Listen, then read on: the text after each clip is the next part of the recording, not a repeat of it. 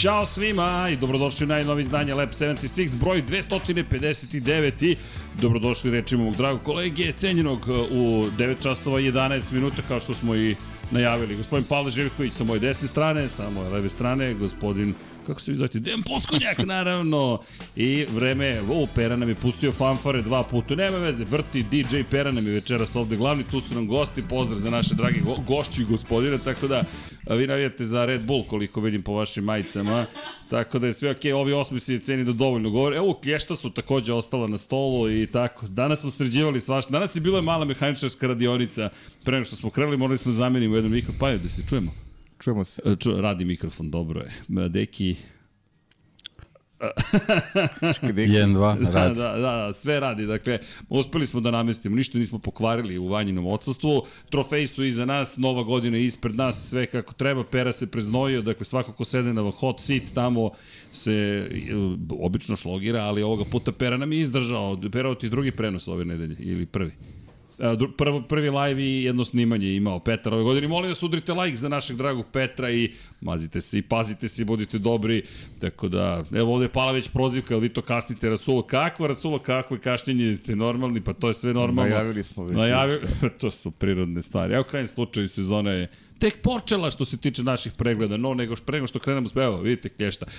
Pa evo, ćemo da spomenemo vozilo koje je ispred mene. E da, da, hoćemo da, da ovaj, dobili smo poklon To je Ferrari ispred tebe, može da Čekaj, ga pokažeš, evo ga, da? Izvolite. Da, ovaj Ferrari smo dobili, to je model iz 2021. godine, a donao nam je u studiju Edwin Calderara, inače bio je gost u podcastu pod kapicom prošle nedelje, on je pomoći trener Waterpolo kluba Breše, veliki ovaj, ljubitelj Formula 1, tako da zapratite Edvina i eto napravimo, ja da koristim priliku da napravim konekciju između Waterpola i Formula 1 i stvarno sjajan poklon. Breša ima nekog sponzora koji je i sponzor Ferrarija, by the way, ali nisam zapamtio zaista koji je u pitanju. Uh, pričao je to Edvin, pričali smo u podcastu malo o tome, ali u svakom slučaju Edvinu veliko hvala i pozdrav eto za za Vatrpol klub Reša iz, evo, iz ove pozicije. Da, jedan, a još jedan predivan poklon, da. nego povećava se broj Ferrarija koje imamo u našem studiju, ako mogu da primetim. Iza Dekija je pa, jedan, dobro, kad, kad dođe su dva. neko iz Italije gost, neko ko je logično dobijemo... Da, baš je čudno. Da, da dobijemo da Ferrari. Ferrari. Da, da, dobili smo iz Austrije stigao ovaj Red Bull, opet čudno mi čudo da iz Austrije stigao Red Jest. Bull, ali tu su, napravili smo pravo malu trku, tu su i Dekijeve knjige, tu je knjiga koja nam stiže. Naj, ja se nadam da ćemo dobiti do kraja nedelja odgovore na pitanje da li je najzad usvojena promena za knjigu, a ukoliko ne bude, bojim se da ćemo morati da pristupimo jednom uredničkom metodu koju Deki upravo demonstrirao. Vozi, vozi Miško, jer naša publika ne treba da čeka. Iako ste nas čekali, nadam se strpljivo i da uopšte počnemo večerašnji podcast. Od onih koji nisu pratili prethodni, toplih 3 sata ili koliko smo već trajali za prvu trećinu sezone, ali nadam se da je bilo dovoljno temeljno. Onda mi padne na pamet, danas razmišljam šta smo sve pričali, razmišljam, ja šta smo zaboravili, kao da se sad vraćamo nazad da popunimo rupe, bolje ne. Naravno, ne vraćamo se, ne vraćamo se, ne vraćamo se. Šta smo Uveren spomenuli? sam u to. Uve... ne, ne. Nešto ti se javlja. Prošlost, da prošlost treba ostaviti iza sebe uvek. Uh, tako je, tako je. Čekaj sad to duh tih prazničnih filmova, dosta se pri, dosta pričaju o pa tome. Nije, to je duh prošlosti. Život. život. Jeste crno-bela majica, crveno-bela majica, plavo-bela majica. Ok, danas smo podelili boje kako treba. Deki, Dek i ja smo u bojama ovaj, prikladnim. Tako. pa da, ti imaš, ali moramo da ti, da li da, da vidi, ta Liverpoolova zastava stoji od početka studija i, i treba da je prebacimo Deki na drugu stranu. Ne, nema potrebe. Ne. Važno je da je tu. ali da si svestan ne, voli, voli da provocira, da, da je drži iznad mene. Da, da, ali iza svakog manje više gosta u kom god kod podcastu. Nabavić Juventusu zastavi da, da stoji iznad njegove glave. Pa, pa pazim. Svi vi navijate za Liverpool, samo ne znate to još. oh, oh, oh, Teške teme ovde počinju od, od rane večeri. Uh, Pero, šta da ti kažem? Ti si prihvatio da budeš dobrovoljac koji će menjati Vanju, pošto ima cijel jedan dobrovoljac još preostao u studiju, tako da, inače, koleginici iz prodaje na odmoru, ukoliko vam nešto stigne, a niste to naručili, javite nam se, to smo Pera i ja spakovali, tako da, bez brige, Ako ali... Ako su pogrešno spakovali, da znači da znate ko, ko koji Deda Mraz je zapravo pogubio. Koji su vilenjaci koji su se pogubili dok je Baka Mraz negde tamo. Ali dobro, da. Inače, koleginici iz prodaje nam se da odmora da ne gleda ovo večeras i da negde uživa. Čisto sumen da ne gleda Lejs. Da, i ja, verovatno. Prvo, niste rekli ovo, niste uradili ovo i tako. E, nemamo sponzora, tako da ne možemo da promošimo sponzorski.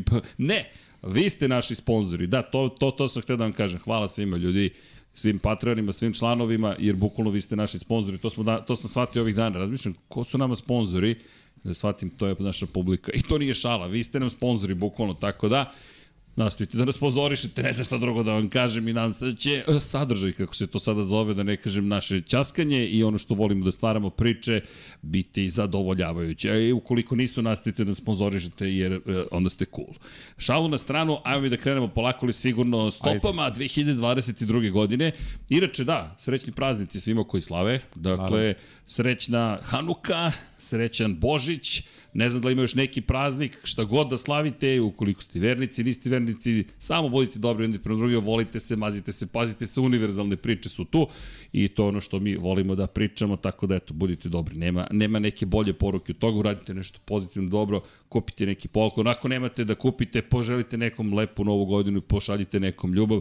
Ukoliko ne volite trošite pare i to je sve ok, ukoliko volite trošite pare i to je ok, sve ok, samo budite dobri jedni prema drugima a mi ćemo da se potrudimo da budemo dobri. Prema vama, mada navijači Ferrarija, jedan je prisutan ovde sve sa dresom, jel te, ne znam koliko će vam se dopasti ova epizoda koja je pred nama, razmišljam šta je obeležilo ovih, da kažemo, 7-8 trka koji su pred nama, I onda dođemo do stadijuma kojim je Ferrari počeo zaista da gubi konce i konopce i sve se raspalo nekako. Pogotovo Silverstone. Svi pitaju, a hoćete o Silverstonu večeras? Hoćemo, Silverstonu ćemo večeras i negde inspiracija bio Silverstone za večerašnji nastav, nastav Paradox Ferrarija pobeđuju, a gube. Dakle, katastrofa, a beleže se pobede. Ali, pre nego što stignemo do tamo, krenut ćemo od trke koje takođe boli. Nadam se, imate vodu, sve okej? Okay? To je voda, dakle sve u redu, krećemo zapravo, nastavljamo tamo gde smo stali, a to je bila velika nagrada Monaka i tu smo se zaustavili. E, da, ima nekih velikih vesti koje treba da spomenemo. Uglavnom se, se spekuliše da li će Andreti zaista ući najzad u Formulu 1. Da li će Ford da se pojavi, to je nešto što smo čak i mi spominjali, to je ne čak, mi smo spominjali to još pre par meseci da bi Ford mogao da se pojavi u ulozi proizvođača motora, to bi bilo lepo videti. Pomalo zaboravljeno, ali deki, pa jo, Ford je obeležio istoriju Formule 1. Po Ford je nosio Formulu 1 jedan period, tako da mnoge male ekipe su se pojavljivale zahvaljujući Fordu, sada ne pričamo o, o titulama i nekim drugim, drugim stvarima, nego ovaj, o tome da, da, je, da su zahvaljujući tim Fordovim motorima mnogi ispunili svoj san i imali ekipu Formula 1, tako da ovaj, jednom smo i, i dosta ranije spominjali onako nekako u nekim našim godinama to je onako obeležilo jednu priču Fordovi motori i Goodyear pneumatici, to je, to je nekako bio link sa tim trkama 80-ih i 90-ih godina, tako da ovaj lepo je, lepo je da, da ako ništa drugo i oni razmišljaju o tome sad, sad je ovaj veliko pitanje u kojoj formi to sve može da se, da se desi kad je u pitanju njihov povratak, ali, ali eto, taj, taj plavi oval onako nekako ide uz Formulu 1 i bilo bi lepo da se ponovo pojavi. Ja razmišljam o ovom tom uzdahu zapravo, ali bojim se da, da, da, da li te plaši to što smo u hibridnoj eri, a Ford je bio poznat pre svega po jednom atmosfercu od 8 cilindara, V8 čuveni, poslednja titula sa tim Fordom. Evo, pitanje za kolegiju. Poslednja titula s Fordom V8. Tako je, 1994. Michael Schumacher u Benettonu, Benetton Ford koji je pobedio Williams Renault V10 i ne zaboravimo Ayrton Senna s kojim motorom je ostvario poslednju pobedu. Evo pitanje još jedno. Lako je, nabacio sam vam odgovor direktan. Ayrton Senna s kojim motorom je zabeležio pobedu poslednju? Sena. Sena. Nije? Ne. E, McLaren nisi Ford. Pratio, nisi McLaren pratio. Ford, to je zaboravljeno, 1993. poslednja trka sezone Adelaida, i moment kada Alan prosto odlazi u penziju, kada dolazi Michael Schumacher, njegova era, Ayrton Senna završava karijeru. Čak i čuvena pobeda u Doningtonu je došla zahvaljujući Fordovom motoru. Aha. Opa, Pera nam je pustio Ghostovi stižu. feedback, stižu ghostovi, nešta, Pera samo se tigre, slušam, čujem sebe kako Mekiće, me. A sad čuješ kako zvučiš. Ne, ja rekao neko udario Jesam. repliku, znaš, pa, pa je krenuo, Pera udario ovaj, repliku. ali ako dalje moguće još jedan srđan da postoji. Da. Ko je ovaj Ne, sad? ne, ne, gasi onda definitivno. Ne, Aleš, ne. Priznaj da, priznaj da si, da ste im predložiš da krenemo Pa ne, ja sam već, Već da je odložim slušalice i... kraj. Da. Nemate monitor da čujete šta mi čujemo u slušalicama, možda i bolje, za vaše zdravlje, s Bolje, obzirom bolje, činjenicu ljudi, da bolje. pera... Bolje. Da, kod pere Pero nema igra, pa klime, dobro. kod pere nema vode, Pero, samo se upusti, nemoj uopšte da brineš. E da, Pera, samo da znaš, zvanično smo u 99 yardi zaključili da sva, svo sek pivo koje nestaje iz kompanije je zapravo tvoje, po, tvoje gorivo za kreativnost koju posjeduješ, tako da si ti zvanično okrivljen kao čovek koji je zapravo konzumira sek pivo, pošto nema više piva, a to je sponzorsko pivo, ali tako da znaš. Ti si glavni čovek, inače nadam se da će ti se lepo provesti, mi se lepo provodimo s Perom, pozdrav i za Peru i za njegovu lepšu polovinu, ako slušaš samo da ne bude, Pero, šale se s tobom, to eliminiši ove motorce. Elem, da se mi vratimo Fordu. Samo Ayrton ja se Senna. brinem kako smo krenuli da ne bude pero, gde će spavaš? E, stvarno, gde si Znaš. planirao da spaš? I kako si planirao da ideš kući uopšte? A kauč? Mislim da će mu to biti veći problem nego ovo, pa, vek zove Vanju. Va, Vanju ostaje Vanja, vrati se sveti oprošten. A, sad, sad da postavimo anketu. Ko želi da se Vanja vrati? Znaš, kao pitanje. Da, ali dobro, pozdrav za... Pera diže ruku. Ne, ne, ne, Pera, večeras... Možeš i u četvorku da upališ i da Večeras je pobegneš. tvoje već. Večeras, bukvalno. Elem, dakle, Ford, da, to je zaboravljena pomalo priča, ali Ford, mada to nije poslednja pobjeda Forda, generalno, ako se dobro sećam. Trebalo bi da je sa Stewart Racingom Ford zapravo zabeležio poslednje pobjede. To sad ovako, ako moraš dobro pa, služi pa iz, sećanje. iz Google jednostavno. Misliš, ali Pa- ja sam izvuglao. A? Dobro.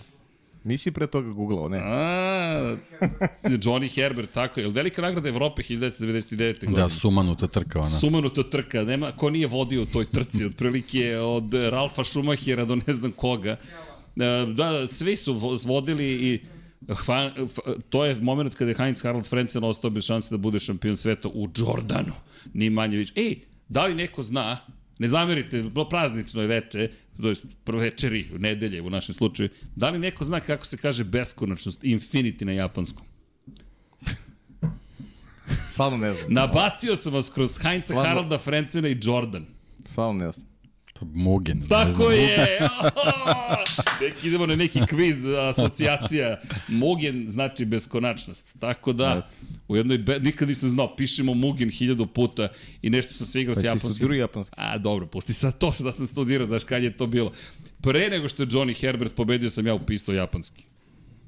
Aha, pa dobro, onda u redu. U, u Steward, tako da znaš. Ali da, Mugin, to sam potpuno zaboravio, nešto istražujem kako se na japanskom piše bez konačno, kaže Mugin. Opa, reko neka pričica za, za večerašnji podcast. Tako da, ali deki ova asocijacija, viš kakva pobjeda. Sve. Dobar je u kviz, deki je dobro za kviz. Kako smo rekli, neko nas je nazvao zmajevima, on je mudri zmaj. Rekao sam ti danas, da sam udar. ne je. bih bio ovde večeras, I ja sam ti nešto rekao na tu a temu. ti si pametni zmaj. Isto, isto. Bio bih negde pored mora da sam da, pametan mene je zmaj. gospodin krstio blesavi zmaj. Hvala, pretpostavljam da je to neki kvalitet, ali u svakom Pa ti jedini s nadimkom opravdavaš svoje prisustvo ovde. Kao utešna nagrada. Aj, živjel. živjeli. Aj, živjeli Što smo, je nagrada, da smo svi pijemo vodu ko paja. Da smo živi Paja zdravi. nas je navuku na A šta H2O. ću- Ja, nisu mi, kad sam bio klinac, da su mi otkrili vodu, ja bi samo vodu pio ceo život. Nego ovo sam kasno saznao. Postao bi akvamen. kasno sam saznao za vodu. Ali dobro. I tako, prođe 24 minute, lažne 20, fake 24 minute, 13 minuta. Ali smo otprilike počeli. tu smo sad. Tu smo, tu sad smo, otprilike- negde stižemo. Slušaj, prošle, Kreći, prošle nedelje, koliko, 50 minuti 50 travo. minuta bio uvod, pa Evo dobro. sad 24, to je u redu. Da, sve sa čekanjem. Smanjujemo sad. Dobro, mi smo ko britanska pošta, to stalno ponavljam. Kasnimo, ali stići ćemo jednog dana.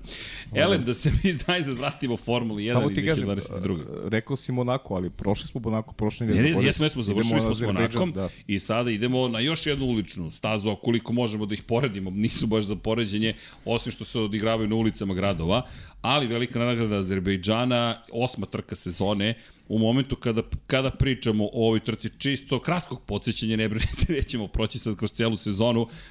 Dakle, imali smo tu dramatičnu situaciju u kojoj je Charles Leclerc bio na pol poziciji u Ferrariju zajedno sa klubskim kolegom Carlosom Saincom u Monaku, dvostruka pol pozicije, dvostruka, za prvi ceo startni red je vaš, očekujete da kontrolišete trku i da, uslovno rečeno relativno lako dođete do pobede. Ponovila se situacija iz Majamija kada je tim Ferrarija zapravo imao vodeće dve pozicije na startu, tamo je na početku trke zapravo Verstappen uspeo da pobedi Sainca, potom vrlo brzo u direktnom duelu u trci da pobedi Charles Leclerc i onda smo došli malo kasnije do Monaka gde se ponavljaju stvari, odlična strategija Red Bulla, Sergio Perez međutim beleži pobedu, ne Max Verstappen, kasnije kao što smo rekli pomalo kontroverzna ta cela situacija, ali stanje u šampionatu u tom momentu Max Verstappen čak povećava prednost, 125 poena ima, 116 bodova ima Charles Leclerc, Sergio Perez 110, George Russell u Mercedesu na 84 i 83 poena za Carlosa Sainca mlađeg.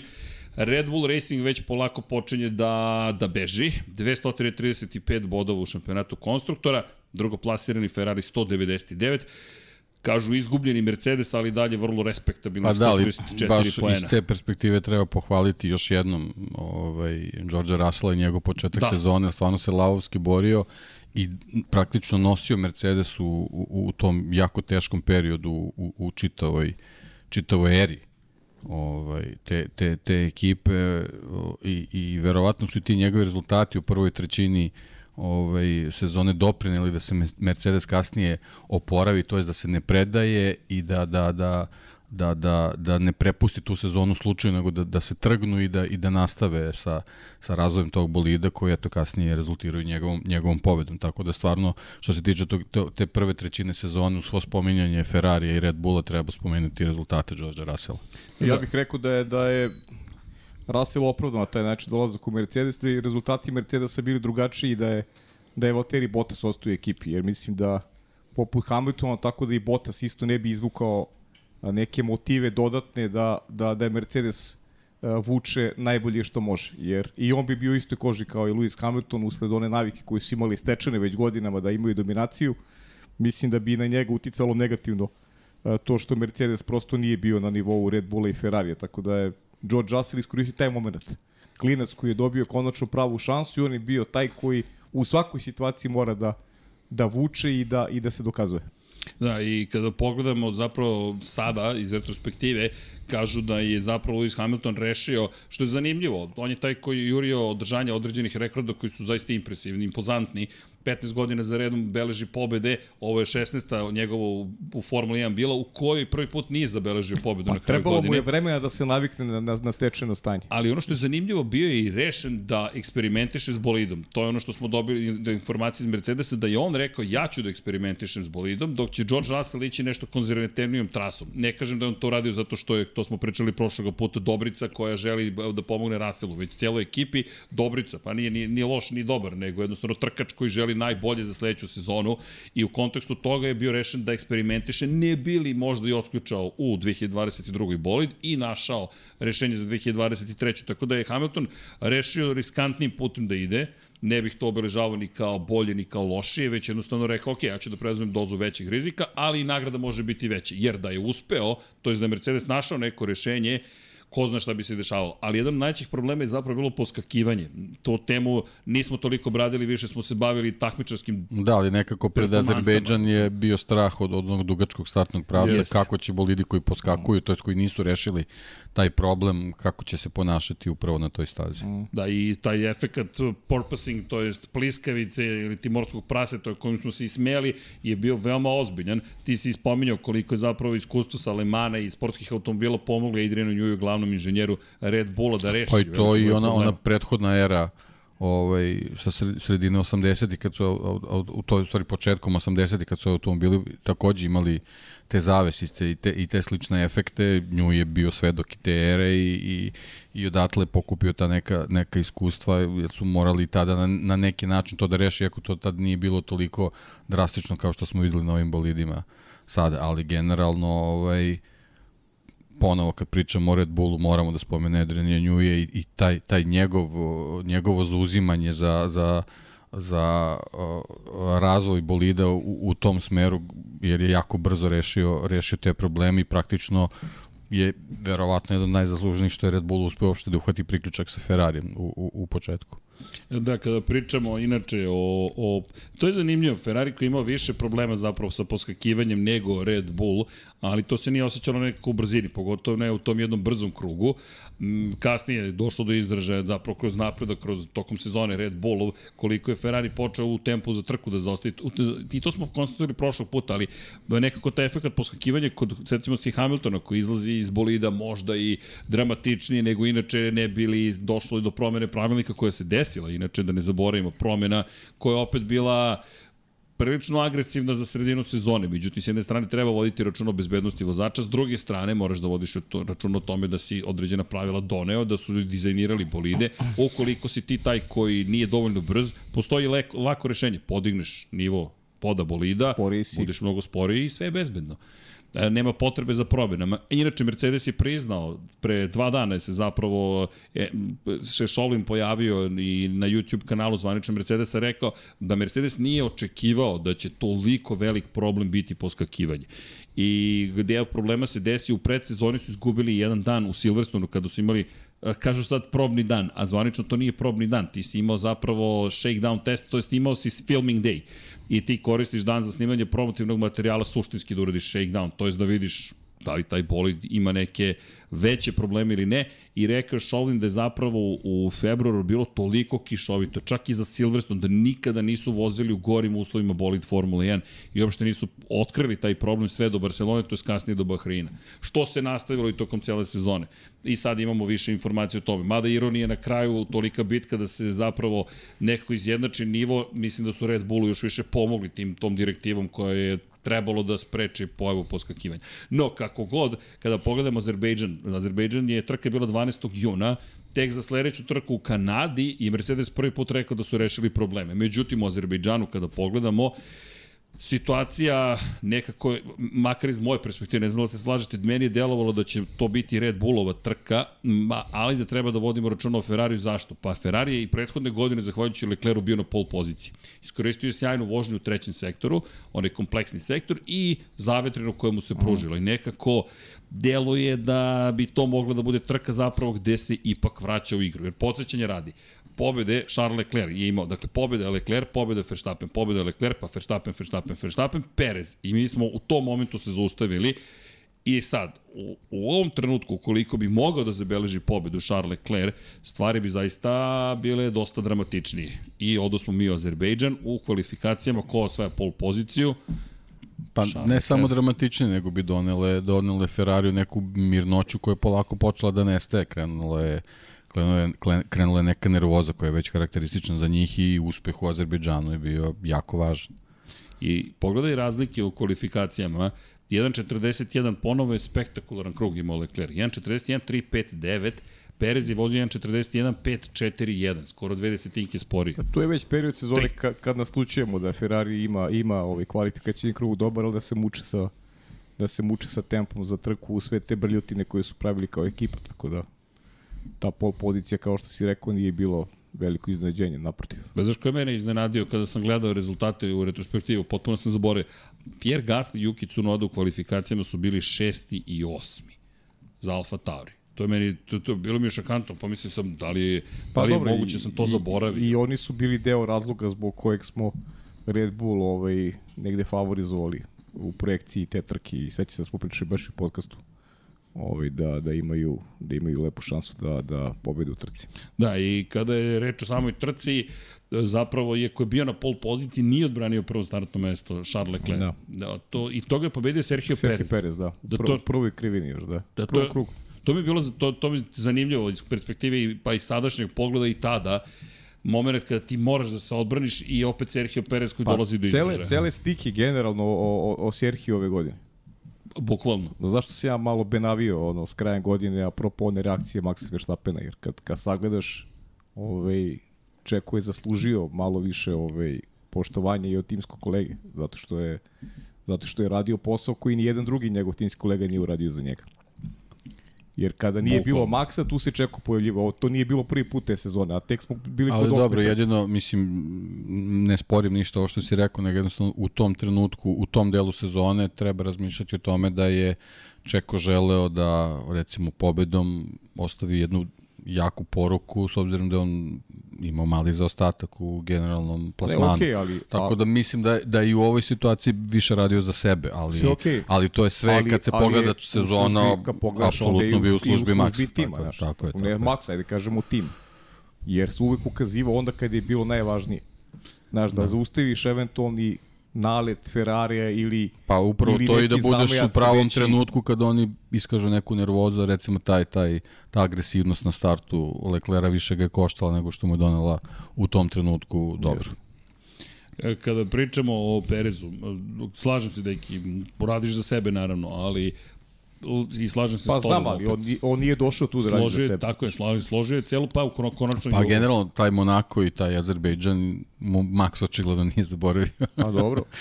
da. pa da, da, izgleda, da, da, da, da. izgleda da nije. Taj period je izgleda ključan za taj kasni, kasni odnos i kasniju reakciju. Ali išlo u korist išlo. Išlo, išlo apsolutno korist.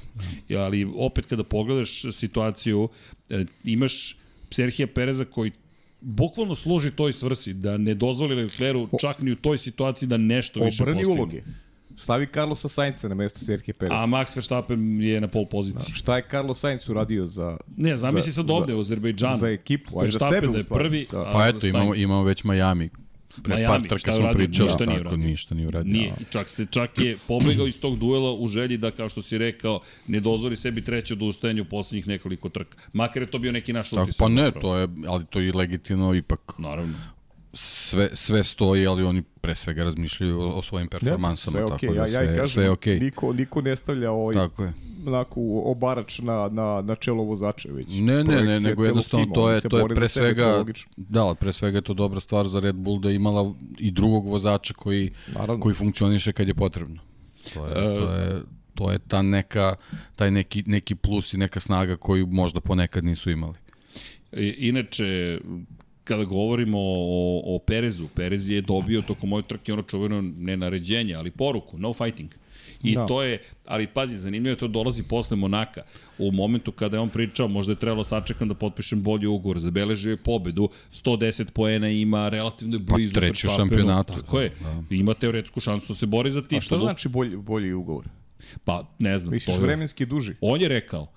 Možda je trebalo da sačekam s potpisivanjem ugovora. Ne bi dobio vremenski duži ugovor, sigurno. Pa ja, i ove dve godine su meni bile iznenađujuće, da se da. odmah razumemo. Da ti daš nekome koji je deklarat, koji je drugi vozač definitivno, ugovor u kojemu, ali pazi, on ljudi ostaje do 2024. To je, to je baš za, to, to je baš, za, baš je za romantičare, znaš, ta poruka. Znaš, da je bio bolji bodom, da bi dobio bolji ugovor. Ne, dobio bi, verujem, isti ugovor ne bi se promenilo ništa u njegovom statusu. Šta da je pobedio Monaco, bo možda bi dobio više para eventualno. Da. Možda bi pa, to da, dobio. Da. Ali do, dužina ugovora Tako ili uslove pod kojima on vozi u ne zamerite vama je hladno, ali mi pod reflektorima ćemo se skuvati ukoliko malo ne ohladimo prosto. Mi imamo grejanje ugasit pera, ugasit će pera. ugasit će pera. Pera to kontroliše malo. Može, može, pa nemoj se smrz. Da, da, da. Ovaj podcast treba da se zove inkubator.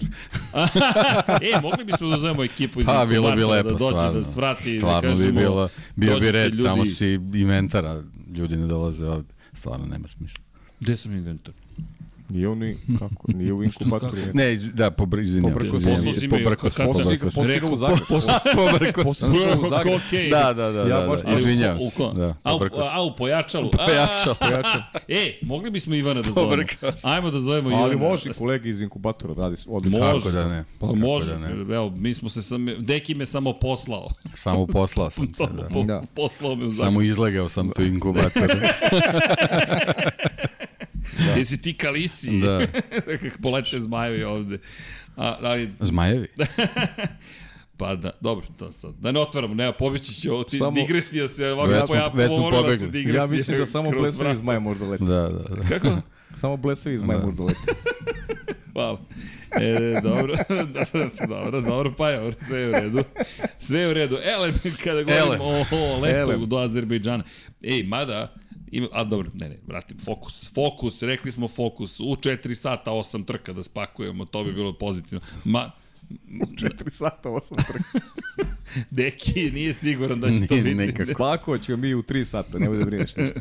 Deki su, i pa su se značajno pogledali. Elem, ono što je takođe je zanimljivo, Red Bull koji ima drugačiju strategiju u odnosu na Ferrari, Ferrari odlazi na zamenu guma u momentu kada, nažalost, otkazuje Carlosu Sainzu bolid u devetom krugu, kraj trke, hidraulički problemi i Sainz se parkira sa Jeste. strane, dolazi do virtualnog baš rano. bezbednosti. Baš rano, mm. baš rano.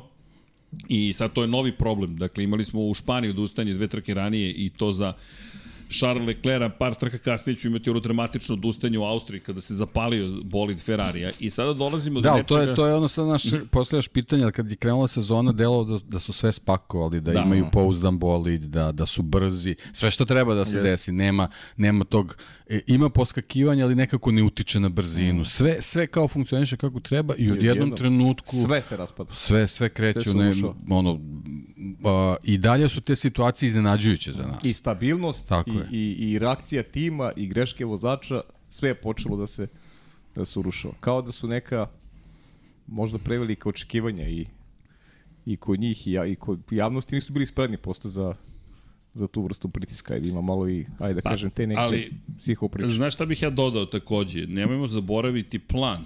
Plan koji je podrazumevao da će gledati da budu što agresivniji u kontekstu. Ajmo ovako, što se tiče Matije Binota, Matija Binota polako će u ovom periodu godine početi da govori one njegove čuvene rečenice da njima nije cilj da pobeđuju, da, da osvoje titulu, nego da je cilj već ostvaren pobedili su, bolji su nego što su bili i to je sve priprema za tek sledeću godinu kada pa, dobro, se bore za to. Jeste, ali, da je to ali, Toro Rosso, nije to Toro Rosso. Pa no, dobro, ali ono čisto kao u njegovu odbranu, mislim, vjerojatno javnost malo uticala na to. Oni su od Ferrarija zbog izdanja na, na samom početku ovaj sezona očekivala da to bude Mercedes pa, novi, ali deki, jako ali, je teško. Ali javnost je uvijek iste. Pa jeste, jeste. Ništa se nije promenilo kroz istoriju. Ali znaš, ti kad pogledaš... Ti javnost, ti javnosti sve okay. pumpaš, ti javnosti pumpaš sa izjavama. Ne, e, baš sam to htio da ti kažem, ja nisam od njih čuo nikakve izjave da su oni govorili da, da idu na, na šampionsku titulu, pa, ni u jednom trenutku. Ne na šampionsku titulu, trenutku. ali sjeti se kraja prošle godine. Znači, je bilo, mi se pripremamo zimska za... testiranja su nahuškala e, javnost pa, da, da njih postave u poziciju Mercedesa. Uh, jeste, ali, mi, ali pazi sad ovo. Uh, da, govorili su pripremamo se za 2022. Ali mislim da smo mi protumačili reči Oni eksplicitno nisu uopšte rekli da će da se bore za titul. Ok, ali... Ne kažem da, da ne treba to da kažem. Kad pričamo o Ferrariju kao, kao brendu, kao timu, ne možeš da podrazumavaš ništa drugo osim borbe za, za šampionsku titulu. Znaš, i to je nešto što, što mora da ide uz velikane, Istina. kao u nekim drugim sportovima, kad imaš velike klubove, oni nemaju pravo na alibi priču, da se oni ne bore pa ne, ali za, oni nisu, za nisu ni priču, oni nisu imali alibi priču. Ne, oni se nisu, nisu se pravdali za bilo šta. Ljudi. To je, znaš, kad, kad vratiš film unazad, nijednog trenutka nisu rekli nećemo osvojiti titulu zato što, pa dobro, nego ali, jednostavno... Ali, dobro, što to nije priča posle treće trke? Mi nećemo se borimo za titulu, mi, mi smo posle treće trke mi to ima smisla. Kad imaš 45 pojena prednosti, onda poručiš javnosti, ljudi, smirite strasti. Mi nemamo ekipu koja se bori za titulu. Mi smo već sad napravili rezultat, nema priča pa znam, ali, trke, ali to bi ti kad vidiš da se stvari urušavaju. Da. E, to je zato je alibi priča. Pa, ne znam. Pa, nisam, nisam od njih na, na taj način ovaj, jer, čuo Jer pritisak čuo javnosti je bio već i pos, posle treke, Ma, oni imaju pritisak najveći. javnosti 365 dana u godini i već zadnjih 70 godina. Imaš 45 je... pojena prednosti. I ako, ti, da. ako, ako taj pritisak osjećaš, i ako zaista misliš ne možeš se boriti za titul, pa kaži.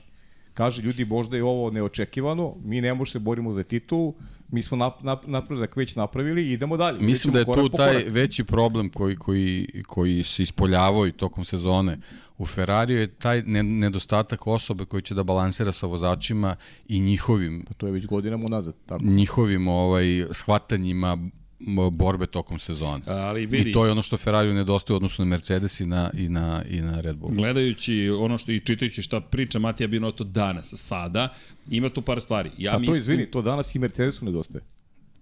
Ne, Dobro. nedostaje samo Ferrari. Dobro, da, ali oni... Nike Lauda i oni nemaju, ali nemaju oni su, balansira... imaju, imaju iskustvo, imaju školu, znaš. Pa, ja mislim da imaju bolji menadžment. Pa, dobro, Nemojte pogrešno okay. shvatiti, ali onaj menadžment koji stoji iznad Tota Wolfa, ja mislim da je mnogo drugačiji. U prevodu niko nema ništa, što, niko nema ono što ima Red Bull.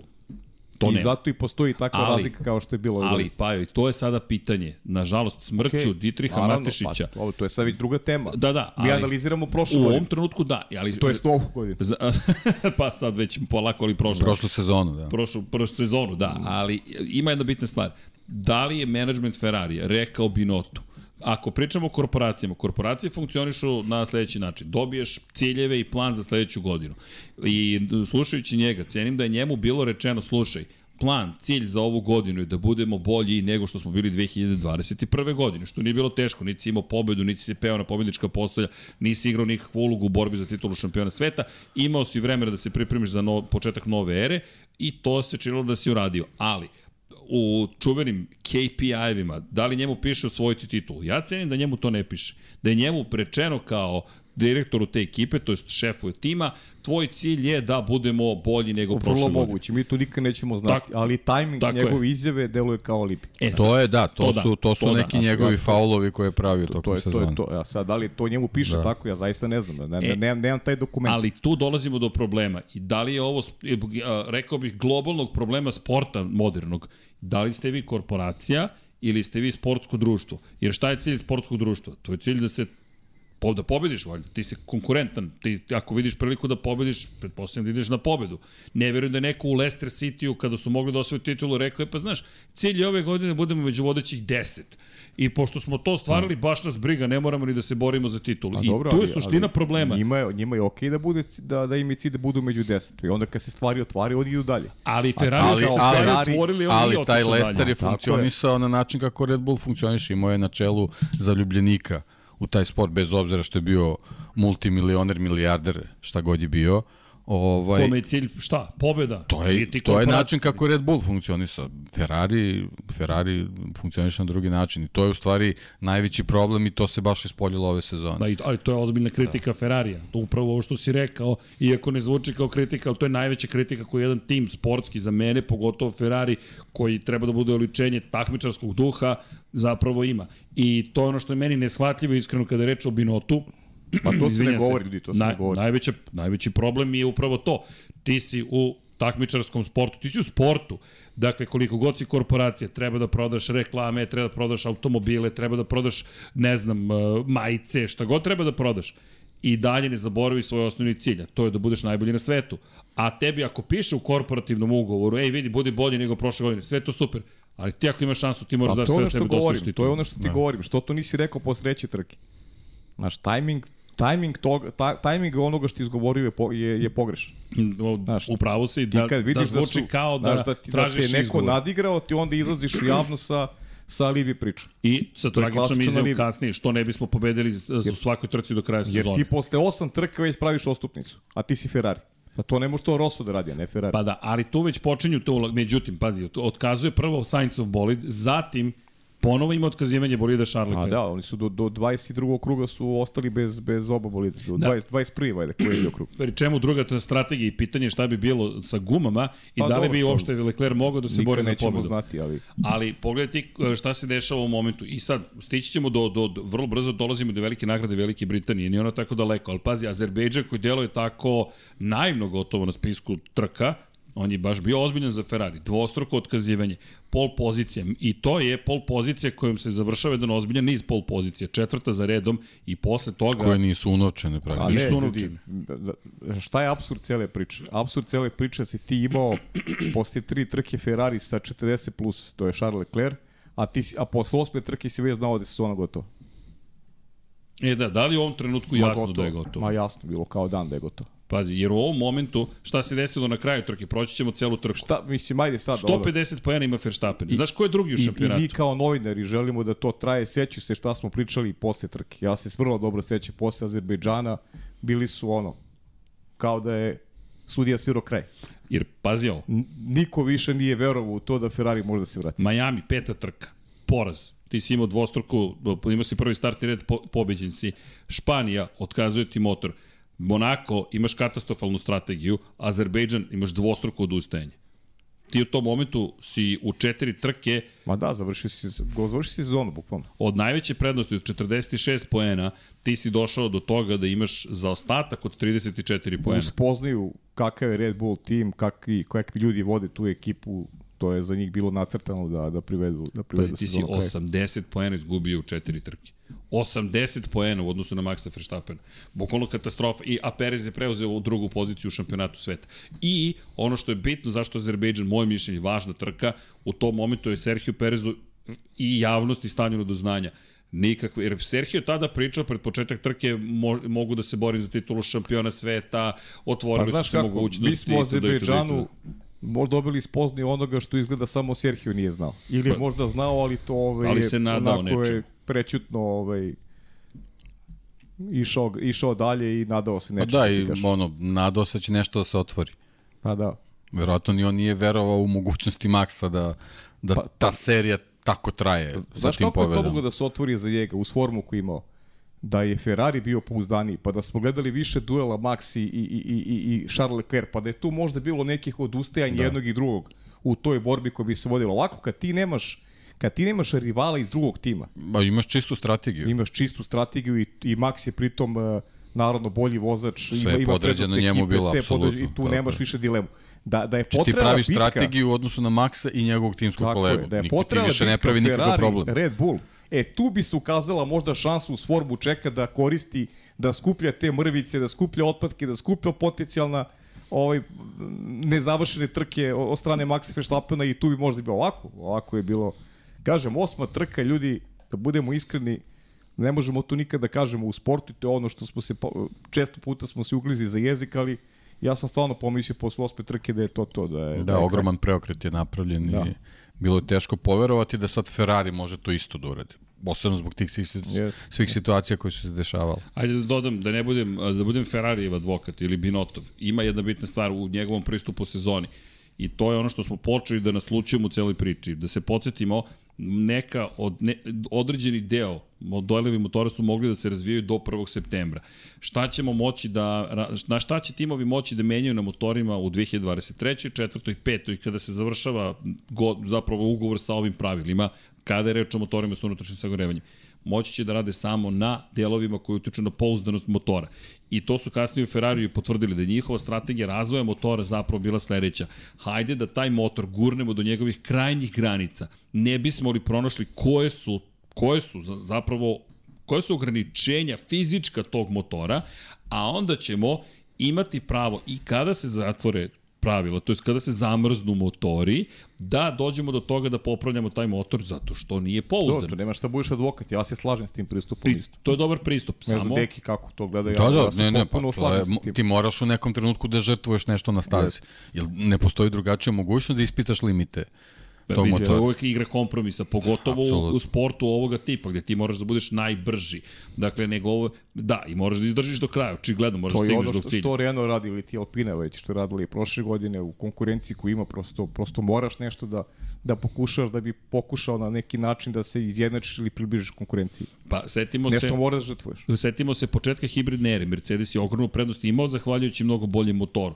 I tek kada je došla čuvena bitka za petu titulu između Fetela i koji je tada vozio Sebastiana Fetela, četvrtkog svetskog šampiona koji je vozio za Ferrari i Luisa Hamiltona, kada je došla bitka njihova ko će pre do pete titule, je Ferrari upravo pričao o tome da mora da ponudi pre svega dobar motor. Isto se ponovilo na početku ove hibridne ere. Setimo se Pa 2019. Fer, Ferrari je to uradio, Ferrari je pobeđivao tada Mercedes na pravim trkačkim stazama, što je, bio, što je bilo nezamislivo u onoj, od početka te hibridne ere kada je Mercedes dominirao na stazama poput Belgije, Monce, e, Ferrari počeo pobeđuje Silverstone. Pa i prva Leclerova sezona 2019. Tad su zaista imali moćan motor. Kontroverzno Dobro, na kraju se je bila, ispostavio. ovo je, ovo je malo ipak drugačije. Ovo je bilo i Čistije. borba za titulu i čistije je bilo. Da, tu jedino što ovde sad kad, kad prođe ovaj period, neće toliki problem biti ta nepouzdanost koja je ovaj, kad, kad saberemo sezonu nije, nije toliko problema pravila tokom uh -huh. sezone, već Činjenica. strategija Da. i greške vozača. Bravo, i to je tačno. Tako da u, u tom miksu su i ove i ove ovaj uh,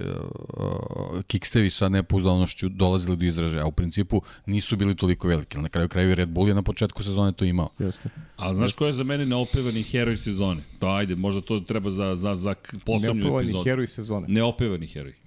Pa to je možda stvarno za posljednje epizode, ali ajde, imenuj ga, baš me zanima. Honda. Aha. Ljudi, jesmo izgovorili Hondu i jednom ove godine. Pričamo o genijalnosti Adriana Newija, pričamo o neverovatnom Maxu Verstappenu, pričamo o Red Bullu kao ekipi koja radi sjajan posao, a Honda kao da ne postoji. HRC se potpisao, u Japanu se pojavila Honda, Honda koja je potpisala sada nameru da se vrati 2026. kao zvanični da. proizvođač motora, koja je ne parirala, nego, ljudi, ovo je raketa bila. Pa nije samo zahvaljujući aerodinamici. Honda koja je imala na početku probleme, pa se činilo da je Honda u problemima, a to su sve bile sitnice. Bukvalno mala otkazivanja koje su dovodila do, do zaustavljanja bolida, ali ljudi Honda Dobro, jeste. Šta zamera, šta da, kad smo spomenuli Lju- Hondu ljudi nešto koji su radili na tom projektu, ovaj, A to je Mislim, motor još iz Honda- prethodne godine. Honda je uvek Honda, ali Honda je bila i kod McLarena. Jeste, Pa ali je, onako. Ljudi, mislim da je to najveći kompliment. Mi ne spomenu smo Hondu, to se kao podrazumeva. Nešto tamo pozadi sedi i goni, to potere, potetera A dobro, Verstappera i, i Pereza. i Honda je najbolji primer koliko je Red Bull veliki tim. Između ostalog. A, veliki tim Formula 1 i sastavni deo Formula Jeste, 1. veliki tim Formula 1, danas pričamo o njima kao velikom timu Formula 1, oni to jesu svakako. Jesu. I odjednom vidiš da je Red Bull otvorio vrata Honda Honda iskoristila i Honda koja je ove godine opet proizvela neverovatne pogonske jedinice. Koliko god se potpisivali kao Red Bull Power Trains, bilo je problema određenih na početku sezone. Ljudi, Honda, sve ove... Jeste, ali, ali opet moramo da, da, da pogledamo ceo paket. Naravno, Pa naravno, da, ti si u pravu. isto, Ceo isto. paket. Pravo si, Slažem ali- Jednostavno, svi ti, svi ti inputi koji su stizali s jedne i s druge strane mora, moraju dobro da se spakuju. Jeste. A imamo, Jeste, imamo što- Alfa pa ja Taurija i to je to. Bilo je Jeli? Honda i u McLarenu. To Tako to. je, tako je. Da, da. ali samo jedna bitna, bitna stvar. Zvanično, Red Bull jeste fabrički tim Honda, ali ako malo bolje pogledamo, jedini tim u poslednjih, pa sada već koliko, 12 godina, 13 godina, koji je osvajao titula da nije fabrički tim velikog proizvođača automobila, je Red Bull, zajedno sa Hondom. Mercedes je osvajao, Ferrari nije osvajao, ali je konstantno bio tu. Renault se bori kao isto proizvođač veliki i dođemo do onoga što smo pričali da je gotovo nemoguća misija postala, a Red Bull je tim broj 1, ubedljivi. Da zaista pohvale Red Bullu, slažem se. to je- Koliko je to velik Više, tim. više oni. Znaš, tako da... Ali mi je neopevani heroj. Neko Da, samo ono kao, da li, da li ga gledati kao privatni tim ili... Da. Ili Šta je sad Red ali Bull? vidi, ali Honda je druga, drugi proizvođač. Nije tvoj, nije pod istim krovom, jer prednost hibridne ere je što ti pod istom kap, kapom imaš Ferrari, koji proizvodi Pa ne, ali dobro, ali sad, sad, sad šasije, ajde da se vratimo u aerodinamiku. 90. Je li Williams bio fabrički tim Renaulta Jeste. ili bio privatni Jeste, tim? Ne, ne, upravo si, upravo si. Ali okej, ovo je negde između vremena. Ovo Pa, je iz ne, ne, neke- sve je okej, neke ne, stare uopšte ne ulazimo u to da, da sad kao dođemo do zaključka. Ali pazi. Nego eto, čisto samo kao neki paradoks. Ne uzimamo ti taj termin, dobar ti termin, neopevani heroj može da, Da, bude. Da, može. neopevani heroj može da bude. Yes! yes! Usvojeno. Usvojeno. Ding, ajmo dalje. Mugen, Mugen. Crveni zmaju, crveni zmaj, to. opa, crveni, crni, plavi zmaj, opa, a nekako mi je prikladnije nego ono, znaš. Oni pametni i mudri. Pa ne bi te ja izuzeo iz tih kategorija, tako da... ne, ovaj, ne, to nisi ti, nego čovjek Ne, ne, me ja tako... ti ne bih Mada smo i izuzeo iz mi, tih mi smo kategorija. ovaj, Pero, došli smo zaključka da nismo ni pametni ni mudri, Tako je, ali nismo. Ali Tako da da, ne krećemo opet u tu priču, nema veze. Ali da. Ovde smo gde smo. To- da, sve smo. ovo treći ide u sve nas, ovo to, blesanje. to, to, to. Ali vidi sad ovo, pa, pobjeda još jedna, dakle, za ekipu Red Bull Racinga, sada se to nižu pobjede za Red Bull. Nema više nijednog drugog konstruktora koji pobeđuje. Ferrari, Red Bull, Ferrari, Red Bull, Red Bull, Red Bull, Red Bull, Red Bull. To, to ta, tako izgleda. Dakle, u prvih osam trka ti na, na kraju imaš dve pobjede Ferrarija i u kratkom periodu dolazi do šeste pobjede Red Bull. Mercedes je inače ovde bio na trećoj četvrtoj poziciji u Azerbejdžanu, pohvale za Georgea Russella, kao što O si tome rekao. smo pričali, da. Jeste, da. da. Dečko koji je bio tu i poluvidljivo, nevidljivo, kako god Mercedes nas je navikao na nešto drugo je tu. Hamilton koji polako posle onog u Imoli ha, problematičnog momenta je četvrti i pa je najzad u fantaziju imao Pierre pozitivu. Imao je Pierre Gasly. Pierre Gasly Pierre peti, Gasly da, je bio to je, petoplasirani. da, to je bio, to je bio rezultat sezone, tako beš? Pa da, Da. na kraju Ja dana. sam se od fantazije oprostio pre nego Ferrari od titule. Dakle, da, da. Ali dobro, Da. mi kako smo se igrali, ovaj, mi smo bili na propast, dva trojica. ne, ne, moramo se ozbiljimo sledeće godine. zaista. Možemo malo da menjamo, ajde, da, da ipak, da, Pa ne, da, nema da učestvujemo aktivnije, ajde, da učestvujemo da, aktivnije. da osvojimo ove trofeje. Već dve sezone, ono. A, pa to, E, ali jeste, i za MotoGP Zašto? smo bili neozbiljni. pa mislim, Zašto se ko, uzbiljiti? ko zna da ćemo do, mislim, E, ali znaš, čekaj, znaš da koji budemo je... među pe- 500 bar, ajde. Znaš koji je Pa da, Vanja bilo bi- u, u fantaziju, da ga tako nazovemo, Run Your Pool 99 yardi? Od, ne znam, 500 učesnika. Drugi. A, bravo za Vanja. Vanja, ne, ozbiljno je shvatio ove godine, znaš, brani čast Znači, Vanja se sedam dana priprema Vanja ekipa. i Jimmy. Jimmy je osmi, on je drugi. trener. Ja sam 714 Dobro, od 500. Jimmy, Jimmy jeste trener, šta, ali... Da, fakat. Vanja preti da ovaj... Preti da otme situaciju, Da, dobro. ali dobro. A šta, kako se igra taj fantasy? Šta, igrači isto ili Ne, svaki pogađaš ekipe? pobede, pogađaš. Ne, ne, ne. Nije fantasy klasičan, već je više run your pool u kontekstu toga A, pogađaš ko pobeđuje na utakmici. Tako je, tako je, tako Aha, je. aha. Da, da, više shvatio sam, da. prognoza. Prognoze, više prognoze. Deki, Count me in. osme, count me in. Pa dobro, iskreno ti kažem, meni, to Ne, ne. za- meni je zabavnije ta, taj ovaj... Obećam sledeće sezone sva tri ću ozbiljnije da ovaj, Da. igram. Dobro, ja taj ne igram, ne znam. Pero, ne. Nema piše, veze, igraću, Pero piše igraću, time code, igraću. tačno u Dok ti 10. pratiš NFL što Ja ću igra. ko Ferrari, znači polako. Ne idem odmah na titulu. Ali ako ti se ukaže prilika, šta radiš? Onda ideš riskantnije, onda biraš nemoguće, nemoguće parove. Onda moj quarterback tri touchdowna napravi sve u redu.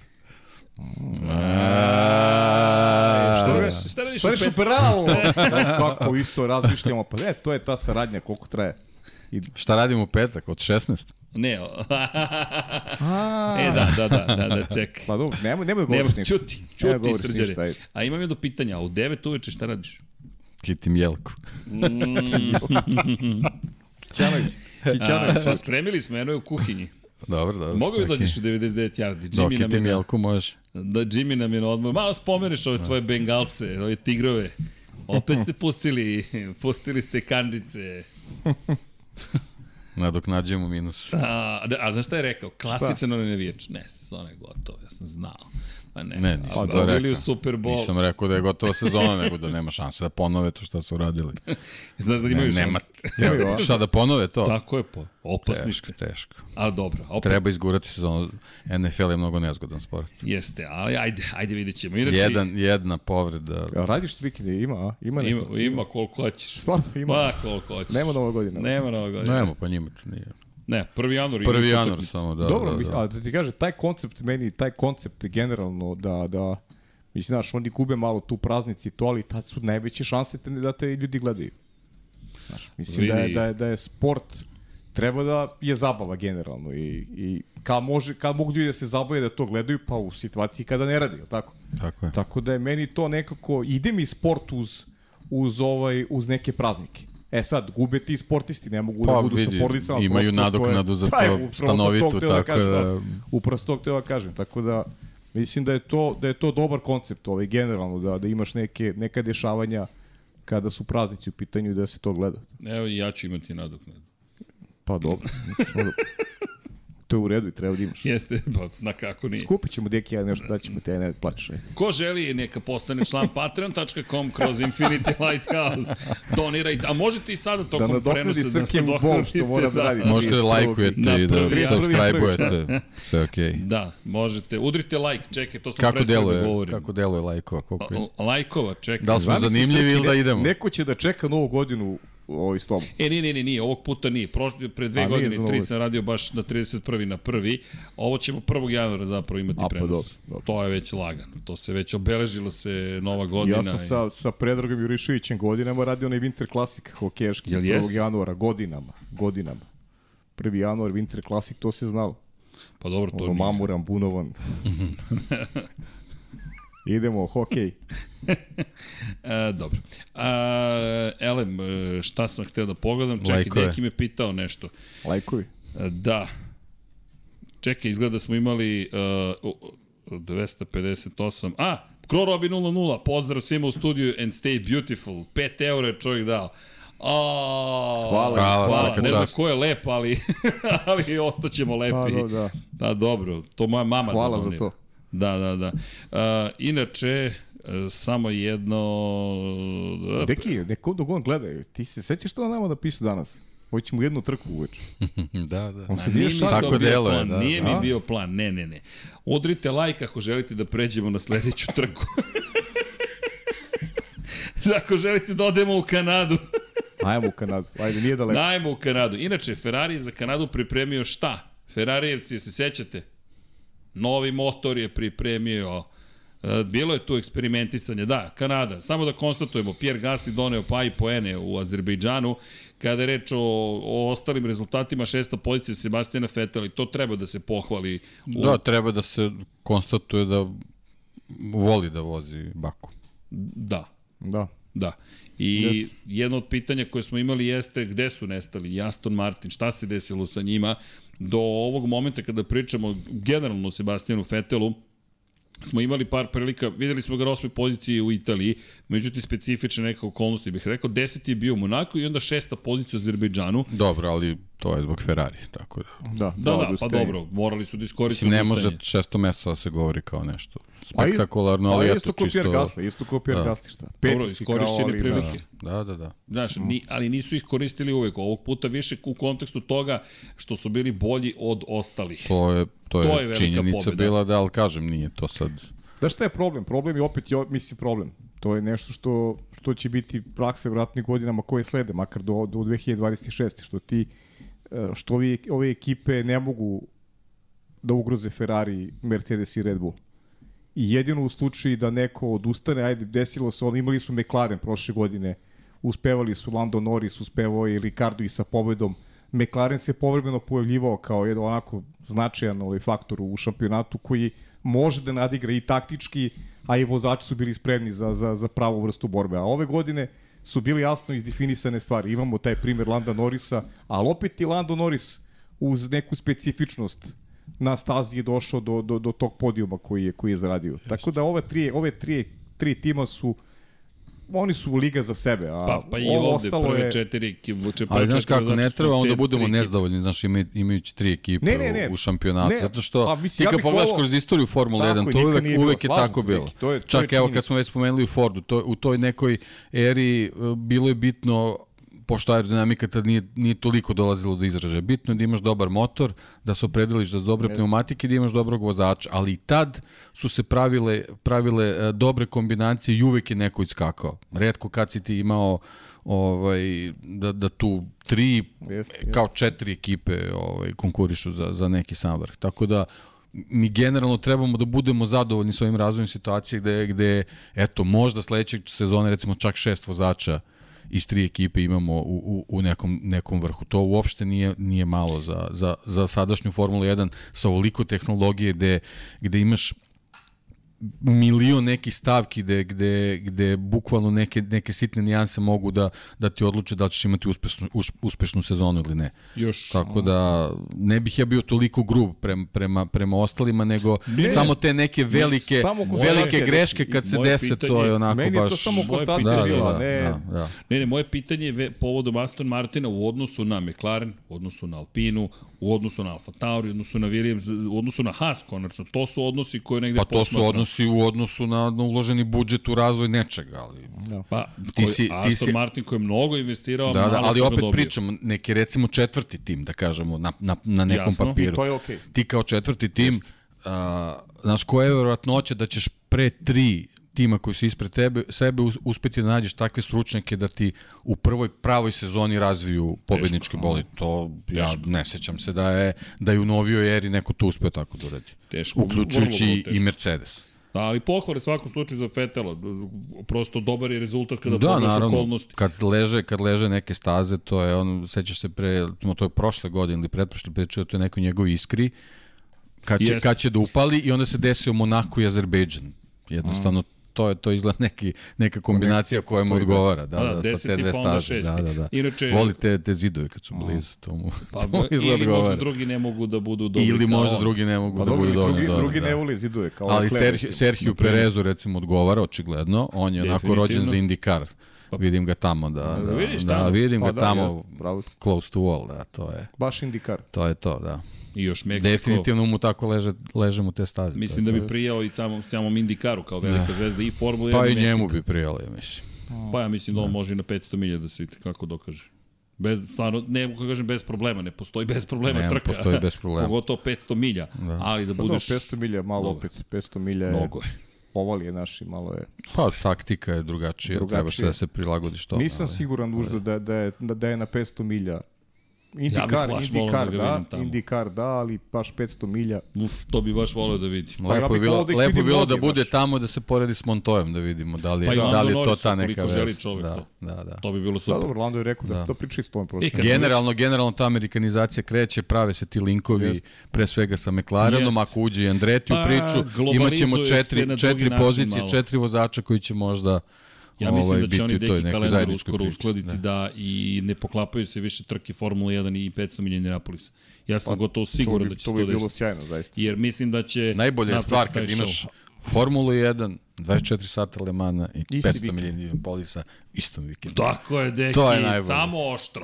Jedino što ne znam da će Le najbolje. Mans da se pomeri u maj ili će on iz maja u Nema šta, oni su 24 sata tu, pa šta im briga, mogu kad god hoćeš. Nema šta Kada se, god nema hoćeš, šta se onako vremenski uslovi su uvijek isti u Le Manu. Od prilike pada kiša i u avgustu, nije uopšte Deki, ćemo na MotoGP u Le Mans. Ajmo. Ajmo. Otkud sad to? Pa zašto da ne? pa dobro. Ajmo da Ajmo. ajde, to je 14. maj, deki. Znam. Aha, samo, aha, samo kao da pa samo kao da. šta ima 14. maja. Nema, Le samo Mans, Le Mans, da. Samo Le Mans. Da. E, ali imam sjajnu ideju kada pričamo o Severnoj Americi. Da odemo na veliku nagradu Kanade. Šta Jeste, mislite jeste, o mom je- briljantnom predlogu? Da se time pozabavim. Inače, samo da kažem Kanda- da su obe Alpine svojili Kandak sam ga čuo ovaj, već nekoliko puta. Ali u, mo, u moju odbranu, evo, još jedna konstatacija iz Azerbejdžana. Gvanju Joe imao jedno odustajanje, hidraulika, zamisli, kao kod Sainca, i jedno odustajanje imao Kevin Magnussen, zamisli, kao i kod Charles Leclerc, motor. Ajmo na Kanadu. Šta smo rekli, ko- koliko smo rekli, u četiri, u četiri delova smo podelili. Ne, 17 dela. Ili u- U 22 dela. Ljudi, ajmo u Kanadu, ajmo, Ajmo fokus, Ajmo u fokus, Kanadu, ljudi. fokus Kanade. Čekaj, kako ćeš šta da radim sa vodom? Ja, ja, jel mogu da ustavim ja da idem sam da Možeš, sipam vodu? naravno da Mogu? možeš, pa kako ne Pero, izbaci me iz kadra, molim te, ovaj, ožedneo sam. Eto. Inače, bitno je za Kanadu što je to bila prva trka od kada se desio COVID, jel te? I kada smo imali, nažalost, otkazivanje trka, otkazane su i 2020 i 2021. I ono što smo želeli da vidimo jeste zapravo koliko ljudi će u Montrealu se pojaviti i tribine su ponovo bile standardno prepune. Znam da je možda teško većini, ali kogod je u Kanadi ili u Severnoj Americi, u Sjemeničkim državama, posetite veliku nagradu Kanade. Montreal je prvo predivan je grad, drugo grad živi za veliku nagradu Kanade i, i mnogo je lepo. Ima tu i puno istorije, staza je brza, uzbudljiva je, 70 krugova se vozi i generalno je zaista zabavno. Inače, u, ša, okviru šampionata stigli smo zapravo, kao što smo rekli, uz, u momentu kada Red Bull manje više dominira stvarima. Dakle, sada jedino što nedostaje jesu pol pozicije, ali bez brige. Kada je reč o kvalifikacijama i tu su uspeli da polako počnu da preuzimaju vodeću reč. Max Verstappen sa prvog mesta je krenuo, zanimljivo na poziciji broj 2 je bio Fernando Alonso u Alpini i mnogo očekivanja, bili su promenjivi vremenski uslovi, bilo je pitanje ko je podesio bolid za šta, da li je izbor bio za trku ili za kvalifikacije, ali opet vidjeti Alonso na drugom mestu, u prvom startnom redu bilo je baš uzbudljivo, pogotovo što negde razmišljamo, branit će poziciju, bit će to... Da, da, biće agresivniji. Biće agresivniji za njega, njegov klub, njegov su narodnik, Hamilton je bio dobar, standardno na stazi na kojoj je zabeležio prvu pobedu u karijeri, I, i, i zanimljivo ispred Kevina Magnusena i Mika Schumachera, koji su bili peti, šesti, pa onda Esteban Ocon, George Russell, Daniel Ricciardo i Guanju Joe pohvale za Joa koji je prošao u Q3 Pa bilo je više, više lepih priča u kvalifikacijama. Jeste. Zaista je Ne. bilo uzbudljivo i zabavno. Alonso, a eto Haas možda i onako najprijatnije gotovo bih Schumacher peta pozicija u Da. Schumacher koji je 27. po meni ovaj, prošle sezone pokazao da mu više leže te trkačke staze mm. nego, nego, nego pa, ulične, ovaj, za razliku od, od Fetela, Pa što u smo krajnjem pričali. slučaju to smo u Formuli da, 2 da, videli. da, da. Tako da ovaj baš je bilo prijatno iznenađenje i samo eto još jedan dokaz da taj Ferrari motor stvarno stvarno može ovaj da da pogura te automobile. Da, pogled na, na, na, na taj Q3 da kvalifikacija, kad, se, kad sam se vraćao, vozili su na gumama za promenje vremenske uslove, samo je Russell na kraju pokušao na gumama za suvo, ali bilo prerano za tako nešto, ali Russell koji je hteo da u Mercedesu bude na pol poziciji, prva bi to bila za njega u Mercedesovim bojama, kako god, početak trke opet Max Verstappen taj koji sada već počinje da, da dominira na gde god se okrenemo manje više. Charles Leclerc koji nije ni, ništa ni mnogo da, I da to je, izvini, protiv Alonsa pokazao tu, tu, tu jednu njegovu prednost, taj start. Jeste. Definitivno. Da, nije dozvolio Apsolutno. nikakvo Ništa, razmišljanje o tome, tako je. Da li će se, da li, da, li postoji bilo kakva šansa da Alpina i Alonso nešto učine, nekako ostalo romantično iz Australije, kada smo eh, se nadali da će biti na pol poziciji, pa čisto da ga vidimo, ali to se, to se nije prosto desilo. Inače, ono što je zanimljivo iz perspektive starta trke, došlo do kontakta između Kevina Magnusena i Luisa Hamiltona. Zašto to spominjem? To je prvi incident zapravo ili drugi, ne, prvi incident u kojem Kevin Magnussen dobija e, crnu zastavu s naranđastim krugom, koja je obeležila dobar deo njegove sezone, gde je visila granična ploča, njega kažnjavaju, dešavalo se da ne kažnjavaju baš sve ili istom brzinom kao Kevina Magnussena, nekako on postao slika za ljude koji dobijaju tu vrstu kazne. Inače, to je zastava koja podrazumeva da imate mehanički kvar, to je neki problem na bolidu i morate da idete na zamenu ili dela ili prosto da odustanete i morao je da da menja delove, inače posle trke se žalio Kevin Magnussen na, na, na celu situaciju. Kasnije to postala još veća priča, ali eto, to je prvi moment koji se desio tokom bakar ja da pamtim 2022. Inače, kada pričamo o startu, Carlos Sainz je zapravo zanimljiv bio s obzirom na činjenicu da je Sainz bio taj koji u tom momentu jurio prvu pobedu u karijeri i postavilo se to pitanje šta sada kada Sainz ima šansu, da li on može biti čovek koji može da pobedi Maxa Verstappena, da li je, jer imali smo bitku sa Charles Leclerc i Maxa Verstappena na početku sezone, ali nismo dobili Carlos Sainz protiv Maxa Verstappena ni jednom, ovo je bila prva prilika zapravo da vidimo... Pa da vidimo agresivnost, brzinu, da imamo stvari koji su njegovi aduti u, u, u toj priči što se na kraju negde i videlo. To jest nije mogao da pobedi Verstappena. Jednostavno, nije čak ni uspeo nekako da ga ozbiljnije ugrozi, to je moje mišljenje. Delovalo je kao da može da prati, može da smanji razliku, može da ga sustigne, ali kada pa dolaze na napad, ključni moment... Jedan napad nije imao, jedan pravi napad za, za preuzimanje liderske pozicije. Meri... I nešto je interesantno da. iz, iz, pogled, iz perspektive Maxi Verstappena to treba pogledati, sam je prošlo kroz glavu. Zaista nisam se time bavio, ali mislim odnos pol pozicije pobjeda u, u sezoni da je on vozač sigurno sa najmanje pol pozicija i pobeda. Pričali smo prošli put, da. Da, tako je, da, da, to da, je to je stvarno da. ga čini onako, viš, šta ti je 7 dana ovaj. Da, da, da. Ko da se nije desilo. Ko da se nije desilo, da. Pa, znaš šta je zanimljivo? Max Verstappen samo jednom ove sezone nije pol poziciju pretvorio u pobedu. Pričat ćemo i o toj trci, ali da. samo u Austriji zapravo nije pol poziciju pretvorio u pobedu. Sve ostale pol pozicije su bile pobeda. Emilija Romanja, pol pozicija pobeda. Kanada, pol pozicija pobjeda. Austrija, pol pozicija, drugo mesto, toga je Leclerc pobedio. Velika nagrada Holandije, pol pozicija pobjeda. Japan, pol pozicija pobjeda. Meksiko, pol pozicija pobjeda. Kraj sezone, Abu Dhabi, pol pozicija pobjeda. Samo jednom se nije desilo da, da nije došlo do pobjede i to je zaista spektakularna trka Charles Leclerc u Austriji. Jeste. Dobro, Spektakularno. tome. Ali da. dobro, u svakom slučaju u Kanadi, meni makar najzanimljivija priča je bila upravo taj duel Sainca i Verstappena na kraju, gde, gde želim da vidim Sainca agresivnijih, da se nametni, da kažem, a mogu ja protiv ovog čoveka, ne samo protiv Charles Leclerc, ja mogu protiv Maxa Verstappena. Na kraju njega, njega moraš da pobediš ako hoćeš da budeš šampion. Za, da. mene, za mene je to bila sjajna trka. Jedini, jedini možda hendikep bio sad kad gledamo iz ovo, iz ove perspektive, naravno, tad, tad možda to nismo tako uočavali, sve, sve, sve te pogreške u prvom delu sezone su možda dodali do toga da oni na ovoj trci ne bude maksimalno agresivan ili bilo bitno da, da, da se uzme velika količina bodova. Znači, možda ne, nećemo to saznati. Možda, možda i u nekim trenucima kad je moglo nešto agresivnije se uradi, on je možda bio A ja bi, malo suzdržanije. Ja ću biti malo, da. ovaj, malo će da budem ovaj, agresivniji možda u tom nastoju. Ja mislim da, da su to njegovi limiti. Da Kažem, on, ne da znam, da mo, može, može, može da, da bude i tako. Da, da, on ne da, može da, na tom da, nivou, da. da ne može na tom nivou da da se trka sa, sa Maxom, ne može se trka sa Luisom i da ne može se trka sa timskim kolegom. Znaš kako, imali smo, imali smo situaciju sa Gaslim u Monci isto kad je Gasly išao na svoju prvu pobedu. Jeste. Sainz isto, isto sve vreme tokom restarta bio iza i da i nikako, nikako nije, da. nije ti ta desetinka dve koje bi mu omogućile manevar a, a, nisu došle nikad. Mislim da će sledeće godine imati još veći problem. Ako je Mercedes bolji, treba strka sa George da, Russell. On je smooth operator, on, on ne rizikuje ništa. da, ako se otvori da, situacija. Da, da, da, treba da. se trka sa Georgeom Russellom. Jeste, jeste. Nisam siguran može se trka i sa Landon Norrisom, da Landon Norris ima ovaj materijala u rukama. Delili su garažu. Tako da, tako da zaista, znaš, ja u tom kontekstu, kontekstu ovih, meni on ne ide u taj kontekst i zbog toga je za mene ta njegova trka mm -hmm. sjajna. Na, vidi, I mislim, da, mislim da više ne može da je to to. Ja pa, da. kažem, ja možda samo, eto, volao bi da je tako, da, da je, da je, da je bilo samo mala rezerva, mm. Ali... Pa, ali ajmo ovako. Ne mora uopšte da znači. Pa jo, ako gledaš ko je njegov, to su očekivanja, tvoje očekivanja su očigledno da je to njegov domet. Pa mislim ne, to, tako je, to je, to je njegov domet. To je, moje, to je negde moj pogled na to. To je to. Naš, mislim, to, je to. I, ja sam želeo da vidim, ako već, šta je, šta je meni ovde bilo važno, zanimljivo. Ti tvrdiš da si ti bolji od Leclerc, to je da si ti taj koji Ferrari treba da donese titul. Ok, izvoli.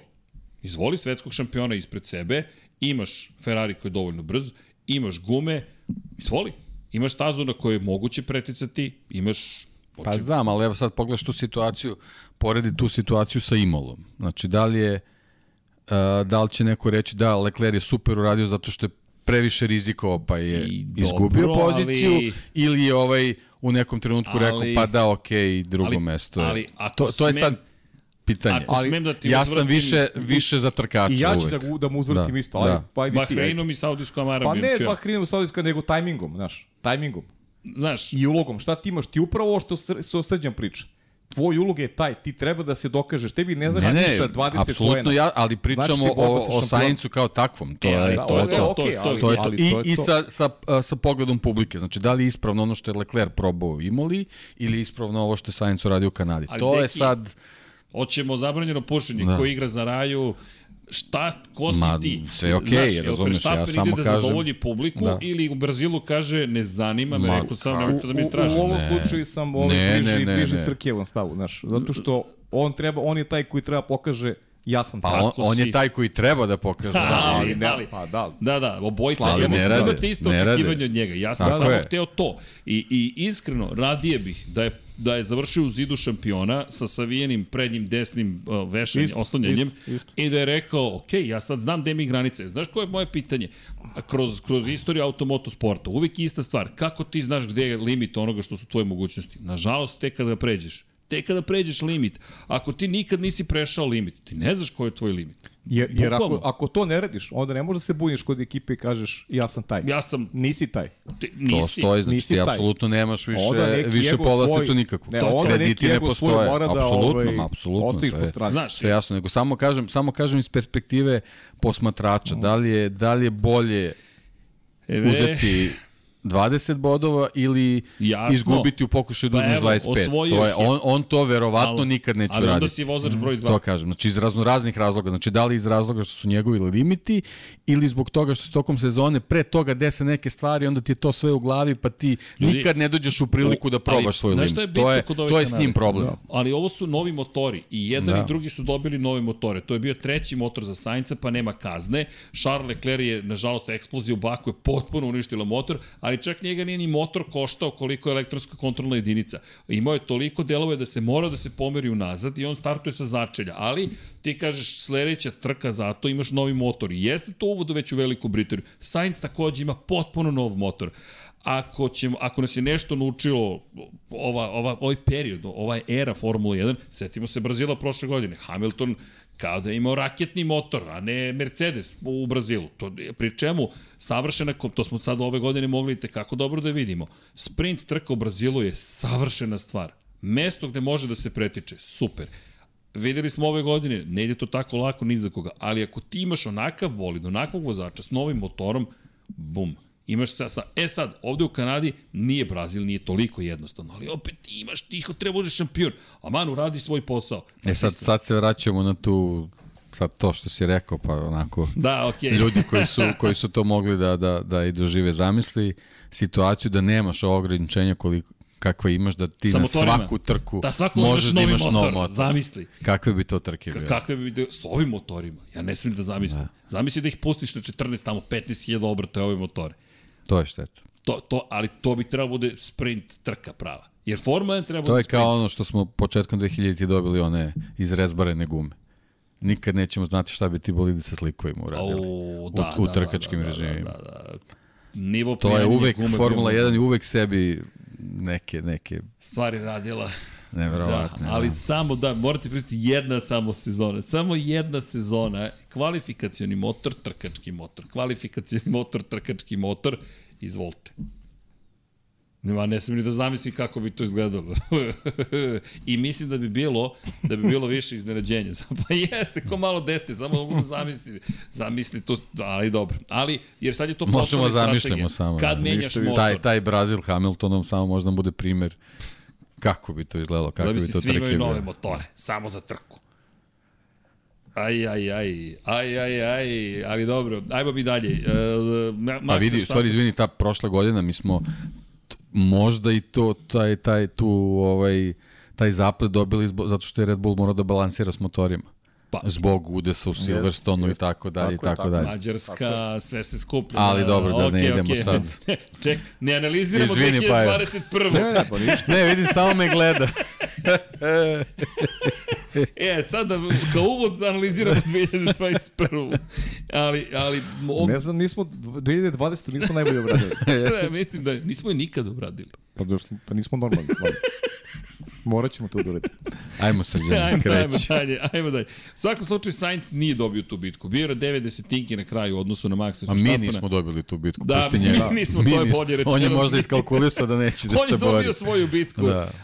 E, to je sad pitanje. Šta je bilo važnije, pobediti Leclera ili, ili Verstappena? Pa o tom smo pričali prošle nedelje. Da. Pre kraja podcasta. Ili, do, ili kažem da uzme 20 bodova. I, Pitanje je koje su njegove kalkulacije. Da. Ili, da, ili da. da Leclerc ne bude šampion. Da. Dobro, imaju najbrži krug. On ne može dobije Leclerc, ali može da dobije da Leclerc ne pobedi na kraju. Aha, okej. Okay. Čime je dobio Leclerc? Čime je dobio Leclerc? Čime i dalje od mašta o tome da možda postane vozač broj 1. A to, ko zna, da. kako funkcioniše Ferrari, veruj mi da me to ne bi začudilo da se dogodi jednog dana. da, evo je četiri Johnny dobacu, ne bi ni mene. Pa, ne bi nikoga, ču, ne, veruj mi nikoga ne bi znao. Ali, Lewis Hamilton se popeo na pobjedičko postolje, 7 sekundi je završio iza Verstappena, Russell četvrto Ponovo, mesto. Ponovo, da, Mercedes i treći, četvrti. Mercedes da, da, i tu su počeli da, da govore kako su rešili problem poskakivanja. Da je to početak nečeg novog. Tom još, još jedna trka s dugačkim pravcem. Jeste. Mm. A nisu nova pravila da. stupila na snagu. Dakle, još nisu nova pravila stupila snagu, mada se već polako priča o tome, uvode se i polako se prilagođavaju timovi ono što, onome što sledi. Charles Leclerc bio peti, što je prilično dobro s obzirom na činjenicu da je startovao 19. Esteban Ocon, šesta pozicija, ispred Valterija Bottasa i Gvanju Joa, Alfa Romeo, inspirativna. Da, pa Ferrari. Da, Ferrari, Ferrari. Ferrari. Da. To je taj moment dolaska novih motora. Fernando Alonso, deveti, sad počinje taj niz njegovih poena. Pa da, to je ono što je Alpina imala. Jeste. Okon i on su stalno nešto među deset i to ih je kvalifikovalo u toj borbi za, za četvrto mesto u konkurenciji konstruktora. I sjajni Lance Stroll za Aston Martin na domaćem terenu za Kanadu, jedan poen. Čisto pohvala ali zanimljivo McLaren se na ovoj trci baš i nije iskazao i to su oni čuveni McLaren momenti. Da, amplitude, da. Napred, nazad, napred, nazad. Dobro, ali, ali nije bilo ni jednom više tako tragično kao onaj početak sezone, što, te su kad su pa, izgledali zaista kao... Ne, onako amateri klasični. Ne, da, inače Fernando Alonso osvojio zapravo sedmu poziciju, ali dobio kaznu onu čuvenu na kraju trke kada su mu dali 5 sekundi kazne, kasnije se on bunio za to, ali to je još jedan od tih 5 momenta u sezoni kada je reč o Alonso i kaznama. Samo bih napomenuo jednu stvar, a to je da je Mick Schumacher odustao usled kvara motora opet Ferrari u toj svoj poteri za snagom i žrtvovanju, makar to utisak, žrtvovanju zapravo rezultata u ovoj sezoni. To sam htio da kažem malo pre samo apropo Matije Binota. Ako je plan bio ok, žrtvujemo, žrtvujemo, to jest insistiramo o snazi motora, pucaće motori, ti manje više žrtvuješ sezonu. Ali ako ti neko na kraju kaže nije trebalo to da radiš, ti si u problemu. Inače, zahvaljujući ovoj pobedi, 175 poena Max Verstappen je imao posle velike nagrade Kanade, Perez 129, Charles Leclerc 126, sada je razlika 49 poena u korist Maxa Verstappena. Dakle, sa minus 46 na plus 49. Mi govorimo ljudi o razlici od 95 poena sada u pet trka. Baš više, apropo onoga što si konstatovao za osmu trku, gotovo da niko nema nikakvo ozbiljnije očekivanje da će se ovde stvari preokrenuti, međutim, međutim, međutim, idemo u Silverstone, idemo na jedno najbržih staza, idemo na trkačku stazu, ipak nije još ni polovina sezone i pitamo se da li tamo ipak Ferrari nešto može da učini s obzirom na činjenicu da je znao da bude dobar. Prošle godine u jednom momentu Charles Leclerc se borio za pobedu protiv Luisa Hamiltona, tamo su imali neke lepe uspomene. 2018. Tako je, pobedio Hamiltona, da. Tako je, i deluje ti kao da je to pravi trenutak zapravo, ako ćeš negde da zaustaviš sada, poslednji pokušaj da se ostavi u igri, ideš u Silverstone i... I uspeli su. I uspeli su, da. Uspeli su, da. Ferrari je pobedio tog vikenda. Da, samo pogrešan čovjek. Da, pa je sad, to je taj čuveni Silverstone. Dakle, samo da jel te, konstatujemo, prednost je ogromno, 52 kruga nas čekaju, vrlo brza staza je u pitanju, prava trkačka 5891 metar je dugačak krug u Silverstonu, mesto prve trke u istoriji Formule 1, stižemo posle svega ovoga što se događalo, Ferrarijevih problema, promena motora, itd., itd., itd., itd., itd., itd., itd., itd. I dolazimo do toga zapravo da imamo sledeću situaciju, a to je da smo poza... da, prvo kiša, To je ono što je bitno. je padala tokom većeg dela vikenda, to je na početku vikenda pada i iz te perspektive kada pogledamo kako su se ponašali timovi, uglavnom nismo imali baš nešto previše aktivnosti na samoj stazi, čisto da konstatujemo da smo nekako čekali da uzbuđenje naraste, da vidimo da li Ferrari može nešto i kvalifikacije pripadaju Carlosu Sainzu. Sainz na pol poziciji ispred Maxa Verstappena, treći je Leclerc, Sergio Perez četvrti. Nismo imali mnogo situacija u kojima je Carlos Sainz uspevao da da pobedi Charles Leclerc i za njega prva pol pozicija. Dakle, kada govorimo o desetoj trci, Kazah Sainca, veoma bitan moment. Zaista bitan moment, međutim, na osnovu onoga što smo videli kada je reč o Mercedesu, delovalo je da Mercedes može da ima jedan dobar rezultat. Ne nužno pobedu, ali da bi mogao da zapravo ima dobar rezultat. I dobili smo jednu od najluđih trka. Greć smo rekli, Carlos Sainz jeste pobedio. Međutim, odakle krenuti? Od samog početka, pretpostavljam, imali smo incident vrlo ozbiljan. George Russell, Guanyu Zhou, i incident koji je potvrdio koliko je zapravo Oreol važan. Jedan od najdramatičnijih momenta cijela pa, sezona. Pa mislim, bez Oreola Bukvalno bismo izgubili čovjek. Da, mene, da. mene je ta priča potetila na, na 99-u, ovaj, onu, onu crnu sezonu, mm. kad smo izgubili Gonzala Rodrigueza i, i Grega Mora u, da, u, u Indikaru. U Indikaru da. To je baš onako bilo dramatično dvojicu momaka koji bi siguran sam tokom karijere ovaj, stigli do Formule 1 i, i, i ostavili traga i, i u formuli, ovaj, tako da eto, ovo je, ovo je bilo još jedan još jedan omaž pre svega toj bezbednosti koja je, koja je na ozbiljan nivo podignuta u Formuli 1 i stvarno sve izgledalo onako dramatično i zastrašujuće. Pa da, i ona reakcija George Russella da. koji je da, da, pa ne, ne, trčao da vidi šta uveren sam da iz njegove perspektive to možda još strašnije izgledalo. Jeste, sigurno. Pa iz njegove najstrašnije. Ne, ljudi, on je ostao u potpunosti bez, bez roll bara koji bi prvi morao da izdrži tu silu udarca. Ove godine će biti promenjena i pravila za testiranje. Testiranja za roll bar će biti mnogo rigoroznija, jer bez obzira što Real bio tu da spasi Guanju Joa, prvi sistem odbrane ne sme da popusti. Ne na taj način, on je obrisan kao šmirglom da je nestao. Sile su ogromne, veliki, visoki su brzine, Silverstone je to, ali opet ne može onako da nestane da. kompletan jedan Sad, kad deo. Si spomenuo, kad si spomenuo ovaj, roll bar, trebamo da se setimo da, da smo o, ovih dana ostali bez Filipa Lioa isto.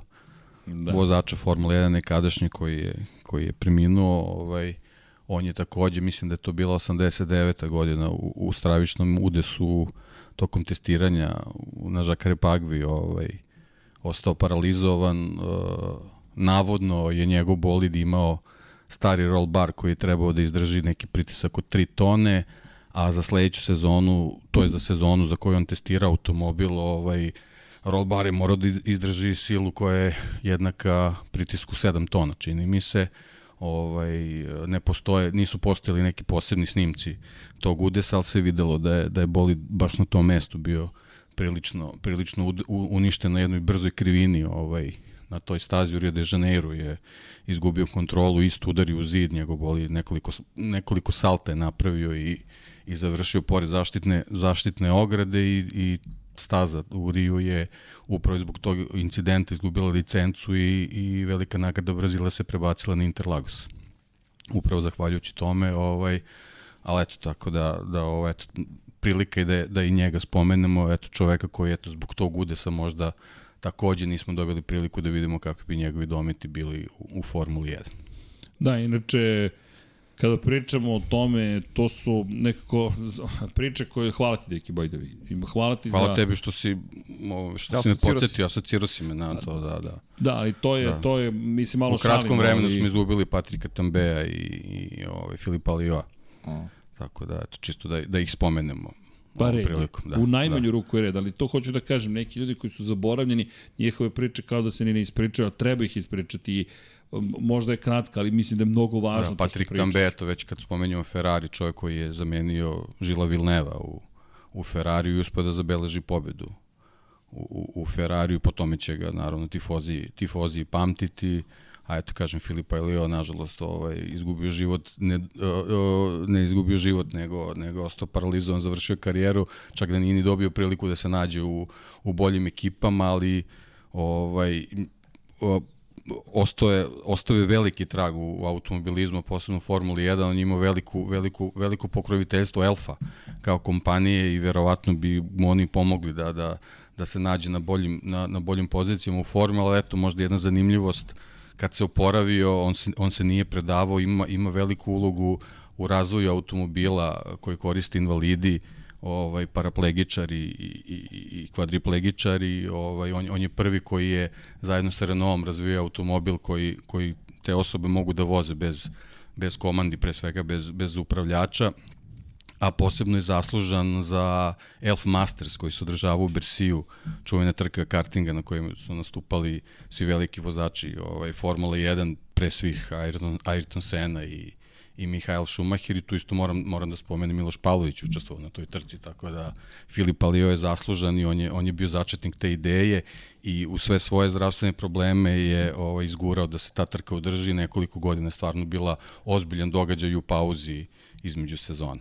Pa pričamo mi često o tome u poslednje vreme, možda ne pričamo dovoljno o tome, ali činjenica je da kada govorimo o hendikepiranim ljudima, ljudima sa hendikepom, treba, to, to nije samo fizičko stanje, dakle nisu samo invaliditeti to što do, do, do, doprinosi hendikepu, anksioznost, uh, ogroman pritisak kojem su ljudi generalno izloženi u savremenom društvu, dovodi do toga da, da su i psihički hendikepi vrlo ozbiljni. Sve su to stvari o kojima vredi pričati i nešto što mi, evo, koristim priliku da ih hvala ti, da podsjetim na te stvari, to je ta empatija o kojoj pričamo sa osjećajnosti jedni prema drugima. Možemo malo da budemo nežni jedni prema drugima, da manje budemo grubi, ne moramo odmah da budemo negativni, malo da imamo razumevanja, više, pričali smo, naša zgrada je potpuno neadekvatna za ljudi sa bilo kojom vrstom hendikepa fizičkog, nemoguće je navigirati kroz ovu zgradu, ne znamo kako to da rešimo, ne možete čak ni da napravite adekvatan um, sistem da se pomogne ljudima da idu uz stepenice, da se ugradi spoljni lift, ali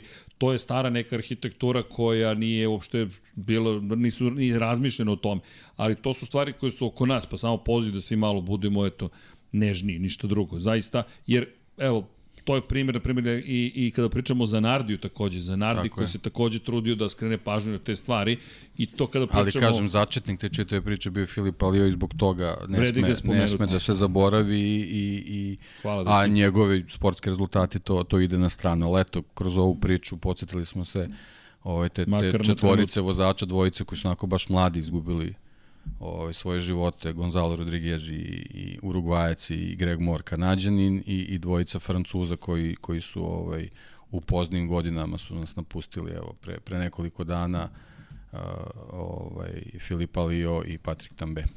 Hvala Deki. Kada pričamo o ovoj trci srećom, Guanju Joe nije došao u situaciju da zapravo da uopšte moramo da razmišljamo o takvim stvarima. Pa eto, svi ti udesi koje smo spomenuli su indirektno i možda i, i, posred, i, i direktno doprinili da, da ovaj, Guan, Guan Južo ostane, ostane s nama posle tog udesa. Mm. E, I Guanju koji je prevrčen u bolnicu. Inače, e, šta se desilo? Tokom tog prvog kruga zapravo demonstranti koji su protestovali o zaštiti životne sredine nisu ni uočeni jer je trka srećom zaustavljena zato što je sreća. Ne, nije sreća da li su oni uočeni ili ne, nego što su planirali da istrče na stazu pred bolide Formula 1. Dakle, razumem protest, podržavam protest, svako ima pravo da izrazi svoje negodovanje, čime god želi, manje više samo nek to učini na bezbedan način, pogotovo što ukoliko vas neko ubije, e, taj neko je takođe nekog nosi na duši, dakle, a to nije mala stvar, ne koristim reč u, u, u ubistvu tako jednostavno, bolidi Formula 1 su smrtonosni projektili, ako se nađete pa, ispred bolid. potpuno je suludo. Termin bolid termin je bolid. projektil. E da, to, to dobio sam zahtev. Prestani da koristiš termin da. bolid, ali to je zaživalo u našem da. jeziku. Ne Opasniji su neki drugi bolidi od koji su se spustili na planetu Zemlju Ovi i kreću ljudski, se. ljudski bolidi su najopasniji. Francuzi za trkačke automobile vole da koriste termin bolid, tako da to je, to je Sve ostalo. Sve ostalo, da. Pa ostalo iz, iz drevnih vremena. Zove trkački automobile. Da, da, da, zove Da, žar, žargonski termin je opasniji. Da. Opasniji, ti su najopasniji, da. Yes. Najopasniji. Jes, čuvajte se bolida. Čuvajte se bolida. čuvajte, čuvajte se, bolida. se bolida. Tako je. Da, moramo pero da napravimo da nalepnicu, pazi bolid. Ali dobro, u svakom slučaju, da, apropo ove trke, ovo je velika trka za Ferrari. I možemo da idemo... Pa, posle svih problema. Putem, da. Ali to je trka u kojoj ti opet imaš šansu zapravo da kao i u Monaku strategijom definišeš mnogo toga i ti povlačiš jedan potez, samo da napomenem, Max Verstappen je imao problem tokom moje trke, pokupio delove bolida, usporio je, išao je na zamenu guma nešto ranije i tako dalje i tako dalje, ali nije učestvovao suštinski u ovoj trci. Dakle, ne, kada da. govorimo o borbi za pobedu, tako je. Došao vajde do kog sedmog mesta, ako se ne veram, tako, sedmi, šesti koji je bio, sedmi. Da, jeste. Da, I kad, kad, to je to bila njegova, na kraju sedma pozicija mu je pripala. I Ali bitka, prosto nije učestvovao u trci, bukvalno. Tako je, jednostavno tu za njegove pojmove i za ono što od njega očekujemo, nije ga bilo. I sad, čim nema Maxa Verstappena, to otvara bitku. To otvara Just. bitku i može da se bori. Sainz može, Perez može, Hamilton možda, možda Leclerc svakako mora pa, da koristi to. Bravo, to si rekao može, može, može, Leclerc mora. Mora, bukvalno mora. Ali, vraća se na Dekijevo, kom, kako to ostvaruješ? Pa ne samo motor, ne samo šasija, već strategija. I tu dolazimo sad do jednog najkontroverznih trka ove sezone, I pričali smo i tada o tome. Mi imamo, imali smo situaciju u kojoj zapravo, zahvaljujući svim problemima koji ima Max Verstappen, je trka dosta luda, ako smem tako da kažem. I u... Da ne samo Max, ti nemaš ni Rasela tu konkurenciji posle tog incidenta i on je, on je isto za... Nemaš ga u trci. Isto ni George Russell. Da, Russell je odustao na samom da početku posle dva, incidenta. Imaš jednog moćnog štiha, imaš jednog koji može da uz te vozača koji staje, može on da utiče na dinamiku trke poput Hamiltona. Ti sad nemaš dva, dva aduta, imaš dva aduta manje u borbi za pobedu, a tu su tu Leclerc prosto mora da iskoristi, mora pobedi u toj konstelaciji snaga, takvi kakva jeste. Leclerc mora pobediti. Bez Maxa Verstappena u trci slažem se. Čovjek koji mora da bude na prvom mestu. Deki, ne znam da se ti slažeš, ali... Pa, apsolutno. To je to. Nemam šta da dodam. Moraš tu da budeš. Ti si taj koji jednostavno ne mogu kažem predodređen, ali pokolno si predodređen, to, to je ta tvoja bitka, to je tvoja sezona. Međutim, mi to ne dobijamo. I iako je Leclerc tražio inače i da se zamene pozicije, u jednom momentu smo mi imali kada je Verstappen zauzeo prvu poziciju na kratko, da. zapravo smo imali situaciju u kojoj Leclerc i Sainz post, postaju, dolaze do toga da su zajedno i oni su jedan period proveli na prvoj i drugoj poziciji, pokušavali su, to jest Leclerc je tražio da se desi promjena pozicije, međutim to nije najkontroverznije, na kraju je došla najveća kontroverza, međutim Ferrari je delovao neodlučno. Mislim da je to, ne znam da li imate bolji opis. Neodlučno. Pa Šta sad? Ti si, ti si politički korektan, neka ostane, okay. neka ostane neodlučno. Dobro, ali to je bukvalno neodlučnost. Šta sad? To je nedostatak kapaciteta da se preseče, donese prava odluka u, u trenutku. Lepo rečeno. Koja sa, sa tolikim iskustvom u Formuli 1 ne treba da bude upitna uopšte. Međutim, šta je zanimljivo? E, ko je vršio pritisak na Ferrari? Ono što je meni bio poseban doživljaj jeste činjenica da ti sad odjednom imaš Luisa Hamiltona u Mercedesu, koji zapravo vrši pritisak nad Ferrarijem. Ferrari koji je do tog momenta u sezoni nadmoćan u odnosu na Mercedes i sad na tlu Velike Britanije pred svojom publikom, Hamilton je taj što je, koji vrši pritisak i on je taj koji stigao do toga da koristi DRS protiv Leclera, a Ferrari zapravo povlači potez da povuče Leclera na promenu guma i koji se pojavlja dve sekunde iza Sainca na poziciji broj 2. Ono što je zanimljivo je da ih je sve sustizao u tom momentu Lewis Hamilton i yes. pričao sam siguran da nije bilo incidenata na kraju trke, da bi imao šansu da se bori makar za pobedu. To smo i pričali tada, da. da je... Znaš, delovalo je... Pa to je Lewis Hamilton, znaš, to je domaća teritorija, to je... Nema Maxa Verstappena, osjeća krv. Bukvalno osjeća. Osjeća krvi i osjeća da, da može da uradi ono što, što mu je bila neka ideja, verujem, ove godine, dođe do, do jednog triumfa. I to je bila dobra prilika. I konstovali smo i kroz prenos i kasnije i kroz, kroz podcast. Ja sam negde uverenje da bi on pobedio, da, da nije bilo tog turbulentnog završetka. Da bi Lewis Hamilton pobedio, s ozor da ispred njega je bio uh, Carlos Sainz. Da, inače, kada pričamo o tome šta je sve uticalo na trku, Perez je imao kontakt na početku trke, Perez je morao da menja prednje krilo, imali smo zaista ozbiljan ozbiljne duele, Leclerc je pokušao protiv Pereza i on je imao blago oštećenje bolida. Sve se to dešava nekako na početku, dakle, baš Da, i to na stazi gde oštećenja tih aerodinamičkih elemenata baš nisu poželjne. Jeste. Apsolutno. To je stari aerodrom, a pritom u celoj ovoj situaciji, zahvaljujući činjenici da nije bilo mnogo treninga, nisu nužno maksimalno iskoristili pripreme za, za pripremu bolida, nekako kao da su izjednačeniji i baš se da. lepo složilo, pri čemu 400.000 ljudi tog vikenda. A opet strategija Red Bulla je bila dobra, ako se ja dobro sećam, Sergio Perez koji je bio vrlo brzo u finišu trke i na kraju i završio kao drugoplasiranje, tako da je opet nema Maxa Verstappena. Još jedna trka to je treće već ove godine, Da. Gde kada nema Maxa Verstappena, on pobeđuje njegovog, nazovi najvećeg rivala, jer realno Charles Leclerc je njegov najveći rival, završava na poziciji 2 i opet smanjuje štetu uh, Red Bulla maksimalno. Eto, i pored toga, tih problema koji imao, čekuje na kraju završio trku na drugom mestu. Ali, ključni moment, krug broj 39. Ti imaš opciju da i, Safety car, ali tako? tako je. Safety car, da. Ti imaš opciju da jednog vozača pozoveš na zamenu guma kao Ferrari. Mogu si i obojicu. Jeste. I ti kažeš idemo Sainz, na tvrdim gumama ostavljaš Charles Leclerc, svi ostali prelaze na nove, meke, nekorišćene gume. To je onim kad smo pričali, to je, to je taj čuveni, čuvena priča ovaj, tvrde gume. Inače, Ferrari je u 31. krugu zamenio pozicije, s obzirom na činjenicu da je Sainz bio spori od Leclerca. Dakle, povukli su neki potez. Ali ti dolaziš u situaciju da u ključnom momentu Ferrari ne povlači potez koji bi trebalo da povuče. Jednostavno, Posebno u trci gde Max nije na nivou. Max, ni- Pa nema ga. nema ga. Da. I sad, Sainz, Ništa ne bi bilo sporno da, da, da je neka Maxova dominacija recimo Jeste. bila ili Pa nešto, pokuša- kažeš tako je, okej, da. pokušaš. Nemam opciju Da. drugu, nego Da, da. Znači, poku, postoji mogućnost da uhvatiš kakav takav priključak i ti se ili dvoumiš ili čak i ne dvoumiš, nego si siguran koga ćeš poslati, koga ćeš pa poslati ja u garažu. misli to, čak se, Da. i, čak si ne dvomiš. Santander linija radi svoje. a je se sećate rečenica Carlosa Sainza. Don't do this to me, guys. Nemojte da mi radite. Ne, ne, bukvalno. Ne, ne, koliko je boleo, šta je najviše bolelo ove sezone? Evo ovde je Ferrari navijač. Silverstone.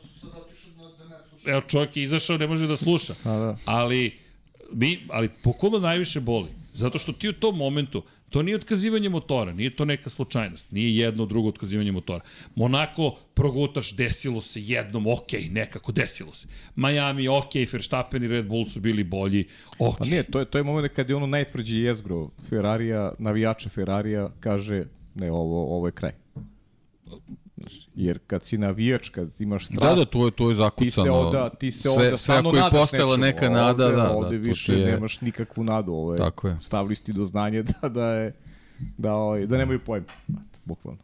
A, a, a pritom, mišljenja sam da su istovremeno pokvarili i proslavu prve pobjede u karijeri Carlosa Sainca.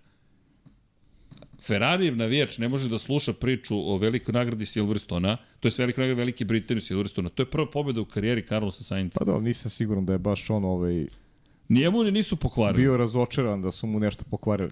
ali, On je dobio na tacni tu pobedu i može samo da bude zahvalan.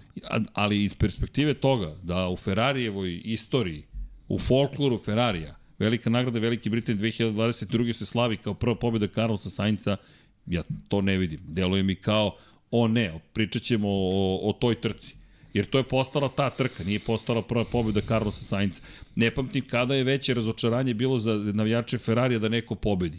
I, I zaista ne mislim ništa loše o Carlosu Saincu, Pa jednostavno... ne, ovo dečko najmanje sporan tu. To, to smo pričali, da, da ne, nije ovo nikakav atak na njega, već na, ne znam, kompoziciju tima, kako se tim vodi, šta se dešava ovi, u tim relacijama. Na nivou želim da budem svetski šampion. Kako se ponašaš kad želiš da budeš svetski šampion? Kako određuješ prioritete? Ali to je sad ona stara i Dekijeva priča. Ovaj, ja stalno uzimam za reper tu 2018. godinu, kad imaš taj, taj Monza meni je, meni je najveće ogledalo svih bizarnosti i gluposti Ferrarija u prethodnoj dekadi. Monza mi je najveći primer. Jer to, tu nije bilo greške vozača. Tu je bila klasična greška oni koji vode ekipu. Koji ne osjećaju prioritet, ne osjećaju moment da je Sebastian Vettel taj koji treba da ima apsolutnu podršku.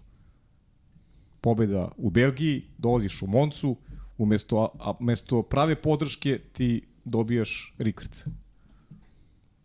Ovo ti je možda, E, ovo ti ako je- pričamo o Monci, Da. nije greška vozačka, Tako je. već ekipa O- o- koja je ovo je, ovo je, ovo je još drastičnije, ali ne košta toliko. E, ali Znaš, zanimljivo je, Ne košta toliko. Ono je, ono je mnogo koštalo. Ono je, ono je unakazilo celu sezonu.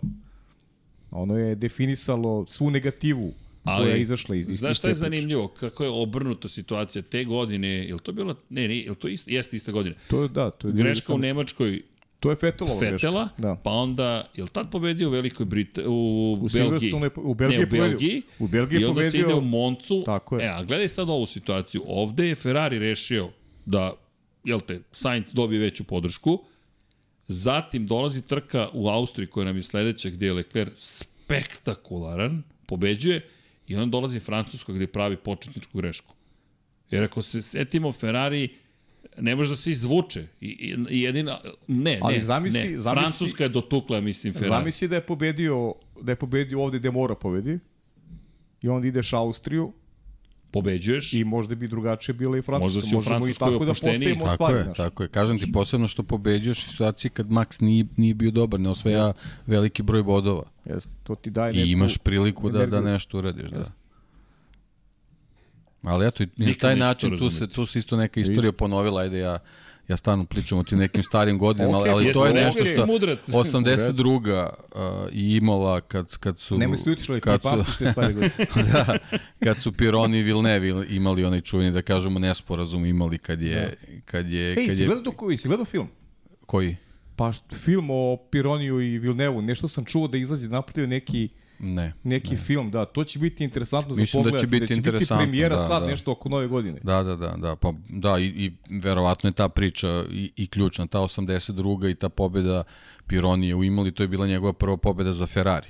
I isto, eto, ostaće u istoriji zabeležena kao prva pobjeda Didier Pironije za Ferrari, ali će ostati u senci toga da je zabeležio da. pobjedu tako što su timske naredbe sve, sve poremetili. To je trebalo da bude pobjeda Žila Vilneva. I onda je on sa, sa takvim saznanjem, sa jako lošim uh, odnosima otišao na, na trku Belgiju Zolder i napravio onaj, onu, onu grešku, možemo slobodno da kažemo, na, Jeste. na kvalifikacijama i čovjek izgubio život. Znači, ovaj, de, ne, nevezano za to što je bilo u Belgiji, znači u Imoli se ponovila ta priča 82. gde, gde je Villeneuve bio jedan od glavnih konkurenata za titulu, gde se ovaj dešava to što se dešava, gubi tu pobedu i, i unosi se ta ogromna nervoza u ekipu Ferrari na kraju 82 uh, sezone tekla tako, bil, mislim, tragična sezona bila, ostali smo bez Vilneva, Pironi je teško povređen u, u, u, Nemačkoj i, i ovaj, završio, završio karijeru da. u ovoj Formuli 1, Patrick Tambe tu došao, ali, ali kasno stigao i, i titul je osvojio Keke Rosberg te Da, godine. A to je život, ali- osa, 82. je to trebalo da bude Ferrarijeva Samo sezona. sam teo da dodam da se izvinjam, rekao sam najdrastičniji, ovo je najdrastičniji Da. primjer i, i Da, da, da. bravo deki. Jeste. O, ovo je najdrastičniji primjer. I nažalost opet ista priča. Kažem, dakle, eto, iz tih nekih svojih skupih škola Ferrari i dalje ne uči, Ne uči, i da, eto, ne to uči. se jednostavno dešava tako. uči. Znaš, a to je... Nego se tvrdoglavo drže, Čega? ne znam, Čega? bandoglavo, ne znam. Može ne, neko da mi objasni Tvrdoglavo se drže nesigurnosti. Da, Nema ko da ne- preseče. neodlučivanje. Znači, kad se, kad se seklo, seklo su eri Mihajla Šumacher. Da, I da. kraj priče. Jeste. Koliko god neke nepopularne odluke se donosila, a bilo ih je sad, Bilo ih je. da se ne vraćamo, Bilo treba specijal samo o tome Jeste. da bude. Tim, Ovaj, tim je profitirao na račun tih odluka. je, Tim je je. profitirao na račun tih odluka. tako je. Samo da se razumemo, Carlos Sainz ima 24 poena manje od Charles Leclerca posle velike nagrade Kanade. I to posle ovih Zapravo, Deki, ti si genije. Nije on mudrac, on je genijalni zmaj. Geni, ali, a, Nismo, a, nismo, Kenny. nismo, Genija nije nismo. Gledaj ovo, gledaj ovo. Nismo. 102 poena ima Sainz. Sa 19 poena iz Kanade, zapravo on dolazi na 102 poena. On je na 83 pre toga. Misliš da je predvideo šta će biti Ne, u ne, ne, ne, ne, ali Deki je mudrac, ozbiljan. Razmislim da te sad razumem, Deki. Ajde. On se sad, dakle, to je samo sad hipoteza ljudi, nemamo dokaze. Ti se postavljaš na poziciju koja je dovoljno blizu Lecleru da možeš ekipi da kažeš, ej, nije još ovo gotovo. A, pričaš o Kanadi. Kako je? Da, da, da. Vraća se u Kanadu. Ljudi, zašto analize traju? Pa zato što ako ćemo, možemo da protrčimo, bio prvi, bio drugi, bio treći, ćao.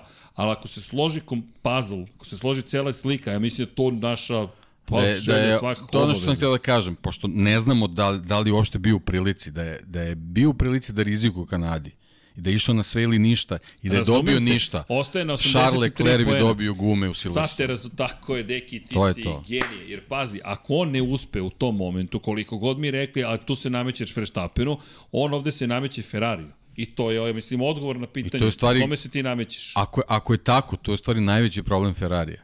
Ako, ako, Apsolutno. ako njihov vozač razmišlja samo o vozaču Ferrarija drugom, to je, to je prvom ili kako god. Da, jer ti do sada si na 102 poena, Max je na 175. Ti si 73 poena za prvoplasiranog. Dakle, to je to. Ali, ako ti ne osvojiš On je poene čitao Kanadi- vreme pravi kalkulaciju svoje sezone. Mislim, što neku ruku Wow. legitimno, ali... Ne, legitimno je, ali dovešće ih do ovde, da će pa, Max Verstappen dovelo biti ih je tu gde ih je pet dovelo, puta šampion tako je. za redom, osim Tako ukoliko je. Mercedes se ne bude Ja si umešao u dalje celu držim priču. onog da on ne može više, da Pa- stoji njegovi limiti. Da, da. I, i je to, stoji u toj čitavoj priči, to je, to je u tom paketu sve. Da. Sve je u tom paketu. Jer sad mi se složi, sad sam te shvatio. I Jer njega, sad, njega nijedan tim neće izabrati da bude vozač broj 1. nigde. Nigde Pa, ga neće nemaš izabrati da bude vozač broj. jedan. Posle Ferrarija i šta bi imao. ne, ali, Da. ali neće niko da ga nema karakteristike da, da, on, da on povuče neku ekipu da bude, da bude lider, da bude šampion. I ti sada dolaziš u situaciju da si razdelio poene između svoje dva vozača i niko neće ugroziti Maxa Verstappena. Ma da, pa dobro, to je već. Tako se gube Gotovo. titule, kroz istoriju da. se pokazuje. Kad imaš u, u, u ekipi dvojicu vozača koji dele poena, uvek neko treći osvoji titulu. Tako je. Uvek je tako bilo. Osim ako se ne zoveš Ayrton Senna i Alan Prost. Pa da, ali, ali to je bila ova, ova priča. Mi sad imamo šest automobila konkurišu. Tako konkurišu, je, tad da, su da, bila dva. samo dva, Tad, da, da. Jednostavno, teoretski nije bilo moguće se neko uključiti u bitku. Ali 86. kad su Piquet i Mansell jedan drugom uzimali bodove, Alan Prost je bio svetski šampion. Jeste, jeste. To je, mislim, tako. Ili je tu Pa, pa ili- Kad je tragično... osam- guma od tu- Mansell. tako je. Boing, tako je. to slučaju, to. Tu Kad je tragično Kim- kad je 82. Kim kad pričamo, šampion, te godine su. Vilnevi i Pironi sebi uzimali bodove, nažalost samo do jednog dela sezone, ali generalno su ispostavilo se i, i sa tim bodovima mogli na kraju da budu šampioni kako se razvijela sezona. Keke Rosberg za titulu s jednom pobedom. Pa bi kažem, Mislim, to je- slučaju to je to. titula isto. Tako I je. tu je bilo vozač koji su uzimali bodovi jedan drugom. Pa Hamilton Alonso, Pa, između ostalog. recimo. Mada je on mora i masu da pobedi. Ti da si ali da su ovi imali jasno profilisanog vozača. Ne bi niko jedan, imao šansu. Ne bi imao šansu u Rekone. Dobro, to je ta bila njihova bitka, ali s tom razlikom što su oni i vodili u šampionatu, oni su držali prve pozicije. Ovde nisu Leclerc i Sainz na prvim pozicijama. Oni su na pozicijama 3 i 5. I, I tebi je poslednja šansa da nešto uradiš jeste taj moment. Moraš da izabereš. Bukvalno moraš da izabereš. Mislim, A to je sad, moraš. sad kad pričamo o toj skupoj školi. Ron Dennis je imao školu sa, sa Prostom i Senom. I kad je došao u situaciju da ima Kultarda i, i Hakinena, presekao je. Zna se ko će da bude svetski šampion i sve je podređeno tome, kraj priče. Od prve trke sezone je tako bilo. Jeste, za Miku da. Jeste, to je... Pa i pre toga, pa ako se setiš Jerez 97. godine, kako je išlo... Ne, tad je Mika pobedio. Je li tada Mika? Jeste, tad je isto Mika, Mika, pobedio. Mika. Jeste, Kad su, kad su držali Vilneva na, na na ramenima. trećoj poziciji, jeste, jeste, jeste. Bukvalno do poslednjeg trenutka manje više. Da, to je isto zanimljivo. Zanimljivo i radio poruke bile tokom te trke, ali dobro, to je neka druga istorija. Ali iz perspektive Ferrarija, ovo ti je poslednja šansa da kažeš, ok, ja, mi sada možemo da spasimo sezonu potencijalno sa Leclerom, gore i ga napred, menja njemu, menja i gume. Oni su na kraju njega ostavili na tome da, da nije imao, jedini nije imao nove gume. On je baš bio onako, laka meta Laka metoda. sedi i čeka samo da ga preteknu. On jeste bio na poziciji broj Na 1 stazi posle gde toga. ti je grip neophodan, apsolutno. Pa, ti si deki na tvrdim gumama, svi su na novim mekim gumama, do kraja trke imaš 10 krugova manje više. Bukvalno imaš 10 krugova. Jer u 39. krugu oni svi odlaze na zamenu guma. Leclerc je ukupno vozio 40. 40. 41. i 42. Dobro i ostao i koji je bio četvrti na kraju. Na kraju je pao na četvrtu poziciju. Dobro i četvrti ostao. Bukvalno dobro. Alonso je bio na poziciji broj 5. Ali oni koji nisu... To je zahvaljujući motoru, verovatno bilo. Pa da. Pošto Pa je u ta staza pruža, pruža snaga to, da. motoru definitivno. Da, ali zanimljivo svako... Hamiltonova takođe trka nekako pala u zapećak, jer ovaj Ferrari potez je ostao ključan, ali mi se sviđa ovo što si rekao za Kanadu zapravo. Sad kad postaviš stvari, posle ovoga, zašto Sainz ne bi otišao upravo u Ferrari i rekao, e čekaj, ja sam bio drugi u Kanadi, pobedio sam u Silverstone. Mene treba da podržite. Mene treba da podržite. I onda dolazimo do još većeg ludila, a to je zapravo, ne znam, ovaj Silverstone sad samo može da bude sol na ranu. Ja nemam nikakav rezon koji mogu da, da, da, da dam. Apsolutno, ja ponavljam, posebno zbog izdanja Maxa Verstappena na toj trci. Svodi se na to da Ferrari prosto ne uči svoje lekcije.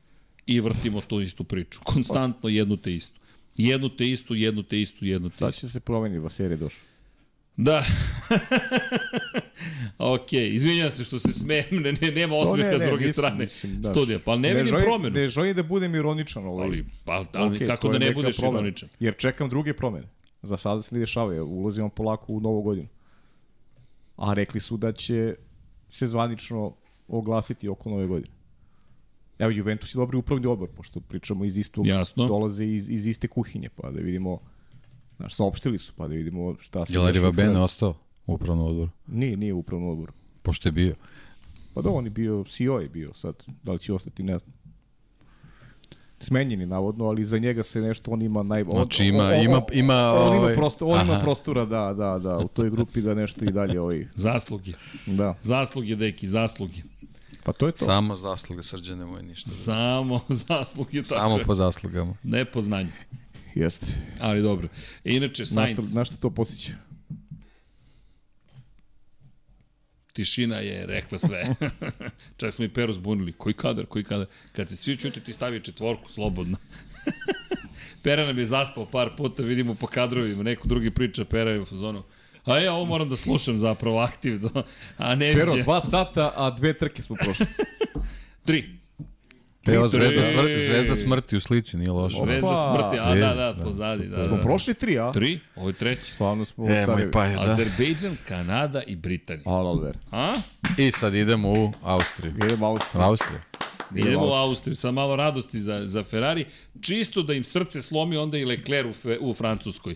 I nisi u pravu da su odustali posle Azerbejdžana ili Kanade ili Silverstona. Ne, ne, Leclerc ih je ubio u Francuskoj, zato što im je dao nadu u Austriji, pobedio je Maxa Verstappena u Austriji na terenu Red Bull Racinga pred naranđastom armijom, tri puta ga je pretekao u trci i onda otišao u Francusku i vodio i izletao sa staze. Dobro, i koja je razlika bila posle Austrije, kaži mi Bodo? Posle Austrije ili posle da, Velike Britanije? Posle Austrije. Evo, ok, razumem da ideš. A, sad najgori si od sve mi dece. reci, ja sam samo, malo, samo malo napravio drame, show time, levo, desno i ti... Nemoj da mi praviš večersku dramu.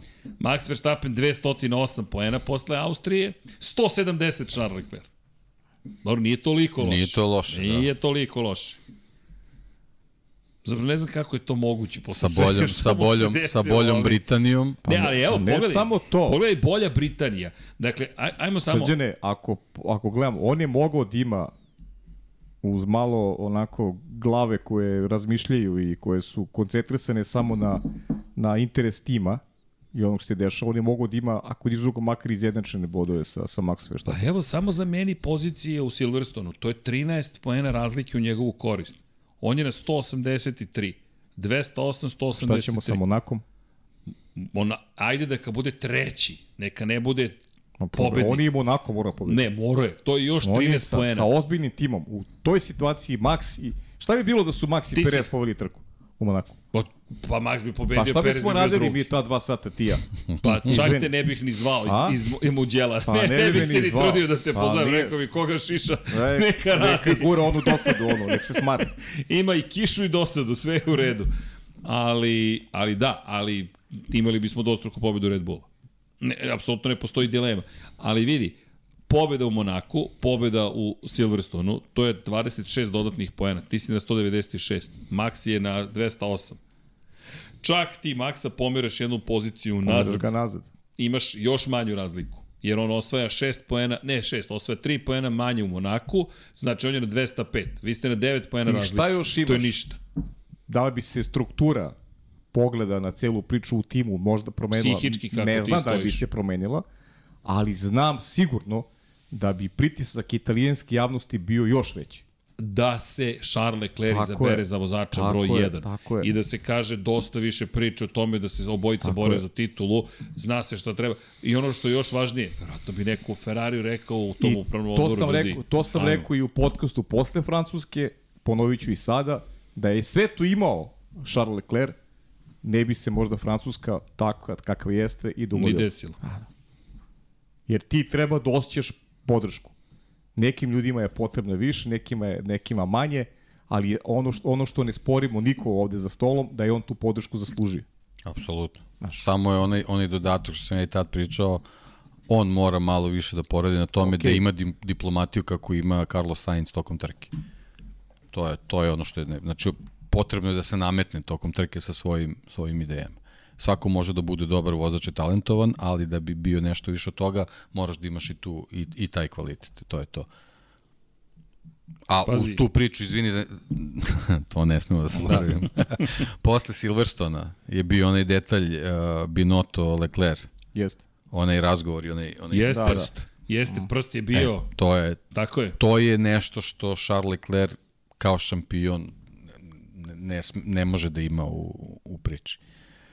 Možda je podrazumevao Bez obzira šta god, i on, je, i on je pričao da tu nije bilo nikakva kritika, pa, nego dobro. da ga je... A ovaj, deki, ali to je ona, vraćamo se na ono, on, on je momak takav. Ne, ne, sve okej, okay, nego samo hoću da kažem kako, kako se na, na sve te negativne stvari koje se dešavaju, kao, kao magnet se lepi uvek još nešto što ti dodatno pravi pritisak javnosti. Ta slika je osvanula u italijanskim novinama. Da Znaš, mislim, to da, je... Znaš kako ja malo... To, malo, je, malo to, je, to je problem s Ferrari. Širu, znaš, malo, je. malo sliku pokušavam pogledam. To je kao, ne znam, sada, ne znam, nas trojica smo tu, neko ima ulogu nekog kao šefa, kao, znaš. I sad, uh, ti treba da, da onako da pogledaš kao što i gledamo, ne, znaš, svi, svi smo mi različiti karakteri.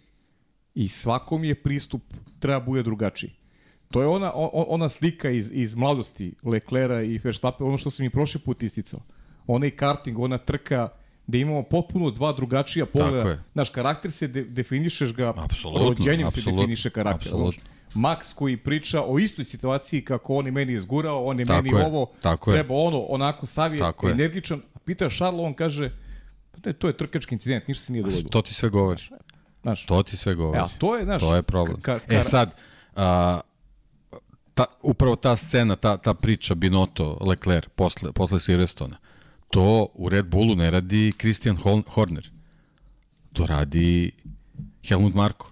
Tako to je, to, to, to u Mercedesu nije radio Toto Wolff, to radio Niki Lauda. Niki Lauda, tako je. To, e, to je, to je, znači ne može Matije Binotto sve da radi. I to je, to je bio taj problem, ogroman pritisak je bio i na njemu, bez opravdanja, nego samo govorim, ne možeš ti da budeš i u tehničkom odelenju i, i da budeš psiholog vozačima i da, da vodiš diplomatiju sa, sa svojim upravnim odborom, on jednostavno čovjek inženjer, on, on nije, jednostavno nema, Slažemo očigledno da nema kapacitet za to. I tu su stvari zbog svih tih detalja, tih sitnica koje su isplivale, plus je dobio, ovaj, to jest izgubio podršku javnosti, jednostavno tu je brod već Tako je. E, a baš zbog ovo što sam ti rekao, kakav je Leclerc. Tako ti unutra treba neko da zna kakav mu je tako narav. Je, tako je. I da se time bavi. Upravo to, ali, I da razgovara ali nema, ti, ti, ti, ti nemaš u ekipi e, to. Pa onda, e, to, je problem. problem. To je ozbiljan problem. Znaš kako to gledam? E, pričamo o iskusnjima. Helmut Marko i Niki Lauda njih bi stavio kao neki vice admirali, admirali, neke visoke pozicije ili negde gde su ljudi koji su... S tim, s tim što ja Nike Ima... Lauda stavljam onako, Dobro. zato što je Niki imao i nešto drugo. On je znao kako, on, on imao ali, tu pazi, filozofiju Marko, vozača. Marko isto bio vozač. Pa dobro, ali ovo je... Manje ostvaren. Povreda mnogo manje. Omela. Ovo je ipak i neko ko je šampion, a a pritom ali, je jako dobro znao, pritom bavio se, Niki s ozbiljnim stvarima u životu bavio. I... E, ali izvini, apropo onoga što si malo pre rekao, na primjer, kada pogledaš i ličnosti, kada pogledaš i, i ljude, a ima jedna, još jedna bitna stvar, kada je reč o organizaciji sport, sporta, ajmo sporta, Gledam, na primjer, gledam sada situaciju u NFL-u, ali može da se predstavlja bilo koji sport. A do, nebitno je. Moraš da imaš nekoga, dakle, treneri obično nisu najprijatnije osobe koje možeš da sretneš. Viču, agresivni su glasnici, ili autoritet nameću možda i svojim tešinom, stavom, ali se zna, nema šale sa trenerom u uspešnim ekipama, makar to je neki moj zaključak na osnovu svih ovih godina praćenja. I sad dolazimo, zanimljivo i Tampa Bay, gde je Tom Brady najbolji quarterback svih vremena. Ove godine on je taj koji se dere na sa igrače opravdano ili ne. Ali ne možeš ti da budeš, to je moje mišljenje, i vođa ekipe, i inspirativna ličnost, i neko ko će da se dere na njih i ističe koje su pa njihove ne može da se rasplineš, to je, to, je, to je kraj. Svaki zadatak je ozbiljan, ne možeš Tako ti je. da... E sad, ovde imaš Helmuta Marka, ti znaš kad te on pozove, neki, to je njegova figura profesionalna, piće neprijatan razgovor, gotovo je sigurno, 99, 93% su šanse da neće biti prijatno, neko mora da bude onaj ko trenira strogoću, disciplina. Na kraju dana, vratimo se na Mihajla Šumahira, čemu je pričao? Uvek je pričao o disciplini. Samo disciplina i disciplina. To smanjuje mogućnost greške. Na, Znaš kako, a, a, pa, pazi, pričamo uloga psihologa generalno. To, imao sam skoro priliku da slušam kako se radilo u Vaterpolu pre 40 godina. Znaš, izbor, psi, uloga psihologa. Znaš, da stavi e, momke sa 500 pitanja, bukvalno sa 500 pitanja koje odgovaraju, onda se pravi, rangira se. Profili se profili pravi. se pravi ličnosti i tačno se vidi ko s kim ne može.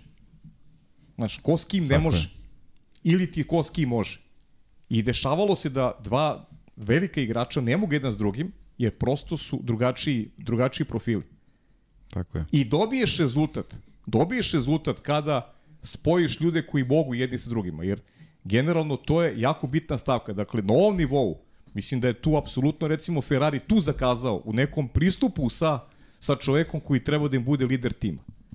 Da niko nije vodio računa, jer to je ono što smo pričali tokom godine. Ne može da bude isti pristup prema tebi, Dekiju i znači drugačiji smo karakteri. Znači to Tako to je, svako to je, ćeš da E, to je ono što sam, što sam pričao, ja mislim da je to bilo baš u onoj emisiji, ovoj epizodi, kad, kad je posle Brazila, kad sam pričao o Georgeu Russellu, sa najmotivisanijim Lewisom Hamilton. George Russell nema šta da traži u Mercedesu. Slažem se. Upravo, upravo zbog profila ličnosti. Ako on ne promeni ovaj, ne znam kako ti to rekao, ne, mislim, on je, on je jednostavno momak takav kakav je, gentleman, gospodin i tako dalje i tako dalje. Ako on svoj pristup ne bude mogao da promeni, on, ne postoji šansa da će biti svetski šampion dok je Lewis Hamilton u Mercedesu. Nico Rosberg. Znači, Lewis Hamilton na, na, na maksimalnom nivou, protiv njega niko nema šanse. Jednostavno, na, na, na psihološkom polju, ne verujem da može kod ga pobedi. Niko Rosberg je uspeo, ali ozbiljna cena, cenu? ozbiljna cena je bila. Po koju cenu? Ozbiljna Zato cena je bila, Nika, da. Jer Do- Niko do dosta pucanja je bilo. tome. Do Do pucanja, je pucanja je otišao bilo. čovjek iz sporta, napustio sport.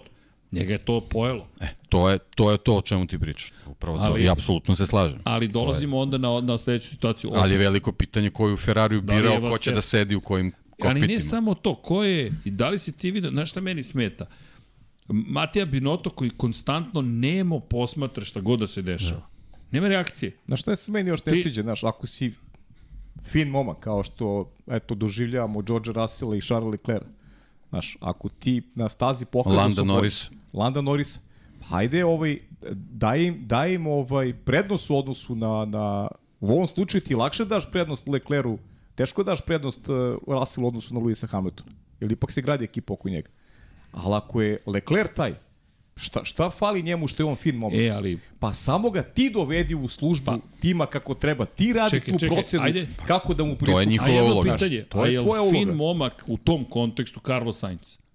Koliko su oni kompatibilni za ovu ulogu? Sainz je taj koji tokom trke kaže ne, A nema on, kon, šanse. on kontroliše situaciju on je, kompletno. ali pazi, on je, on je taj koji kaže da uđem sada. Ne, Ali ono što je Paja rekao, on nema dovoljno vozačkih kvaliteta da... Tako je, ali to je problem iz Kanade. Ti si sad Pa moraš da, se boriš sve ali dok štaperom. dolazimo, Srki, opet dolazimo do Tako je. tima. pozicije. Do Dolaziš do toga da je tvoj maksimum da budeš drugi, treći u šampionatu. Tim treba to da reši. To ti je, to ti je sad, Ako- sad da kažemo, ne mogu to u, tom, sami. u tom sklapanju profila. Zašto je Sergio Perez u Red Bullu? Zato što ima vrhunske vozačke kvalitete koje im u tom trenutku treba. Ljudi- Njih apsolutno ne dotiče Sergio je njegova reakcija na bilo šta u sezoni. To je ono, opet se vraćamo na taj Brazil. Čekaj, Apsolutno ih ne znanja, interesuje. on se izvinjavao na kraju. Ne interesuje. On je taj koji je žrtva u situaciji, on se izvinjava. Tako je. Čekajte, jasno ti je stavljeno do znanja na svakom korporativnom, sportskom, ljudskom, profesionalnom, kojeg god hoćeš nivou. Tako je. A, Njemu je rečeno dobit ćeš svoju poziciju, to se ne desi. On izađe pred kamere i kaže pa, e, stvari koje ne treba da kaže. Max je rekao isto stvari koje ne treba da kaže. Ali Max je Max. Ćao, Sergio, idi izvini se. Ko je kriv? Ja sam kriv. Čak i ako ti... To, To je- to je- ali- to je ali- tim. Ekipa ti je jasno Ako, do ako, znanja. tako je, ako, znači imaš neki rezultat za cilj. To je to. To je to. Ali vidi, To je to. Za, uh, jer cijela ova sezona, dakle, Max, a ne, ne poštovanje prema njegovoj dominaciji, nego pohvale, kao što je Honda tiha u celoj priči. Red Bull zapravo mnogo tiši za ono što postiže. Nema drame. Pogledaj koliko drame oko Ferrarija. Sećaš se ono su psovanje, Maxovo psovanje u Silverstonu pre tri godine, tri godine, dve godine. Tri godine. tri tako. godine. Tri, da, da, tri. To je taj stav koji moraš da imaš da bi se nametnuo. To, to, je, to je to. Ali i ovde imaš Ali tu situaciju. to, ali sad to što Paja kaže, ako, ako prepoznaješ ko ti je taj koji treba da te nosi, moraš nekako da, da, da, Jer to je- to je da mu tim, napraviš neku, neku Tako je, mora- ne, ne da ga ostaviš na vetrometini svaki put. Svaki put. A Još na kraju ga. uleti neki kadar de, Gde de, mašeš de neko, a, a nije ta A- a priča znaš bila, je- ali, Ja ali mediji A prave znaš da, bi, priče. a znaš da ljudi, da, Binotto da. nije, izvini, pričao ništa o tom prstu. Znaš ko je jedini pričao o prstu? Pričao je o prstu. rekao, da. Lecler je objašnjavao, ne, ne, on je mi mahao prstom zato što se naljutio na mene što sam ja bio uh, posrnuo psihički. Posle, posle trke, da, da. Pazi, ljudi, e, pa, Čemu pričamo? čak je, čak je Arrivabene da se bavi tim, tim poslom. Bio bi bolji. Znaš, nije, to uopšte nije Sve je loš okej, izbor. ali ne može jedna samo time. osoba, mora Tako je. više njih da Tako je, samo time da se bavi. Tako je. Jer kaže, postoji odlaskom Nike Laude Mercedes ima ozbiljan problem. Ima ozbiljan problem. Red Bull je tu uz Maxa Verstappena imaju najbolji tim, najbolji organizovan tim sa, sa jasnom percepcijom kako stvari treba da izgledaju u svakom trenutku. I to je ozbiljna prednost koji, koji daje onako, ne znam, oni, pričamo sad o 2022. Ja, oni su najveći favoriti sledeće godine I, i jako ja negde pa, mislim, vidim tu bitku Maxa otkriva... i Luisa, neko ljudi, vidi Maxa ipak kao ovo, najveći hvala. Pogledaj kako se slažu kockice, što više pričamo o 2022.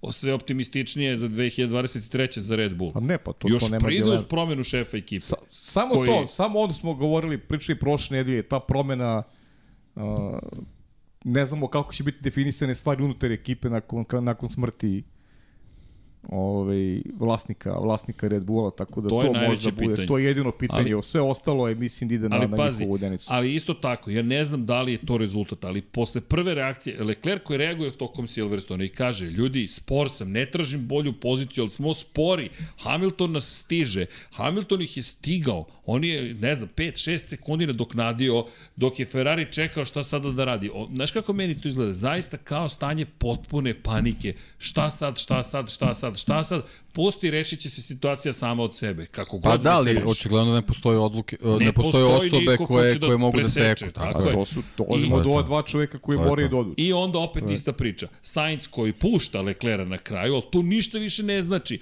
jer u momentu kada ti imaš crvenu zastavu, ne crvenu, vozilo bezbednosti, njih dvojica su pri čemu čak i da su double stack uradili, čak i da su ih stavili jednog za drugog, bilo bi bolje. Bolje. Bilo bi bolje. bolje. Bi bilo. Leclerc bi imao šansu da se To isto trka. neko treba u glavi da izračuna i kaže double stack. Tako Imamo, je, gubimo 3 sekunde, nije strašno. Ali ne gubimo sve. Tako je. A ti ovako gubiš sve bukvalno, pri čemu u jednom momentu je Sainz bio dovoljno isto Onda da tu je, tu je sad i dodatni problem, oni možda uopšte nisu sigurni ekipu da, da, da ona može je, double stack da izvede kako to. Možda zamisliš koji, koji bi tu menjanje četiri, točkova bilo i ko zna koji Dobro, bi haos. bismo imali To je, ali ne, očigledno da ono što, što smo pričali, znači nema samouverenosti. Jednostavno, oni ne veruju u sebe. Ne veruju u sebe. da, da, da pola zemaljske kugle, rekao i Stanoman koje tvrde gume, a oni su izabrali tvrde gume. Jo, to, e, to je, naš, čekaj, to je te tvrde gume. Cele priče. E, ali ja ti ozbiljno kažem, kad su mi rekli to je zbog Orakla. Ne, nije zbog Orakla. Možeš da uzmeš 4 miliona servera, očigledno je Očigledno je, nama je bilo očigledno sa dva servera. Jedan yes. je po dve glave. Ali u svakom slučaju, posle tog Silverstona dolazi Red Bull Ring. Ja ne očekujem ništa na Red Bull Ringu. Više to sprint trka. U sprint kvalifikacijama, čisto da ubrzamo stvari, jer nema potrebe zaista Red Bull Ring. Samo kratko, Red Austrija, velika nagrada Austrije, domaća trka u svakom smislu te reči za Red Bull Racing i za Maxa Verstappen. Ti kada pogledaš veliku nagradu Austrije, to je njihova apsolutno trka. Ne, ne znam, ne znam na koji način da, da, da pričamo o tome da je nek, postoji neka druga koja, koja je njihova toliko. Tek sad Zandvort, ali dok se nije pojavio Zandvort, sve naranđasto. Kompletna Austrija se pretvori u naranđaste boje. I, izvinjam se, čak i kada je Mercedes harao, ti si imao situaciju u kojima nema dileme ko će, da, ko će tu da, da se bori za pobedu ako ništa drugo. Svaki put se Max Verstappen broj, bo, borio za pobedu. Čak i u eri pobeda Luisa Hamiltona i Mercedesa. I ti dođeš u Austriju, sprint kvalifikacije kako prođu? Prođu tako što zapravo pobedi Max Verstappen u njima. I poveća dodatno prednost u šampionatu sveta i kažeš, aha, ok, ovo će da bude, iz moje perspektive sam bio siguran, još jedna laka pobeda Maxa Verstappen. Pa da, to smo svi mislili. Ovaj, Nastavak. I pre dolaska u Austriju. Nastavak, jer pazi, uh, Maxove pobede 2018. 19. 21. Mi čak ne računam veliku nagradu Štajerski, samo pričamo o velikoj nagradi Austrije. Ali pa, dobro, to je njihovo. Ali to je sad još, još jedna, još jedna ovaj stavka, sad to je sad ono gde ja imam ovaj, neku vrst, da ne bude da sam neki Leclerov advokat ili ovaj, da, da branim Charles Leclerc u tim odnosima sa Saincima i tako dalje, ali Leclerc opet sam mora, bez ozira na sve nepravde koje su mu, koje su mu učinjene, činjenica je da je tu otišao sa manje tenzija u odnosu na ono što se dešavalo u Francuskoj. Jer ti si u Francusku već otišao kao pobednik Austrije, imaš neki pritisak, osjećaš dodatni, ti si tu zakazao pod pritiskom. Znači moraš u kontinuitetu da, da voziš veći broj dobrih trka, da koristiš maksimalno neke šan, prilike koje ti se ukazuju.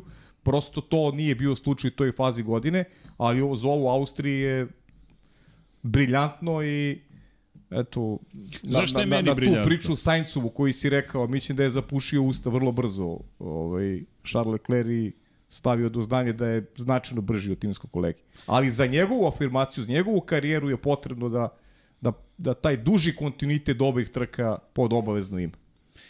Meni, uh, samo apropo Austrije, je fascinantno koliko je i Ferrari bio dobar, koliko je strategija bila dobra, koliko je Leclerc bio precizan i koliko puta su pobedili Maxa Verstappena. Pa možda i njegova najbolja trka. Ja mislim, eki, ekipno, pa i, i generalno i, i njegova i Ferrarija apsolutno najbolja trka u 2022. godini.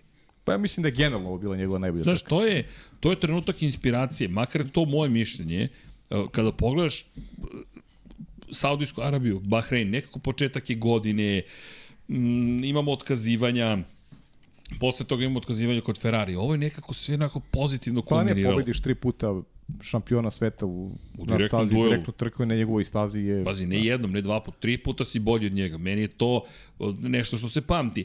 I ono što je najveća ironija, to je poslednja pobeda Ferrarija u sezoni. Tragično je, ali to je druga uzastopna za Ferrari u tom momentu, Sainz pa Leclerc, ukupno četiri, to je 11. trka sezone. I posle toga, to je max, max, max, max, max, max, max, max, max, max, max, max, max, max, max, i pa da, jednom Perez i jednom Russell. Da. Bukvalno, ovo je ključni moment u sezoni. Neko kaže trajaćete još duže. Ma nećemo, ljudi. Zato što posle ovoga počinje štikliranje trka. Jeste, nemamo šta, nemamo šta da analiziramo. Bukvalno. Samo ćemo se baviti time kad smo prvi put pomislili da bi Max Verstappen u očaju smo tražili, a šta će biti zanimljivo u nastavku sezone? Ma ja sam u Azerbejdžanu već pomislio da je to, to iskreno. ali, Najiskrenije. ali pa se sećaš da smo, kad je došla Belgija, ovako sedimo i gledamo, pa znaš šta, možda može do rekorda po broju pobjeda. Sećam se da smo pričali o tome da si ti bio, pa, znaš, rano mi je nekako. Znam da smo pričali ti ja. Znaš kako, ja sam negde... Ne, tražili smo slamku. optimista sam po ovaj... Ovaj... Po defaultu, ali, ali, znaš... I, i, I ne možeš da, da, kako bih ti rekao, javno da govoriš o tome da je Da je, nije, ni- da je nije ni gotovo profesionalno. A, a i nadaš se I da ne, nije. ne želiš veruješ. da je tako, ali znaš i sam šta pričamo kada se ugase svetla, žargonski rečeno, tako da... Vratilo me u 2018. 19. Znaš, Da. dođemo na, dođe vikend i kao znamo. Jedino pozitivno što je Max učinio u tom kontekstu, što nije startovao sa pol pozicije non stop. Što se zabavljao. Malo Pa deveti, to on malo si rekao, onih, petnesti. iz hendikepa te trke Znaš, njegove to. su bile sjajne. Pa da. je zanimljivo. Znaš, kao Mađarska. To, to je bilo zanimljivo. Zanimljivo u Mađarskoj bi je bilo videti da li će Mercedes zabeležiti Pa pobedu. to ga čini velikim moćnim vozačem. Toga je upravo to što što uspeva eto i iz tih nekih situacija koji mu ne ide na ruku on on ovaj izvuče i u skladu sa svojim imenom, znaš, izvuče neki maksimum i ovaj i uspeva da pobedi u takvim takvim Dobro, da, pričama. i u nekim situacijama treba imati malo i sreće Pa i okej, to, je, da. to je sve sad u trenutno uz njega i i to je, je to. tako Da, je. da. Bi- Jest. Koliko je je pratila tako. Luisa Hamiltona, koliko smo puta je. rekli da li je moguće baš njemu da se dogodi ovako nešto. Pa to je, Da, ali negde- smeje se zato što jeste. Seti se one mađarske, um, gde je Vettel vodi Ferrari, Hamilton je negde na začelju, gledaš, gledaš, ha, Evo ovako na trenutku. Pa znaš šta, Hamilton će da pobedi kako je krenulo. I na kraju ko pravi grešku? Vettel pravi grešku. I sve se otvara. pa i Nemačka, znaš, ti odjednom iz nekog vedrog dana, ono, znaš, Pa to, to, to. to je Nemačka bila. Da, Nemačka, Nemačka, ne. A šta si, a šta si rekao? Nisi Nemačka, rekao Nemačka. A, možda sam rekao Rekao si Mađarska. Mađarska. Mađarska sam rekao, izvinjam se. Ne, ne, Nemačka, Da. Nemačka. A Mađarska je bila sa, sa, sa, sa, sa Verstappenom ono čuveno trkanje. Gde oni menjaju gume pred kraj trke i pomisliš, ma nema šanse. A da. Ma šta nema šanse? Ima šanse. I pobedi. Ali to su ti periodi. Nego, apropo velike nagrade Austrije, pol pozicija Max Verstappen, najbrži krug Max Verstappen, pobeda u sprint kvalifikacijama Max Verstappen, kome pripada pobeda Charles Leclerc. Veličanstvena pobeda, pazi, to mijenja situaciju, jer mi do kraja prvog dijela sezone, uslovno rečeno, već smo ovde na polovini sezone, jer ovo je 11. trka od 22, idemo u Francusku, pa idemo u Mađarsku. Francuska, pazi, otvorena je to bitka. Ako Ferrari je sad ovako dobar, Pa ne, znaš kako, Znaš. njemu, njemu je krv već malo možda prostrujela ponovo, dolaziš da kažeš uslovno na domaći doma- pa teren, jest. tako je, Domaći je ponovo, teren. da, Znaš, posle Monaka, nova prilika da na svom terenu, pred svojom publikom Što nešto domaćih pravoj stazi. Da, to bolje. tako Ko da, da, osvaja da, pol da, da. poziciju, Charles Leclerc još jednom. Jeste. Tad je trebalo da znamo čim je osvojio pol poziciju, od ovog nema ništa. A, još jedna pol pozicija. Pazi, on je te ispredi Maxa i Serhija. Sjajno je odvezao kvalifikaciju. Jeste. 1.38.72. 30 tinke bolje od Maxa. Jedini vozio krug ispod 1.31. Spektakularan mu je bio krug. Zaista je spektakularno. I sediš i gledaš i kao, okej, ovo će da bude zanimljivo. I šta se desi? Pa moglo je da bude zanimljivo. Moglo je. Moglo je. Pa i tre, trebalo Da, je. trebalo je da bude zanimljivo. Da. I na kraju se završilo tako što zapravo Max nije, nije suštinski bio ugrožen do kraja trke. Najzanimljivije je bilo što su Hamilton i Russell bili drugi i treći. Da. To je najzanimljivije bilo u Francuskoj. Jer, znaš, sama Austrija, samo, samo da ne bude... A da preskočili. da kostimo poene, da. Da, da, ne bude dakle, da što se tiče da. Austrije, rekli smo 208 Verstappen, 170 Charles Leclerc. Ne, nego osvači poene u trci u Austriji, to smo A da, uh, Hamilton i Russell, treći ponovo Hamilton, sad već pola- počinje sve češće da bude na pobedničkom postolju, Okon peti, Mick Schumacher, za njega velika trka, ve, najveća trka prošle godine i moment kada kažeš, Pa to ono što je Deki rekao, Ej. znaš, na trkaškim stazama on očigledno se bolje snalazi, to smo videli, on je on je je šampion iz godine u Formuli 2 na trkaškim stazama, sjeti se koliko je znao pozicija da dokledi i na startu i kroz trke, tu je pokazao da, da, da ima, da ima on da. je generalno vozač sa dobrim startom, tako da ovaj, nadam se eto da će u nekoj perspektivi dobiti priliku da se vrati pa da pokaže to u nekom malo boljem bolidu konkurentnim, ali, ali generalno ove sezone pokazuju svoje kvalitete, na njegovu žalost pokazuju dosta nekih slabosti Pa, i toga je sve koštalo jednostavno, ali, ali imao je, imao je lepih trenutaka zaista ove godine. Mick, Sch- ajde, vidjet ćemo, sad je član Mercedesa, čekamo, držimo palče. Inače, Magnussen je bio osmi, Norris je sedmi, deveti, Daniel Ricardo i Alonso na poziciji 10. Ono što je problem, svi, oni, svi ovi od Mika Schumachera pa najniže vozači su bili krug iza pobednika, iza Charles Leclerc. Gde smo, inače, Max Verstappen tri puta pobeđen tokom te trke, sekund i po je završio iza Leclerc. Da ne bude da je Verstappen jednom ostao 100 sekundi iza. Nije. Neverovatan je napor zapravo bio i za Ferrari i za Leclerc. Ali šta smo Pa to tada ono što smo videli? rekli, ne, teško je protiv Posebno, Red Bulla. ali posebno u situaciji gde ti drugi bolid gori. Da, da, Da, da. Trebalo je Carlos Sainz, završiti, završiti trku sa tim saznanjem. Bilo je primetno da je teško da je teško parirati ovaj Red Bullu već u toj fazi godine parirati im na što se kaže na duže staze. Pa jeste. Kroz trku, baš baš teško. Ali pazi, tri puta menjaju gume pre Ferrarija. Dakle, Verstappen prvi odlazi da menja gume. I to je bilo zanimljivo jer to je u Francuskoj posle bilo veoma značajno. Ko prvi menja gume, da li Ferrariju više odgovara zapravo da duži bude izlazak prvi na stazi i onda ti si uštedeo dovoljno krugova da kasnije svaki put možeš da odgovoriš Verstappenu. Me, zanimljivo bi bila strategija, jer je dosta konzervativan bio Ferrari do tog momenta. Od tog momenta kada je našao neku svoju jednačinu. Jednačine, ostani duže na stazi, Verstappen će biti na nekim gumama koje su potrošene, a ti si već uštedeo. Ostao si dovoljno dobar na, što je zanimljivo, s punim rezervarom goriva. I onda ideš prvo preticanje, DRS koristiš, drugo preticanje, ti svaki put gubiš poziciju protiv Verstappena. Ti, to što ono što mi je zanimljivo, ti stalno izlaziš iza njega kada je reč o zameni guma.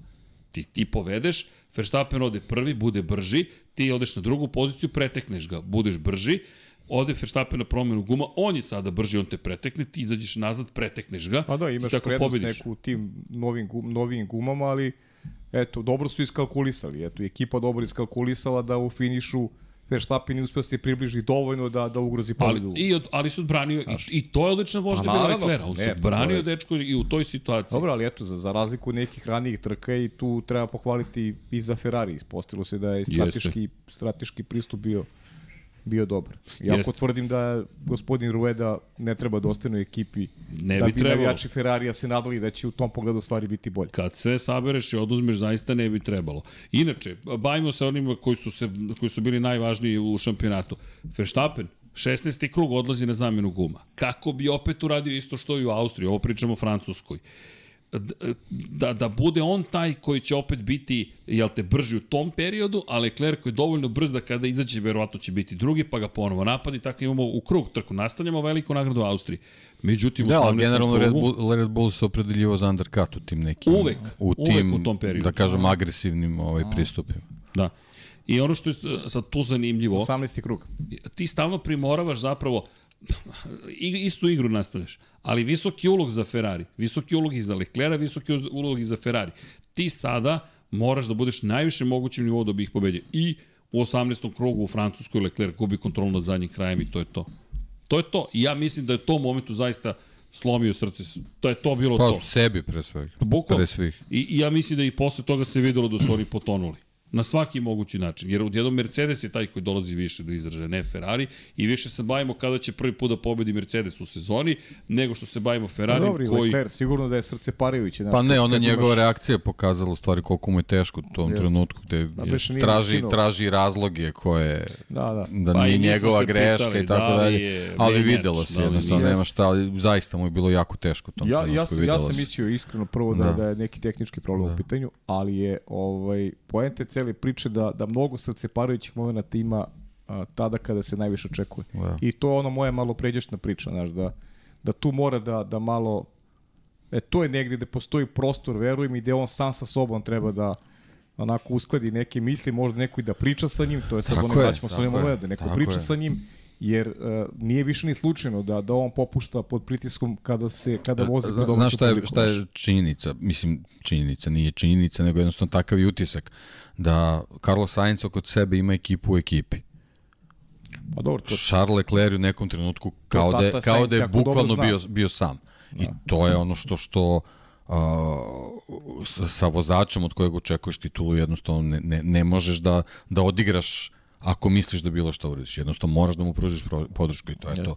Ponavljamo kroz čitav ovaj podcast, to je jednostavno to je to i taj taj taj taj, taj trenutak kad je kad je stajao u bolidu, jednostavno vidiš da on, on nema više kome ni da se obrati, ne, ne može ni sa sobom više da da razgovara koliko koliko mu je to teško palo, tako da svaka mu čast generalno što izgurao sezonu na nekom nivou. S osmehom na kraju. Da, ovaj, s obzirom šta se sve dešavalo pa, te, mislim da, te, da je te sezone. Poslednja, poslednja trka u sezoni je oličenje neko njega kao vozača i, i, i, ne, i nečeg što treba da bude.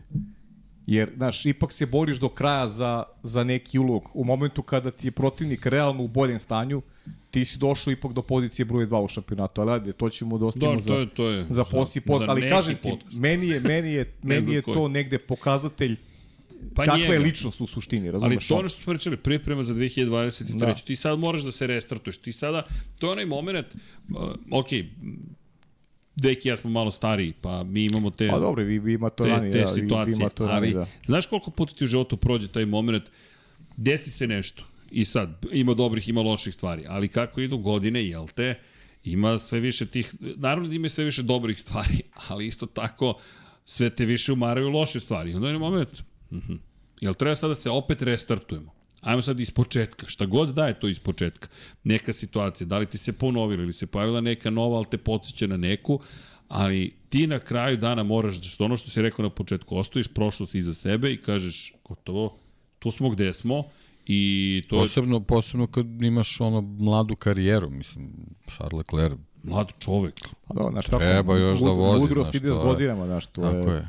Mislim, dobro, generalno je ta neka generacija ovaj, tih mladih vozača dola neku nestrpljivo sa sobom. Sećamo se ono Raselo, od njegova jurnjava za prvim pa, bodovima. Pa vreme i koje živimo dalje, tako dalje. Da, da, da, nestrpljivo da, da, sa sobom. Jeste, stalno je tenzija. To smo pričali isto i prošli put Lando, to rekli Lando u Azerbejdžanu. U Rusiji, u Rusiji. U Rusiji, izvini, po kiši, da, ne Azerbejdžan, da, da, Rusija. Univerzal, zaboravio da, zaboravio sam da smo vozili u Rusije.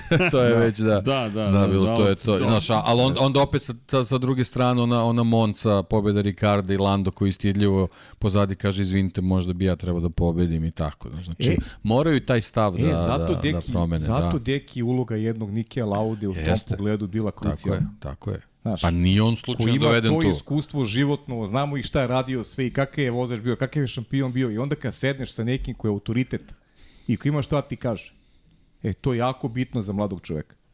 E, Tako tu Ferrariju Tako. manjka posebno, posebno sa, sa, sa, ovom, sa ovom modernom formom gde stvarno mladi vozači dolaze. Ti si da, on mora, mora, mora neka, kažem, očinska figura se pojavi tu, yes. koja će da ih pomiri. Znaš, Trostruki šampion. Da. Dobro, da, ne, ne, sad malo si šalimo, ali to je stvarno da. jako bitan segment Pa, I drago mi da smo, da smo tu temu... Ovaj, pa to je suština. Pa zato što je važna i za, i za, za, za život je važna, nije bitna samo Jest. formula, nego... Tako je. Naš. Ali isto taj moment, deki, kada pogledaš kako su se naslagale stvari. Prvo otkazivanje u, u Španiji, on se čovjek hvata za glavu. Otkazivanje u Azerbejdžanu hvata se za glavu. Monako hvata se za glavu.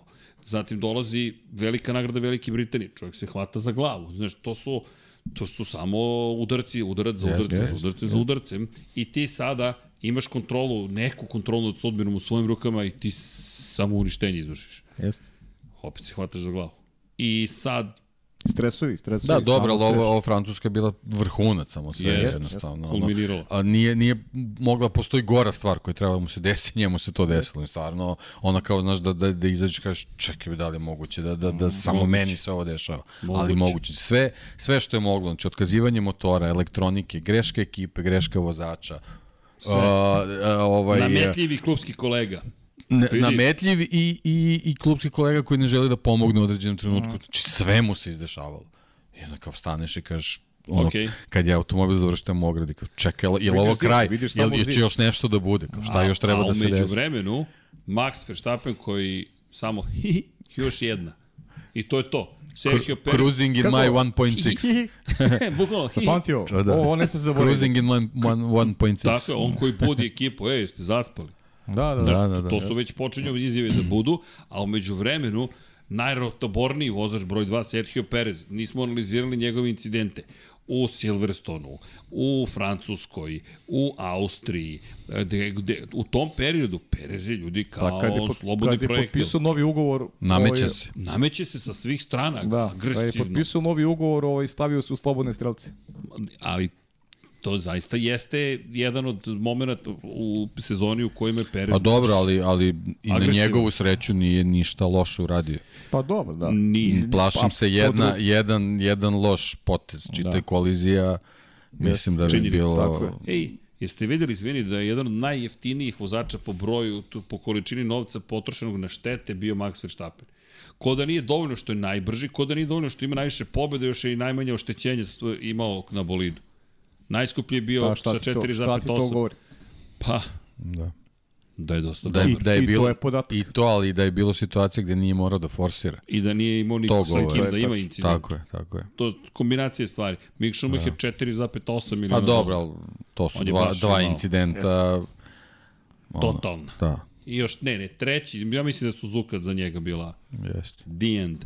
Uh, no, fokus, fokus. A to je sledeća stvar. Dakle, Francuska, Max Verstappen pobeđuje, Lewis Hamilton je sada drugi, George Russell je treći, Sergio Oni Perez. su tu i koriste sve i... i Bukvalno, kao Ferrari Pa prošle krad, godine. oni Da. su bili kradljivci dežurni ove godine. Bukvalno. A Sergio, posle svih incidenata kolizije, inače, Ferrari je ovde koštao Carlosa Sainca 5 sekundi kada su ga pogrešno pustili u, na prilikom zamene guma. Još jedna greška. Čisto da se doda na celu situaciju i doda još jedan problem. E, Sainz je inače bio peti, Alonso šesti. Inače da, jedna bitna stvar, zaboravili smo u Velikoj Britaniji, par bitnih stvari je ostvario zapravo Carlos Sainz, a to je da je postao 112. pobednik u istoriji Formule 1, čisto da čoveku ne umanjimo značaj onoga što je postigao. Drugi španac u istoriji koji je zabeležio pobedu, to nisu male stvari koje je postigao, i prvi španac koji je pobedio još od 2013. godine u Formuli 1. To je poslednji put da je Fernando Alonso slavio triumf, velika nagrada Španije, čuvena, čuvena bitka u Ferrariju. I ono što je, hajde, možda zanimljivo da je prvi čovek koji je zabeležio prvu pobedu u karijeri još od Spomenuli smo ga večeras, Johnny'a Herberta i 1995. godine u Benettonu, kada su se sudarili. Damon Hill i Michael Schumacher. Čuveni, čuveni moment kada su Hillu zamerali što nije dovoljno agresivan, onda izbacio Schumachera I onda on rekao, jel tako? Jel tako? Aj Tako sad vidite koliko mogu budem agresivan. Ali nije to za svakoga, to je ono što je Paja lepo je. rekao. Tako Neki je. ljudi treba drugačije da voze i to je to. I onda Schumacher koji to naravno iskoristio, prišao mu i pitao ga jesi ti, jesi svoj. Bukvalno, aj naravno, Schumi u svom maniru. Ajde da te sad završimo ovde, da zakucamo ovu priču. Pri čemu na domaćem terenu Williams Renault imao si pol poziciju, ali Williams koji je tada tako bio naivan, tako je bio Ferrari, na dva stajanja, redovno u Monaku dva stajanja, Schumacher i Benetton po jedno stajanje, hvala lepo, mi ćemo da čuvamo gume, ćao. Pa dobro, ali ima ko da čuva go. Ima ko da čuva gume, tako je. ne, ne, Nije to ne baš kažem da je tako tako jednostavno, Da, da, nego da. samo kažem kako su lepo rekli, aha, mi moramo ovo da uradimo i to je ono što si ti rekao. Uh, Mihael, treba nam jedan 17,6. Koliko puta? 17 puta. Važi, teka, teka, teka, teka, teka. Zamisli njega u Lemanu. Ja mislim da bi on bio savršen. Pa ja mislim da su ga vožnje na Le Manu i preporučili za Preporučeno, Formula 1. tako je, tako je. Ne, ali samo zamisli po, posle F1 karijere da otišao i rekao, čekaj, ajmo, ajmo s Mercedesom ili s nekim ili s nečim. Keep fighting, Michael, to je sve što imam da poručim. Inače, sad je, skoro je bila godišnica njegove stravične nesreće, to je incidenta koji je tako benigno izgledao na prvi pogled na skijanju, nažalost koji je doveo do toga da i dan danas možemo samo da se nadamo da će se neko čudo desiti, ali ne zaboravljamo Mihaela Šumahira, kao što si ga lepo pisao, i crveno i crno. Ali svi smo mi prosto kompleksne ličnosti. Nema samo belo ili samo crno, sve je to mešano. Zavisi kako gledaš stvari. Tako je, u velikoj meri kako želiš da razumeš stvari. Ali da se mi vratimo Francuskoj, Max Verstappen, dakle, prva pozicija, Perez, rekli smo i ko je osvojio poene, ono što je, ajde, vredi negde, rekao bih napomenuti, počinje žestoka bitka između Alpine i McLarena kome ide četvrto mesto pa, u šampionatu da konstruktora. Bitka od početka. Da, da, ali ovde se, se baš, tako je, počelo se rasplamsava i Izvinjam se, Lance Stroll koji je sa Aston Martinom došao do desete pozicije. Što se tiče odustajanja, imali smo još jedno odustajanje za Ferrari, ponovo je otkazao na motor kod Guanju Joa. Često da upišemo da je Ferrari baš bio agresivan u ovom periodu recka, po tom pitanju. Recka. A razlika u šampionatu skočila na 63 poena u korist Maxa Verstappena, Leclerc 170, Max Verstappen 230 tri pre nego što smo nastavili putešestvije. Znači, delio ih je Banjaje ih delio. Banjaje, o, ja mislim da je neko zreo za sutrašnji podcast. Ne, ne, sutra devet. to je namerno rekao, znaš. Dobro, između... Kad da ćemo te do, nauči na MotoGP? Pa ne, šta me naučiš, ja mislim, ja to povremeno pogledam, ali nema Naravno. Rosija, tako da to sad tanko. Hvala ti što si unapredio upravo popularnost motogra. Pa ja, što se neki ja borimo svake srede. Popularnost je velika, to ne vezi sa mnom. Dotuku ga je paje. Kao, a što ne gledate MotoGP? Češ GT trke sada pratiš. GT trke. E, ne, sad će Le Mans. Fa, fa, pa to, da, fabrički vozač čovjek postao. Da ćeš kupiš BMW-a. Hoću. Da, to je sasvim... Samo zajedno, redi da nešto kod počnemo da vozimo ti ja. ne, da. ne, ne, nego kreće sledeći podcast, ono pod kacigom, znaš. Pod kacigom. pod... Oh. Samo Rosiju. Pod kacigom. Bilo je različitih ideja, ovaj... Ne moramo baš o svemu, kolega. Ne, ne moramo baš o svemu, kolega. To možemo ostaviti za neki drugi dan. To sutra. Duga je zima. Da, da, Kad da. završavamo ovaj deo? Uh, pa evo, Drugu trećinu. Pa ajmo da se, hoćemo da, hoćemo, evo, konsenzus. Pa ne, sad razmišljam pa, znaš šta, ja bih, ja bih završio sa pa Mađarskom. Još, još, znaš zašto? Zato što drugi deo sezone zapravo će se zvati potpis za treći deo podcasta će biti Max Verstappen. I potpuno dominacija i bavit ćemo se rekordima koje je znači, postavljao. Još, još Mađarska, ali tako? Pa da, još Mađarska mislim da je logično. Da, četiri, Nismo baš šest, šest da, devet, da, dobro, dobro. Da, ali okay. ne brinite, sledeći put ćemo šta mi to. Ostaje nam devet još. Pa dobro, da, nemamo da. šta mnogo da analiziramo da, generalno, da. Na, Upravo si, ima par tako, trka da. koje će biti zaista zabavne, ali I znaš šta je više... dobro? Dobro su što su sve ostale te neke legendarne staze posle toga, znaš tako. O da, kojima uopšte ne pričamo mnogo, da, tako da, da, to srećna da, okolnost. Da, da, da. da. Može, ajde, ajde, mađarski. Jel to zvuči dobro? Ne može, znam kako. Može. publika šta kaže ovde? Publika... Može još Mađarska. Kao samo nemojte više o Ferrari. da, da, samo nemojte više o Ferrari. Pa znam, ali namerno smo i stavili naslov Ferrari, zato što ovo jeste Ništa, period... Ništa, pravo si, ajde završimo onda s Mađarskom. I Završimo je, s Mađarskom, mislim da je negde je logično, deo, da, da, da. jer već polako počinje Mercedes tu da igra važnu ulogu. George Russell je osvojio pol poziciju, Lewis Hamilton je imao šansu da nije imao problem s DRS-om, možda bi bio na pol poziciji, možda bi to otvorilo neku drugu priču, ali nije se desilo. Najavljivali smo da će ta Mađarska biti važna za Mercedes, tako je delovalo. Međutim, pol pozicija je pripala Kao što rekao, George Russellu, Lewis Hamilton je postoje najbrže kruga, Max Verstappen je zabeležio pobedu. Međutim, kada pričamo o velikoj nagradi Mađarske, velika nagrada Mađarske, jedna od lepših trka, moram priznati, ove sezone zahvaljujući činjenici da je Max Verstappen startovao deseti zapravo, to je da se ne lažemo, bi ono što je učinilo trku toliko interesantnom u kombinaciji s tom pol pozicijom Georgea Russella. I ti onda da imaš Mercedes na prvoj poziciji, imaš Carlos Sainz i Charles Leclerc na drugom i trećem mestu, čovjek bi rekao, evo, rešeno, vraćamo se, ipak iskoristit ćemo ovu situaciju. To pritom na stazi ide baš kroz istoriju nije, bio, nije lako preticati baš. Da, ali opet tu si, ako bi neko trebalo da... Tu si Mercedes nije taj Mercedes, da. To Tako je, je. To je to. I ako pričamo o tome da, da ako pričamo o tome da ti opet imaš dva vozača, undercut možeš da radiš, overcut možeš da radiš, možeš dve različite strategije da izvučeš, možeš da se uslovno igraš i da kažeš ajmo da vidimo kako da dođemo do pobede. Ne da kažeš može plan D, plan da. G, plan E, plan F. Ne znam ja više koliko smo imali planova tokom ove sezone, ali činjenice da, da je Ferrari, ja rekao bih, pa dobro, završio manje više već neke stvari, ali Max Verstappen zaista briljantan. I sam ta početak trke kako je krenuo, kako su odradili strategiju, kako je on vozio. Ba, lepotica prava Pa, baš lepota i tad smo počeli da pomenjamo Hanu Schmidt sve više i više, kao devojku koja je potpuno genijalna. Spominjali smo je u Monaku. Pa počela se pojavljaju kadrovima. Nije baš bilo nešto pre toga. Tako je, počela se pojavljaju kadrovima i da se priča o devojci koja je zapravo sastavni deo tog pobedničkog tima koji, je, koji djeluje nezaustavljivo. Zaista djeluje nezaustavljivo.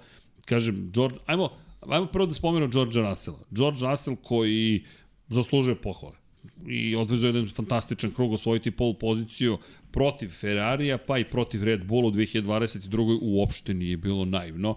Naprotiv, to je bilo dosta zahtevno učiniti i odvezao je jednu, jedne sjajne kvalifikacije. Inače, zadržao prvu poziciju. To je adekvatna nagrada za sve što uradio u prvom delu sezone. Eto, sad bavimo se prvim delom sezone. Ovo što je rekao Deki, slažem se, bio je pokretač Mercedesa od početka. Da, nekako, njeko, nekako inspiracija da, da nastave da guraju, da, da, Jest, da, da im pruže što, što kvalitetnije bolide. Jeste. Da, inače, kada pričamo o Georgeu Russellu, on je zadržao vodeću poziciju. Ušao je u prvu krivinu kao prvoplasirani i odlično se odbranio i protiv Carlosa Sainca i protiv Charlesa Leclerc. Pohvale. I lepo si rekao, teško je pretiti u Mađarskoj, ali opet treba zadržati iza sebe ljude koji su pobeđivali. Jeste i dobro, ovaj, isto detalj vezan za njega, dok je bio test vozač Mercedesa, stotine krugove proveo na, na Hungaru ringu, tako da očigledno je otključao što Srđan voli da kaže ovaj, tu stazu, tako da jednostavno protiv njega u raspoloženog u, u, u kvalitetnom bolidu kao što je Mercedes bio tog vikenda realno ovaj, ti prvi krugovi nisu ni mogli drugačije da prođu. Bitan je bio taj start, on je to izveo onako sigurno i to je to. I ono što sam tada pričao, a mislim i sada da je time što je zadržao prvu poziciju, ovaj, možda je pomogao na taj način Maxu Verstappenu da dođe do triumfa. Pa, vrlo moguće. Da, moguće, moguće. Vrlo da moguće, bilo, on je da. taj koji je oborio Mislim, tempo trke. Pa da, da. A realno. On je oborio tempo trke, ali... Jer sa Leclerom kao liderom, mislim da bi trka ovaj drugačiji izgledao. Sigurno, sigurno, da. Ali pa Leclerc da je dobio šansu, da. pitanje da li bi... Ali to je, znaš, to je, ali nije. Šta je bilo kad je bilo... tako je, tako je. Ista priča. Opet, opet takva je staza. Priča o šansama, znaš. Pa dobro, da, ali takva je staza, jednostavno... Naravno, to je to. Zna se gde se na njoj koriste prilike kad to ne uradiš. Ali, to.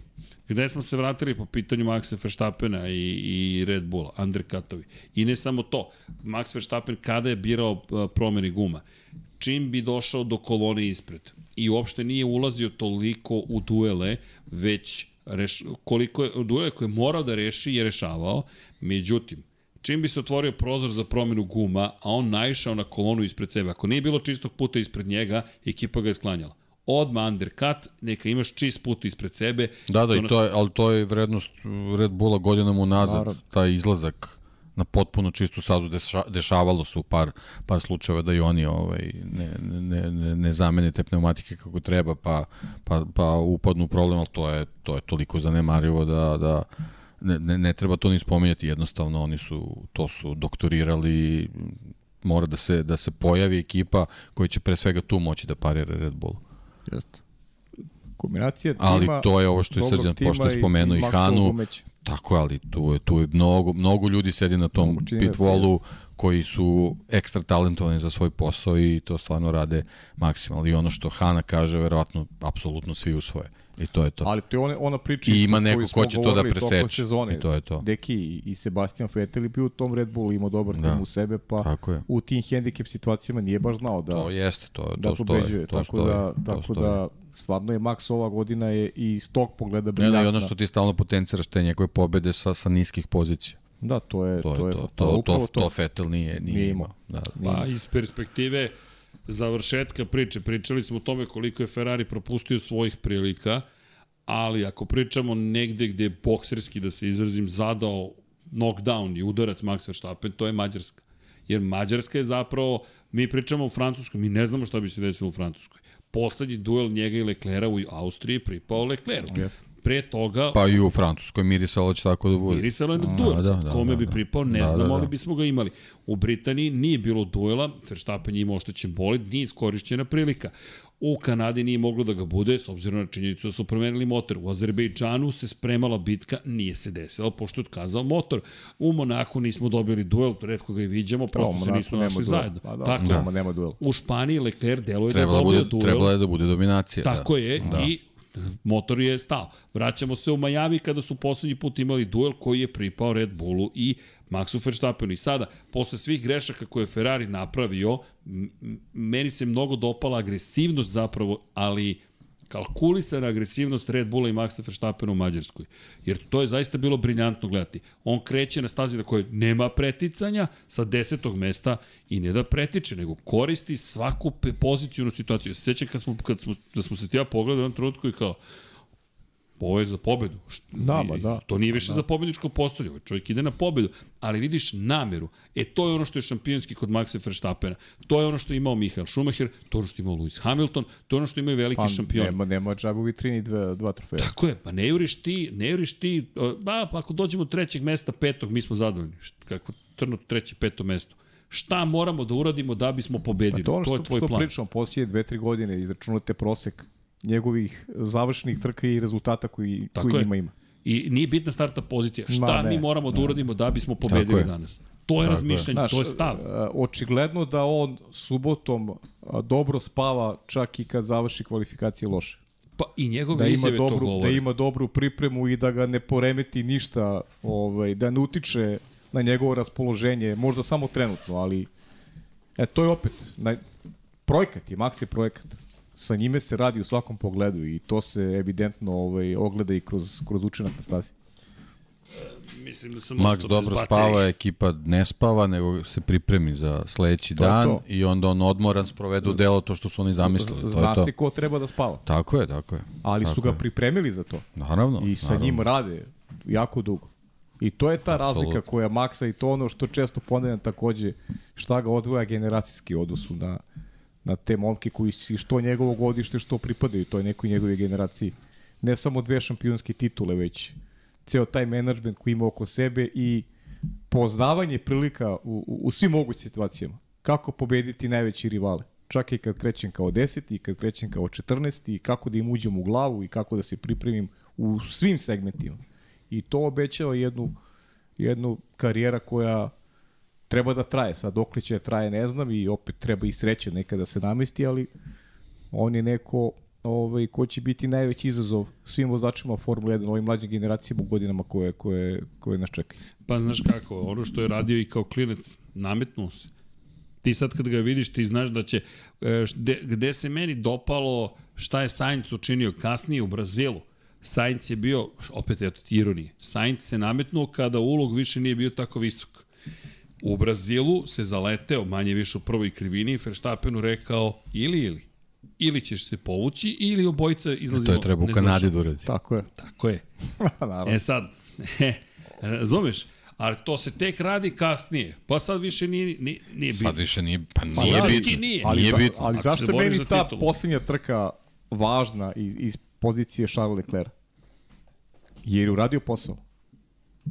Jer to jeste bio posao. Posao je bio da budeš drugi ti na kraju budeš drugi sezone. u šampionatu. Tako je. I ti si uradio posao u situaciji kada... Da, ogroman bi poraz bio da je, da je. Perez bio ali, ali, ali složit ćemo se. Ferrari koji je u toj fazi godine značajno slabiji od Red Bulla. Pa dobro, već je završeno, da savršen svaki razvoj, poražen si na svakom nivou, ti je poslednja O- bitka on koju je imaš. to pobedio na svoj kvalitet.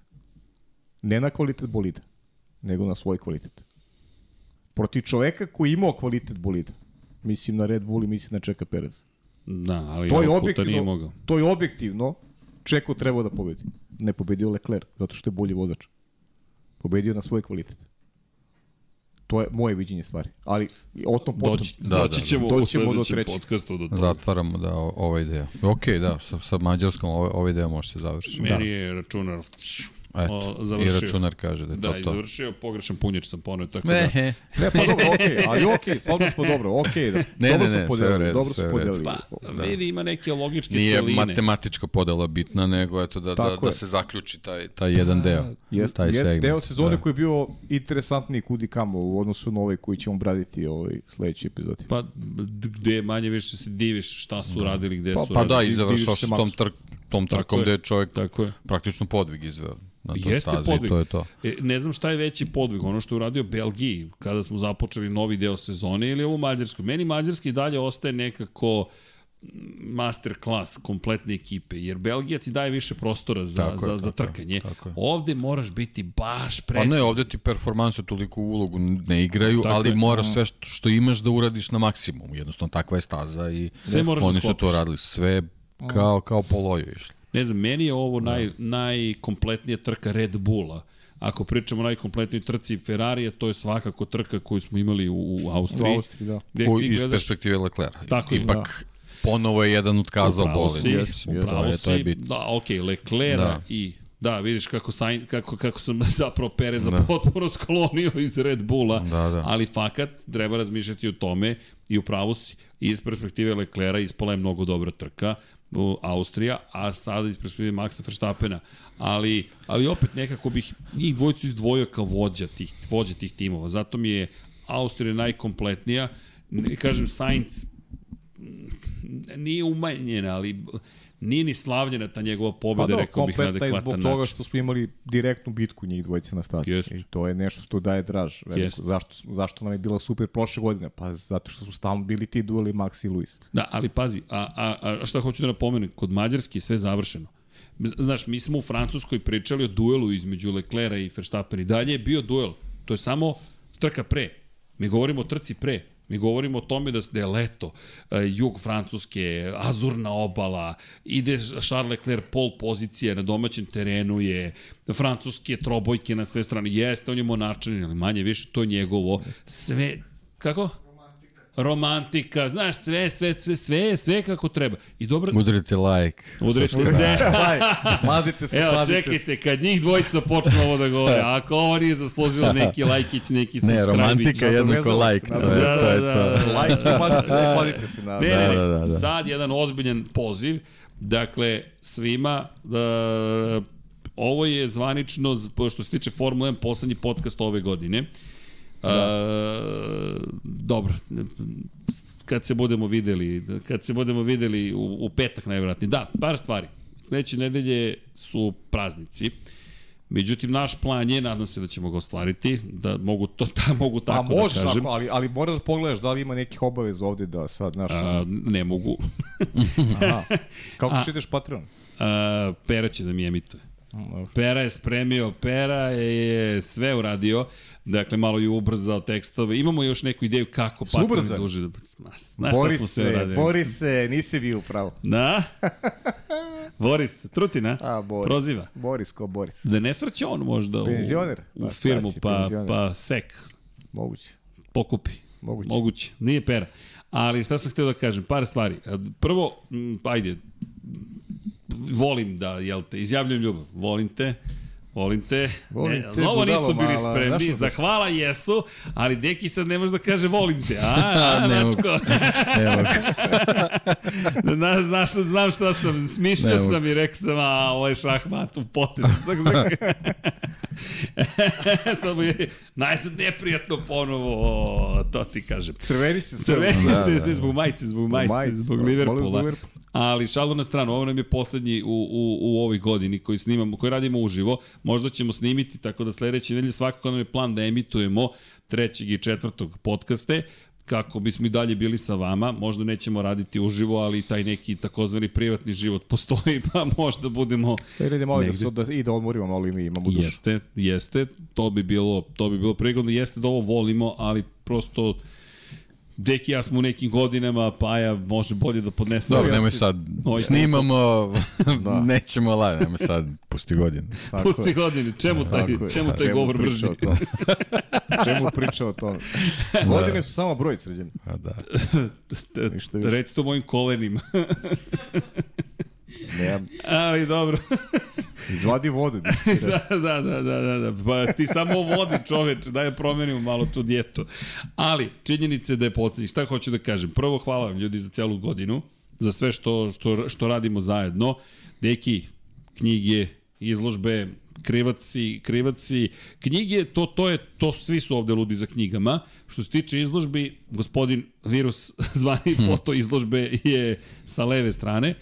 Gospodin, be, a stvarno Meni je posebno drago ovaj, zbog knjige, zaista. Ovaj, što, što su ljudi to prihvatili ovaj, na pravi način, stvarno. Jest. Ovaj, eto, trudit ćemo se da u nekom ja. predstojećem periodu da bude, da. To, bude toga još, vidjet ćemo na koji način, kako, kako da vas animiramo, ali ovaj, generalno ovaj, stvarno mi je puno srce što, što su ljudi to prihvatili, što su knjige ponovo eto, ušle u tu neku priču, pre, pre svega u našu priču gde, gde, gde, gde ovaj, razgovaramo o nekim dinamičnim sportovima koji su nekako uz ove društvene mreže i sve ovo što imamo nekako postalo je sve pristupačnije i sve, sve nekako funkcioniše kroz, kroz, kroz te ovaj kanale, ali kad vidiš da, da su ljudi ponovo zainteresovani za knjige, meni je to onako stvarno super, a što se tiče izložbi, nema šta, mislim, eto, spojili smo ovaj, te neke naše ljubavi i, i ovaj, uh, uključili u čitaju priču neke ljude koji, koji sarađuju s nama na neke drugačije načine koji su sve ovo vreme bili, bili bukvalno deo što Formula 1, što Moto Grand Prix, oni su eto nekako prihvatili neku našu ideju da, da budu deo ove priče. To Meni je to onako stvarno fascinantno, onda da. posle još kad, kad u svu tu priču svi ti ljudi, to jest vi koji ste tu sa nama, to prihvatite i dođete da se, da se družimo, da se upoznamo, da se vidimo. Eto, jedinu stvari što nam je ostalo, mislim, mogu to stvarno sad da kažem, Naravno, stvarno da ćemo probati sledeće godine da izađemo iz Beograda, da, da, da, pa, da to probamo da, da se kažem. družimo i sa, sa, sa, sa ljudima u nekim drugim sredinama, nego jednostavno zbog naših poslova to je stvarno fizički onako ne pa mogu da kažem da, nemoguće, da, nego moja, teško izvodljivo, da, ali, ali želje, to, postoji to neka, pričali, neka da. prilika. Tako Jest. da eto, iz velike pa, zahvalnost sa, sa moje strane svima zaista. Da, pa radimo na tome, ima tu par stvari, dakle, sajem knjiga u Novom Sadu, je početkom marta. Jedna od ideja nam je da se pojavimo na tom sajmu, ne mogu da vam garantujem, da, da ne shvatite pogrešno, ali mi ove godine smo uspeli zaista da uradimo veliki posao zahvaljujući vama. I nisam se šalio kada kažem da ste vi naši sponzori. Ima tu sad cela cela, cela priča o sponzorima. Mi ove godine praktično se nismo ni bavili sponzorima. Bavili smo se pre svega emisijama, knjigama, izložbama, odlascima na trke, nastupima, pa je radio pod kapicom i dalje radi pa, svaka čast. Pa da, pa, i, i ono što, što sigurno će biti ove godine, i to ne u prvoj polovini godine, da ne bude knjiga, je manje više spremna. Kada budeš ti spreman. Manje više spremna, ostali su još neki detalji, još neki razgovori koji nisam obavio, koje treba dodati, tako da eto, bit će blizu fotografije rešiti i to je to manje više, tako da... Ali ne samo to, ti si nastavio da snimaš pod kapicom, ti si toliko pa, aktivan da je to impresivno. Sve da. to deo, deo neke zajedničke priče u okviru Infinity Lighthouse. Pa naravno, zajedničke priče Znaš, od, od starta. Ovaj, i, da, da, da nije bilo ovaj, Infinity-a, ne bi bilo ni te priče. Tako da pa, to je... Ali tu smo svi zajedno. Pa ni nove priče, generalno. Pa tako da, je, da. ali, ali je point u tome što smo se vi time bavili, ne toliko sponsorima. I kada vas ja pozivam, I to je meni trebalo da se navikne. Šta sad tražiš ljudima pare? Pa to zvuči tako gotovo nepristojno. Ne, fascinantna je stvar da su, da su ljudi prilazili nama. Mislim, to je još jedna Ovaj, meni, meni onako svima. stvarno pozitivna stvar pa, to je, to je najveća vrednost. Ne znam šta, ovaj, šta vrednost, neko još može da poželi. Da Radili smo i, i, i, i Kosmos i, i, i imali smo podcaste koji su direktno bili vezani za neke, Čekaj, neke promocije radili smo, uklopili. Radili smo James Bonda. Bond, Sve sa evo ga čovjek radi Augmented Gun. Reality. Top da. Gun. Da. E to je, uradit ćemo, ja se nadam, jedan podcast da sedemo malo ispričamo celu sezonu kako smo, šta se sve dešavalo, ali deki ja koji sedimo zajedno sa još jednim momkom iz takvu da imamo privatnu projekciju Top Gun Mavericka pre premijere da bismo bili spremni za premijeru, pa rekao ti lepo osjeći, sediš i ok, u takvu da smo pritom bili i sedimo i kao wow, kako je dobar osjećaj, matine, bukvalno tipa 10 ujutro, samo nas trojici gledaš sa Toma Cruza u nekoj svojoj priči, još i nije loš film, naprotiv, da. zabavan film, da... teo sam da ga gledam ponovo, i gledaš ga ponovo i razmišljaš, aha, čekaj, a, ovo je referenca, ovo je referenca, pa smo radili James Bonda, pa smo, čekaj, radili smo i Fast and Furious. To je najkompleksniji film za komentarisanje. To sad ne mogu da... Fast X. Šta je bilo stiži. ove godine? ne, to je bilo 2021. Da, da, da. ali treba da pričamo mnogo više o tome šta ćemo da radimo. Tako a, je, tako je. A, ovaj, da. a Kažem ti, leto, meni je, meni je taj Sadu- neki fokus upravo to. Da, taj sajam da u Novom probamo da izađemo iz mislim da bi Beograda. trebalo to da uradimo, Da. jer mislim da ima i prostora i da Pa- budemo tamo, a, a pritom vek postojanja sajma koji je, eto, Jeste, pa to, ja mislim da ćemo biti tamo, treba do kraja nedelje, zapravo sutra, prekstra, nakstra da završimo prijavu za sajam. I, i, i sad, koji deo priče, malo pre smo pričali o tome, ko šta, gde, ko radi. Ja sam preuzeo ulogu, mi smo tako dogovorili, da se bavim više komercijalnim aspektima. E, Manje mi je prijatno da se da komercijalizujemo Infinity nego bilo što drugo, ali bez toga mi nećemo postojati. To je vrlo jednostavno i ja sa radošću sam pri, moram reći prihvatio tu ulogu i nama je to mnogo bitno sve što radimo. Zato vas ja i pozivam. Patreon.com kroz Infinity Lighthouse, YouTube članovi, kada kupite našu majicu, knjigu, bilo šta, to je naše gorivo i ja vam garantujem da ću sve potrošiti. Dakle, na šta? Pa, nove kamere, novu rasvetu, pehare pozadi za ljude koji nisu ih pokupili, ali nema veze, čekaju i kada budu spremni. Ali mi ćemo te stvari da radimo i dalje i dalje i dalje i kupujemo prava. Sve ovo što vidite legalno urađeno, to je naš princip. Dakle, prava su kupljene za još knjiga. Izvinjam se što, što šampione još uvek čekamo, zaista čekamo, ali rešili smo to što smo već pričali u januaru, koliko i ne dobijemo neke potvrde, mi ćemo poslati naš predlog i reći ovo je naš predlog, ljudi molim vas za potvrdu. I ponavljamo, da konkretno se radi o sitnicama, ali Ali to... moramo da ispoštujemo ovaj, nosioca prava. Pa, Tako da, je, da. tako je. Inače, knjiga je prelepa, čekaju nas i u grafostilu sa nestrpljenjem, pošto tamo ćemo štampati. Ima još par knjiga koje stiže, NFL Dinastija, to, to, je, to je već završeno, dakle, stiže 17. to jest um, 13. februara je Super Bowl i ja se nadam da će prezentacija biti pre Super Bowla, to je NFL Dinastija, zapravo moramo da vidimo prevod, da li će se zvati Dinastija Patriota ili tako nešto, da bi se znalo da je to o New England Patriotsima. I, I pajna knjiga. Pajna knjiga. Pajna knjiga, Ima da. još jedna, da li da je spominjem ili ne. Pa ako, ako ono što ja mislim, Jeste. ovaj, što da ne, već neki ljudi znaju, ako misliš na... Ba mislim na to, Na da li ovo. da je, da, pa da li da je spominjemo ili da je, da je spo- da, ne, na to. Sada je tu ovaj... Da koleginici iz Ja prodaje, ne znam šta mislite. ušla bi. Ja znam. Ja ne znam. O, ovo? Šta je to? Pa, Ti ne znaš to? Ne. Pa Stvarno? kako ne znaš? Ne. Hoće, jel sme da donesem? Smeš. Ajde. Ajde, donesi, ajde, ako ćemo da... Ako, ako, je, ako je u proizvodnji, a mislim da, da se o tome priča, tako da... Ovaj, A, Petre! stvarno, stvarno je, da. Moram priznati meni onako emotivno, emotivno, ovaj, da možeš onda Ne, prepostaviš. ne, šalim se, znam, Znaš, naravno, da. znam o čemu se radi, ali bilo bi dobro da je donese. Bilo bi dobro da donese. Da, da. Ali vidiš kako, kako sam ga jednostavno naterao da, da ustane. Znači, ti si odigrao ulogu, u, ulogu šefa tima.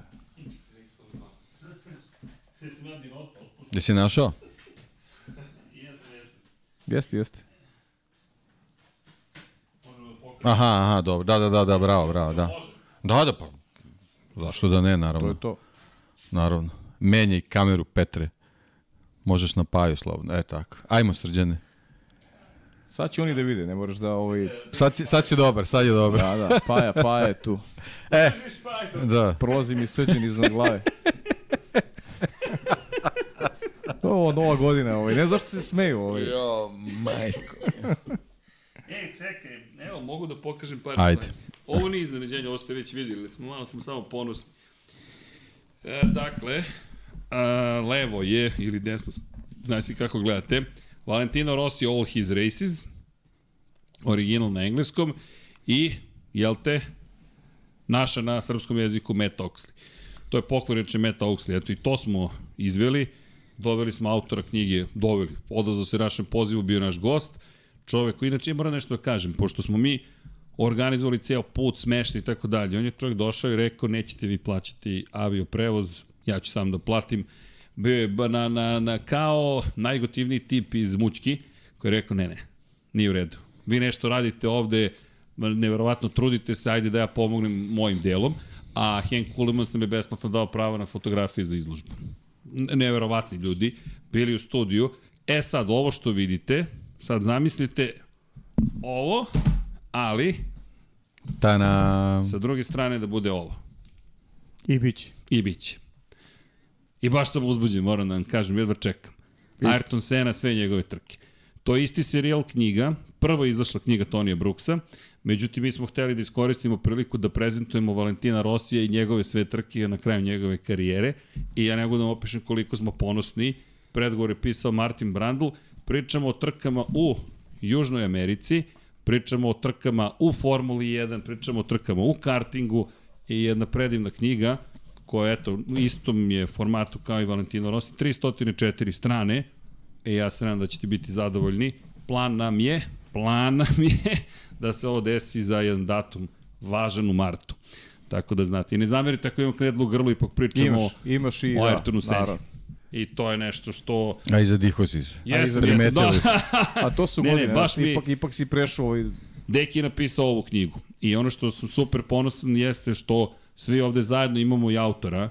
Dakle, govorimo nekome koji je sa ovih prostora, koji je dao svoje viđenje stvari i koji ima šta da vam kaže, kao što možete da čujete kroz podcaste i zaista sam ponosni. Jeste se zadihao, zaista sam uzbuđen oko svega što, što radimo i to su neki divni stvari. Inače, zaboravljeni Kimi Raikkonen, ne neotkriveni Kimi Raikkonen, zaboravljeni Kimi Raikkonen.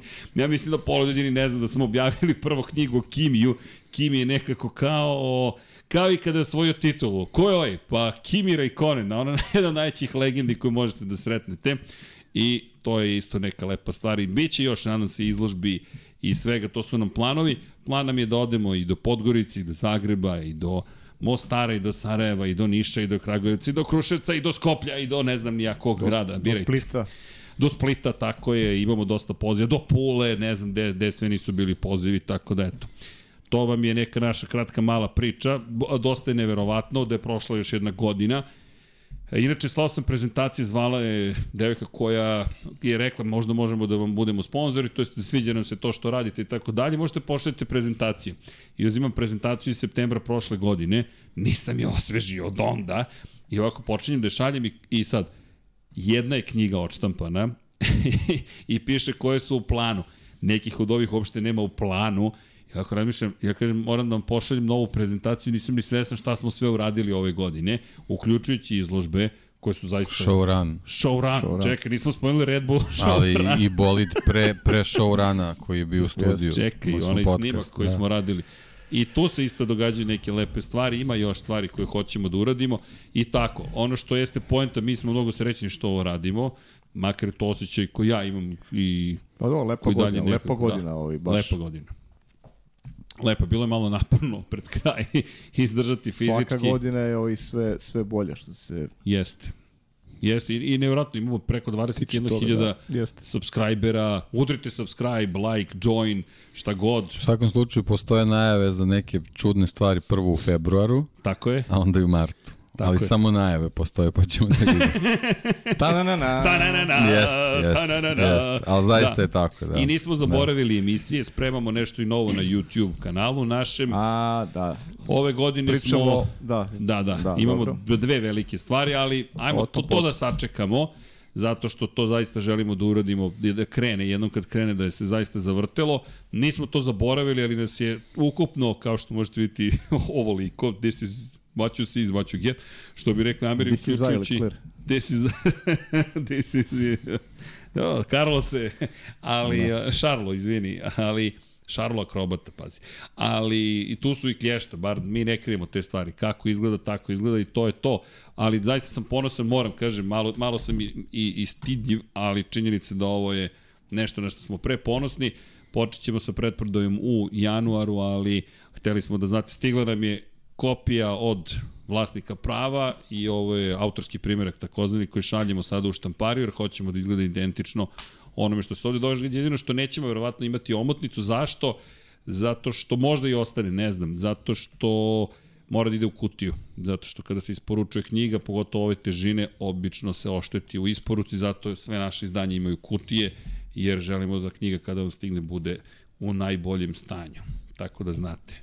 I Kaj, ponovit ću još jednom, ukoliko stigne pogrešna pošiljka, to smo Peter i ja. Nismo pomoćnici Deda Mraza, nego smo goblini koji samo prave haos, ali Pero, hvala ti što si izdržao. Ljudi, hvala vama. Udrite like ukoliko volite ovo što radimo, subscribe i sve ostale stvari. Dajte nam ideje, mi imamo neke planove i za, za emisije, ali bih prvo da ih realizujemo, pa onda da pričamo o tome kako vam se dopada i šta želite da unapredimo. Želim da se zahvalim još jednom Andreju Isakoviću, na svesrdnoj pomoći za sve što je učinio i prethodne i ove godine za nas. Posebno želim takođe da se zahvalim Hasanu Bratiću, e, čovek koji je ustupio prvo Andrej koji je omogućio da njegove fotografije u dogovoru sa AFP-om vide svetlost dana u vidu izložbe. To nije baš najjednostavnija stvar koji sa nama deli vreme, informacije sa staze, šale, emocije, ljubav. Hasan Bratić koji nam je dao celu svoju, ljudi, biblioteku, to jest fototeku, arhiva Hasana Bratića, pa i Andreja Isakovića s tom razlikom što je Hasan nezavisni prosto fotograf i da ne kažem samostalac i onda potpuno su prava njegova i on mi je ustupio prava. To je potpuno besmisleno. Počet ćemo i sa štampom postera raznoraznih i tako dalje. Malo smo pomogli Hasana. Ko zapratite Hasana na Instagramu? Ekipa Infinity Lighthouse-a mu je pomagala da tokom prvenstva pišemo zapravo potpise male članke kod njega na Instagramu. On fotografiše, mi pišemo, tako da smo mi pokušali malo da pomognemo, ali generalno samo hoću da kažem da je mnogo lepo biti deo cijele ove priče. Hvala Johnny-u koji nam je donio tortu prošle godine i dres West Ham United Iron Maiden Šta ste vi doneli, koleginice? šalim se, šalim, šalim se. Hvala vam svima. Aleksi za grafike, svakome ko nam pošalje grafike ili ne grafike, ko nam pošalje lepu reč, pa i kritiku, šta god, trudimo se da budemo bolji i ne zamerite, ali nova godina je i eto koristim malo priliku da samo kažem da se osjećam mnogo srećno što sam ovde i što radimo ovo što radimo. Pa eto, 2023. svima neka vam bude mnogo lepa, srećna pre svega zdravlja, lepih trka, da se sretnemo negde na stazama, I tu studio vam je uvek otvoren, Svetogorska 46, kad ste u prilici, javite se na Instagram, Infinity Lighthouse, nalog je najbolji. Koleginica iz prode će, će prihvatiti ili odbiti vaš zahtev u skladu sa gužbom. Pošto ja ako se javim, ja ću svima reći da. Tako da ovde onda dođe 20 ljudi i nema mesta za podcast. Ali dobro, to su neke druge stvari. Svako ima svoju ulogu da citira mog dragog kolegu cenjenog sa desne strane. Moje je ta... da se raspričam. Umeo novo, umeo. umeo da, izvinite. Da, da, da. Ali dobro, ako nismo analizirali sezonu. Elem, Shop.infinity Lighthouse. e da, na, u pretprodari dalje su šampioni F1. Ne znam da li Petar ima Karion dole ili potpis koji ima Vanja. Nemoj pusti. Nemoj pusti Peru. Pera je samo rekao ljudi. Ne, ne eksplodira ne nešto. Ne, ja, ne dire ništa. Ne dire ni, re, stoji, ras, rasveta je na mestu. Planiramo da živi izađemo da. Pero ništa ne dire. Ne, sve je u redu. Mi ćemo da ugasimo stream. Ništa ti ne brini. Ali izvini, pa, ali šalu na stranu. Hvala vam i kažem patreon.com kroz Infinity Lighthouse join kada kliknete, zaista gurate ovu priču dalje i dalje. I isto važi i za shop.infinitylighthouse.com ukoliko planete da kupite nešto, pa eto. Najlepši poklon koji možete momku kupiti ili vašoj jačoj, uslovno rečeno, polovini i jeste nešto iz trka. Najlepši poklon koji možete kupiti damama koje vole trke i Formulu 1 i sve ostalo jeste shop.infinitylighthouse.com. Razmišljao sam o svemu, ne vrenite ništa. dragi dami i gospodo, ostaje mi još da pročitam ovih 240-70 imena. Da, kažete, Samo nešto pre, pre toga, jedno izvinjenje. Vidiš, može ovaj, ne, ne, ne, ne, ti ćeš, ti ćeš. Nego samo jedno izvinjenje zato što sam gotovo siguran da sam napravio lapsus ovaj, kad sam pričao o, o momcima koji su preminuli, koje smo pogubili ranije. A, mislim da sam rekao Filip Alio. Nije Filip Alio, nego Filip Strajf. Ovaj, e, čini mi se da, da sam pogrešao, tako da se izvinjam. Znači, reče, reče, da reče o Filipu Strajfu, inače, ja nisam... inače sam bio prijatelj sa Filipom Strajfom na Facebooku, ali eto, to je ovaj, moj lapsus, tako da u jednom trenutku mi je kliknulo, mislim da sam pogrešio, ali vi ste Vidi. slušali, tako da... Ali to su, te, to su te godine o kojima da, ste pričali. Da, žao da, mi je što je da. tema ozbiljna, jeste, jeste, ali mi je mnogo jeste. drago što si pogrešio, jeste, zato što se to ne dešava često. Da. Naš Filip da Alio je živ i zdrav. Da. I još je tu sa nama i, i, ovaj, i on ima lepih priča i o njemu i tako dalje i tako dalje. Ovaj, tako vidi, da, ti si u da, duhu crnog da, humora, prošla da. je ponoć, ali vidi, da. lepo si priču ispričao i ono što da. je bitno jeste zapravo... Ali dobro, znači eto, setili smo se Filipa Strajfa, Patrika Tambeja, neke momce, momke koje smo ranije izgubili smo spomenuli tako, ali to je eto sastavni deo ovog našeg sporta jednostavno ovaj Ej, ljudi smo. Tako je, ovaj opasan je sport bez obzira na koji način pričamo i i ovaj kako pričamo o tim momcima, to je nešto što ne treba se zaboravi u svakoj pa situaciji kad ih kritikujemo, kad, kad, kad pričamo na ovaj ili onaj način su mogli da urade ovo ili ono, njima je, bez obzira koliko ti bolidi delovali, sigurno njima je sa svakim ulaskom glava u torbi i pre svega tu treba iskazati poštovanje, a posebno poštovanje to za sve one koji su nas ovaj, napustili na ovaj ili onaj način. Pamtimo znači, ih. Gonzalo Rodriguez, Greg Moore, Philip Strife i Patrick Tambe. Kako? Didier da, Pironi, da, da, da, Gilles da, Villeneuve, da. da, sve smo ih, Da, da, da. sve smo ih spomenuli ih. ovoga puta, da, da, da. U svakom slučaju, ljudi, želim vam lepe Izvinjenje praznike. još jednom. Da je kažem neka manje ozbiljna tema, Da. da. verujte, ovo bi bio real. Ovo bi, bio, ovo bi sada bismo prozivali Deki jer Da. da. redko to ovo uradi, da. ali lepi kraj godine nekako možemo da se... Slušaj, ja... Sigurno ste me uznemirili, pa sam Znaš ovaj se dekoncentrisao. Znaš kako ja volim da kažem, samo oni ko ne radi, ovaj, Tako je, oni ne tako greše. je, Tako, tako da. je, hvala pa je. Tako da Petar očigledno radi. Petre, znaš šta ti je činiti? Pere se namučio ljudi, od jutro si ovde i jedva čeka da izađe zapravo. Samo nemoj to crveno dugme. Sve pritiska i samo nemoj crveno. Ali Pere je jedan car zapravo, on sve 3D stvari, to, to koje vidite, sve grafike preuzeo na sebe, automatizovao je grafike u 99 yardi, pomerio nas je, pretvorio informatičku kompaniju. Aleksa, ukoliko slušaš, molim te da te spojimo s Petrom. Petar ima neviđene ideje za automatizaciju, jer da bi ova ekipa sa ovako malo ljudi mogla da pravi još luđe i bolje stvari, moramo da budemo pametni, pametni, mora, moramo da imamo smešne kape na glavama. Tako da, a i tu vam spremamo neka iznenađenja, ali dobro, pratite i naš kanal i društvene mreže i tako dalje, tako dalje. Pero, ćemo pozdravimo naše Patreone i YouTubere, Uf, čak i počnu da diše. Dakle, 352, Đurđica Martinović, Đurđica Martinović, Salim Okanović, Matija Binoto, Lj. Đurović, jeste ovo brzo, Danka, ili ja mnogo brzo pričam, Mladen Tešić, mislim da ovo stara verzija, nema veze, Đorđe Milanović, Stefan Vuletić, potreće ovo drugari, Marko Kostić, Jelena Veljković,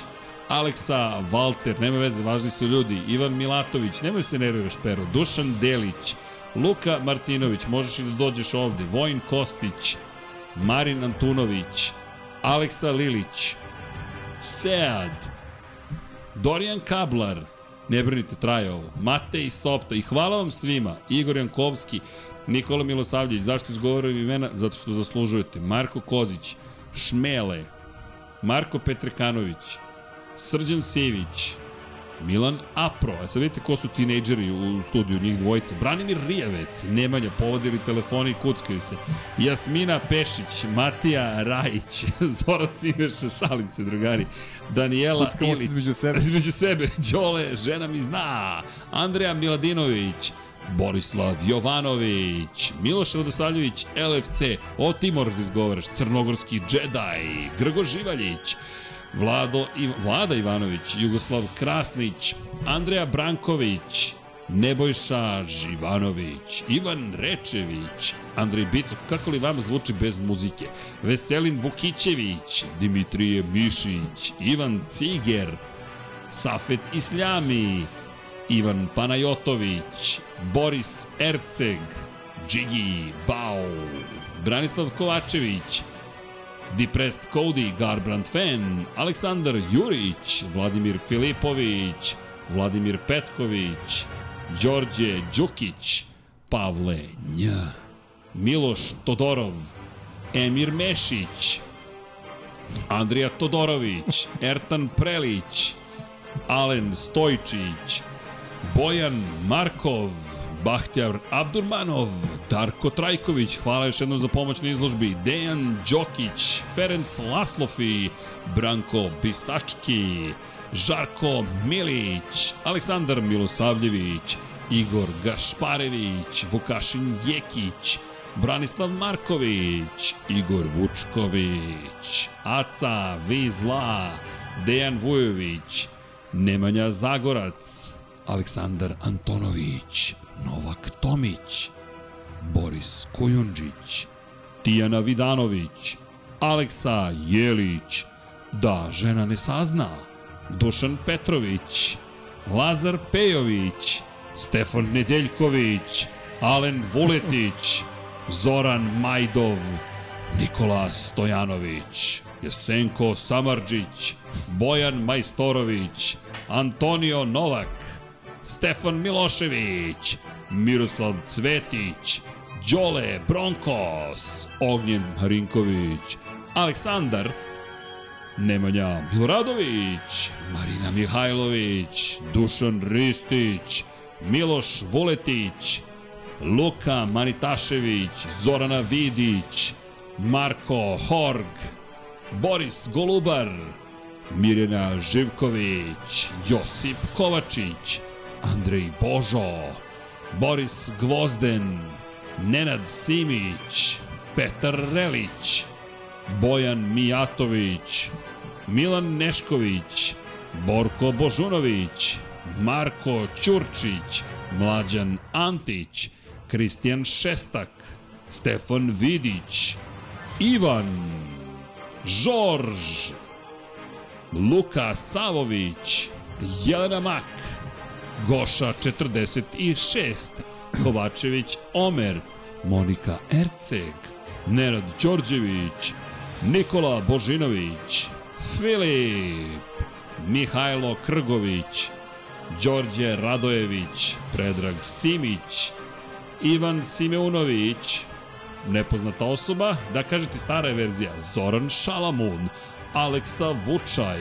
Miloš Banduka, Mario Vidović, to je poznata osoba, ali anonimna, Zoltan Mezeji, zatim pa Stefan Lešnjak, Ivan Maksimović, šta smo rekli, Toni Ruščić, Anonimus Genijalikus, Marko Bogavac, Nikola Grujičić, Marko Mostarac, Mladen Krstić, Anonimus Genijalikus, Stefan Dulić, Ivan Toškov, Sava Dugi, Jelena Jeremić, Ozren Prpić, Almir Vuk, Igor Ilić, Dinstero Vuk, Đorđe Janjić, MS13, Drago Veković, izvinjam se svima koji nisu eventualno spomenuti, Tatjana Lemajić, korespondent, korespondent, Kosta Berić, Koja 7, Ivan Vincetić, Bojan Gitarić,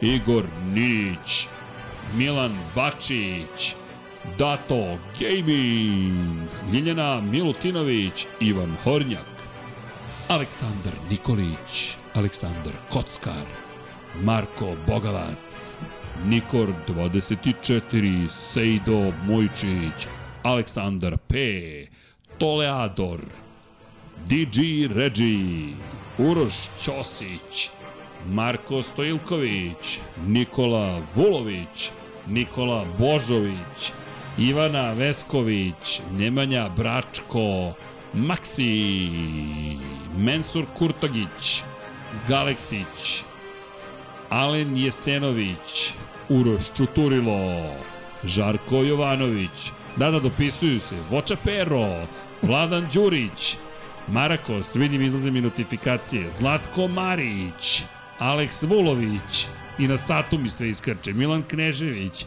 Nemanja Cimbaljević, Bojan Pejković, Resničanin, Petar Bjelić, Krorobi 00, Pavle Lukić, Milorad Reljić, Saša Stevanović, Toni Soni 76, Nikola Niksi, Branko Rašević, Nikola Grđan, ideje neke, Miloš Stanimirović, Bakadu, Ja ih imam Ivan godinu Magdalenić, Ivan Vojasinović, Veselin Vukićević, Branislav Dević, Vukašin Vučenović, Pero, zamisli sledeće, Almedin Ahmetović, Nemanja Labović, za svakog da smislimo Marina, pozadinsku priču, Nemanja Miloradović, Miloš Zed LFC, Nikola Kojić, Vlada Ivanović, zvuk koji čujete na deki je pronašao joystick, Oliver Nikolić, Jelena Jeremić, Luka, Skok, Nemanja, Bojan Markov i to bi bilo to, Pero, možeš sada i da zaustaviš. Pera digo ruke na glavu, bukvalno bio, to pusti. Vrti ga u krug, jel to osveta da čitam ponovo i ponovo i ponovo. Transition, Pero, transition. Studio izabereš kao scenu, transition, transition, inače smo zaglavili u petlji. to, to, Pere pustio neku muziku. Da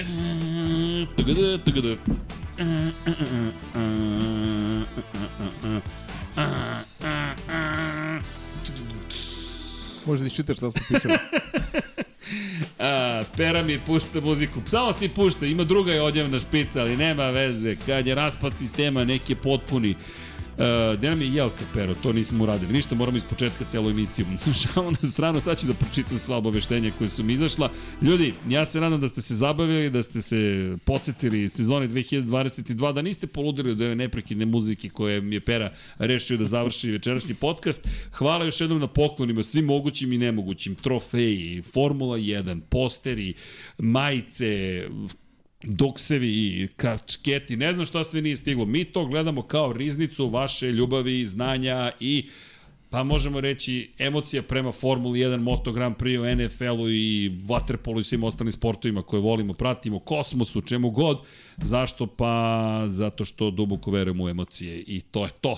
U to ime, ja vam u ime ovih dragih ljudi, mada će se ovaj gospodin pojaviti sutra, nadam se, da Pera isto, nadam se, Dakle, vas pozdravljam. Reklo bi danas. Reklo bi se dan, ne znam, meni se sat ispraznio, no. tako da je sve u redu.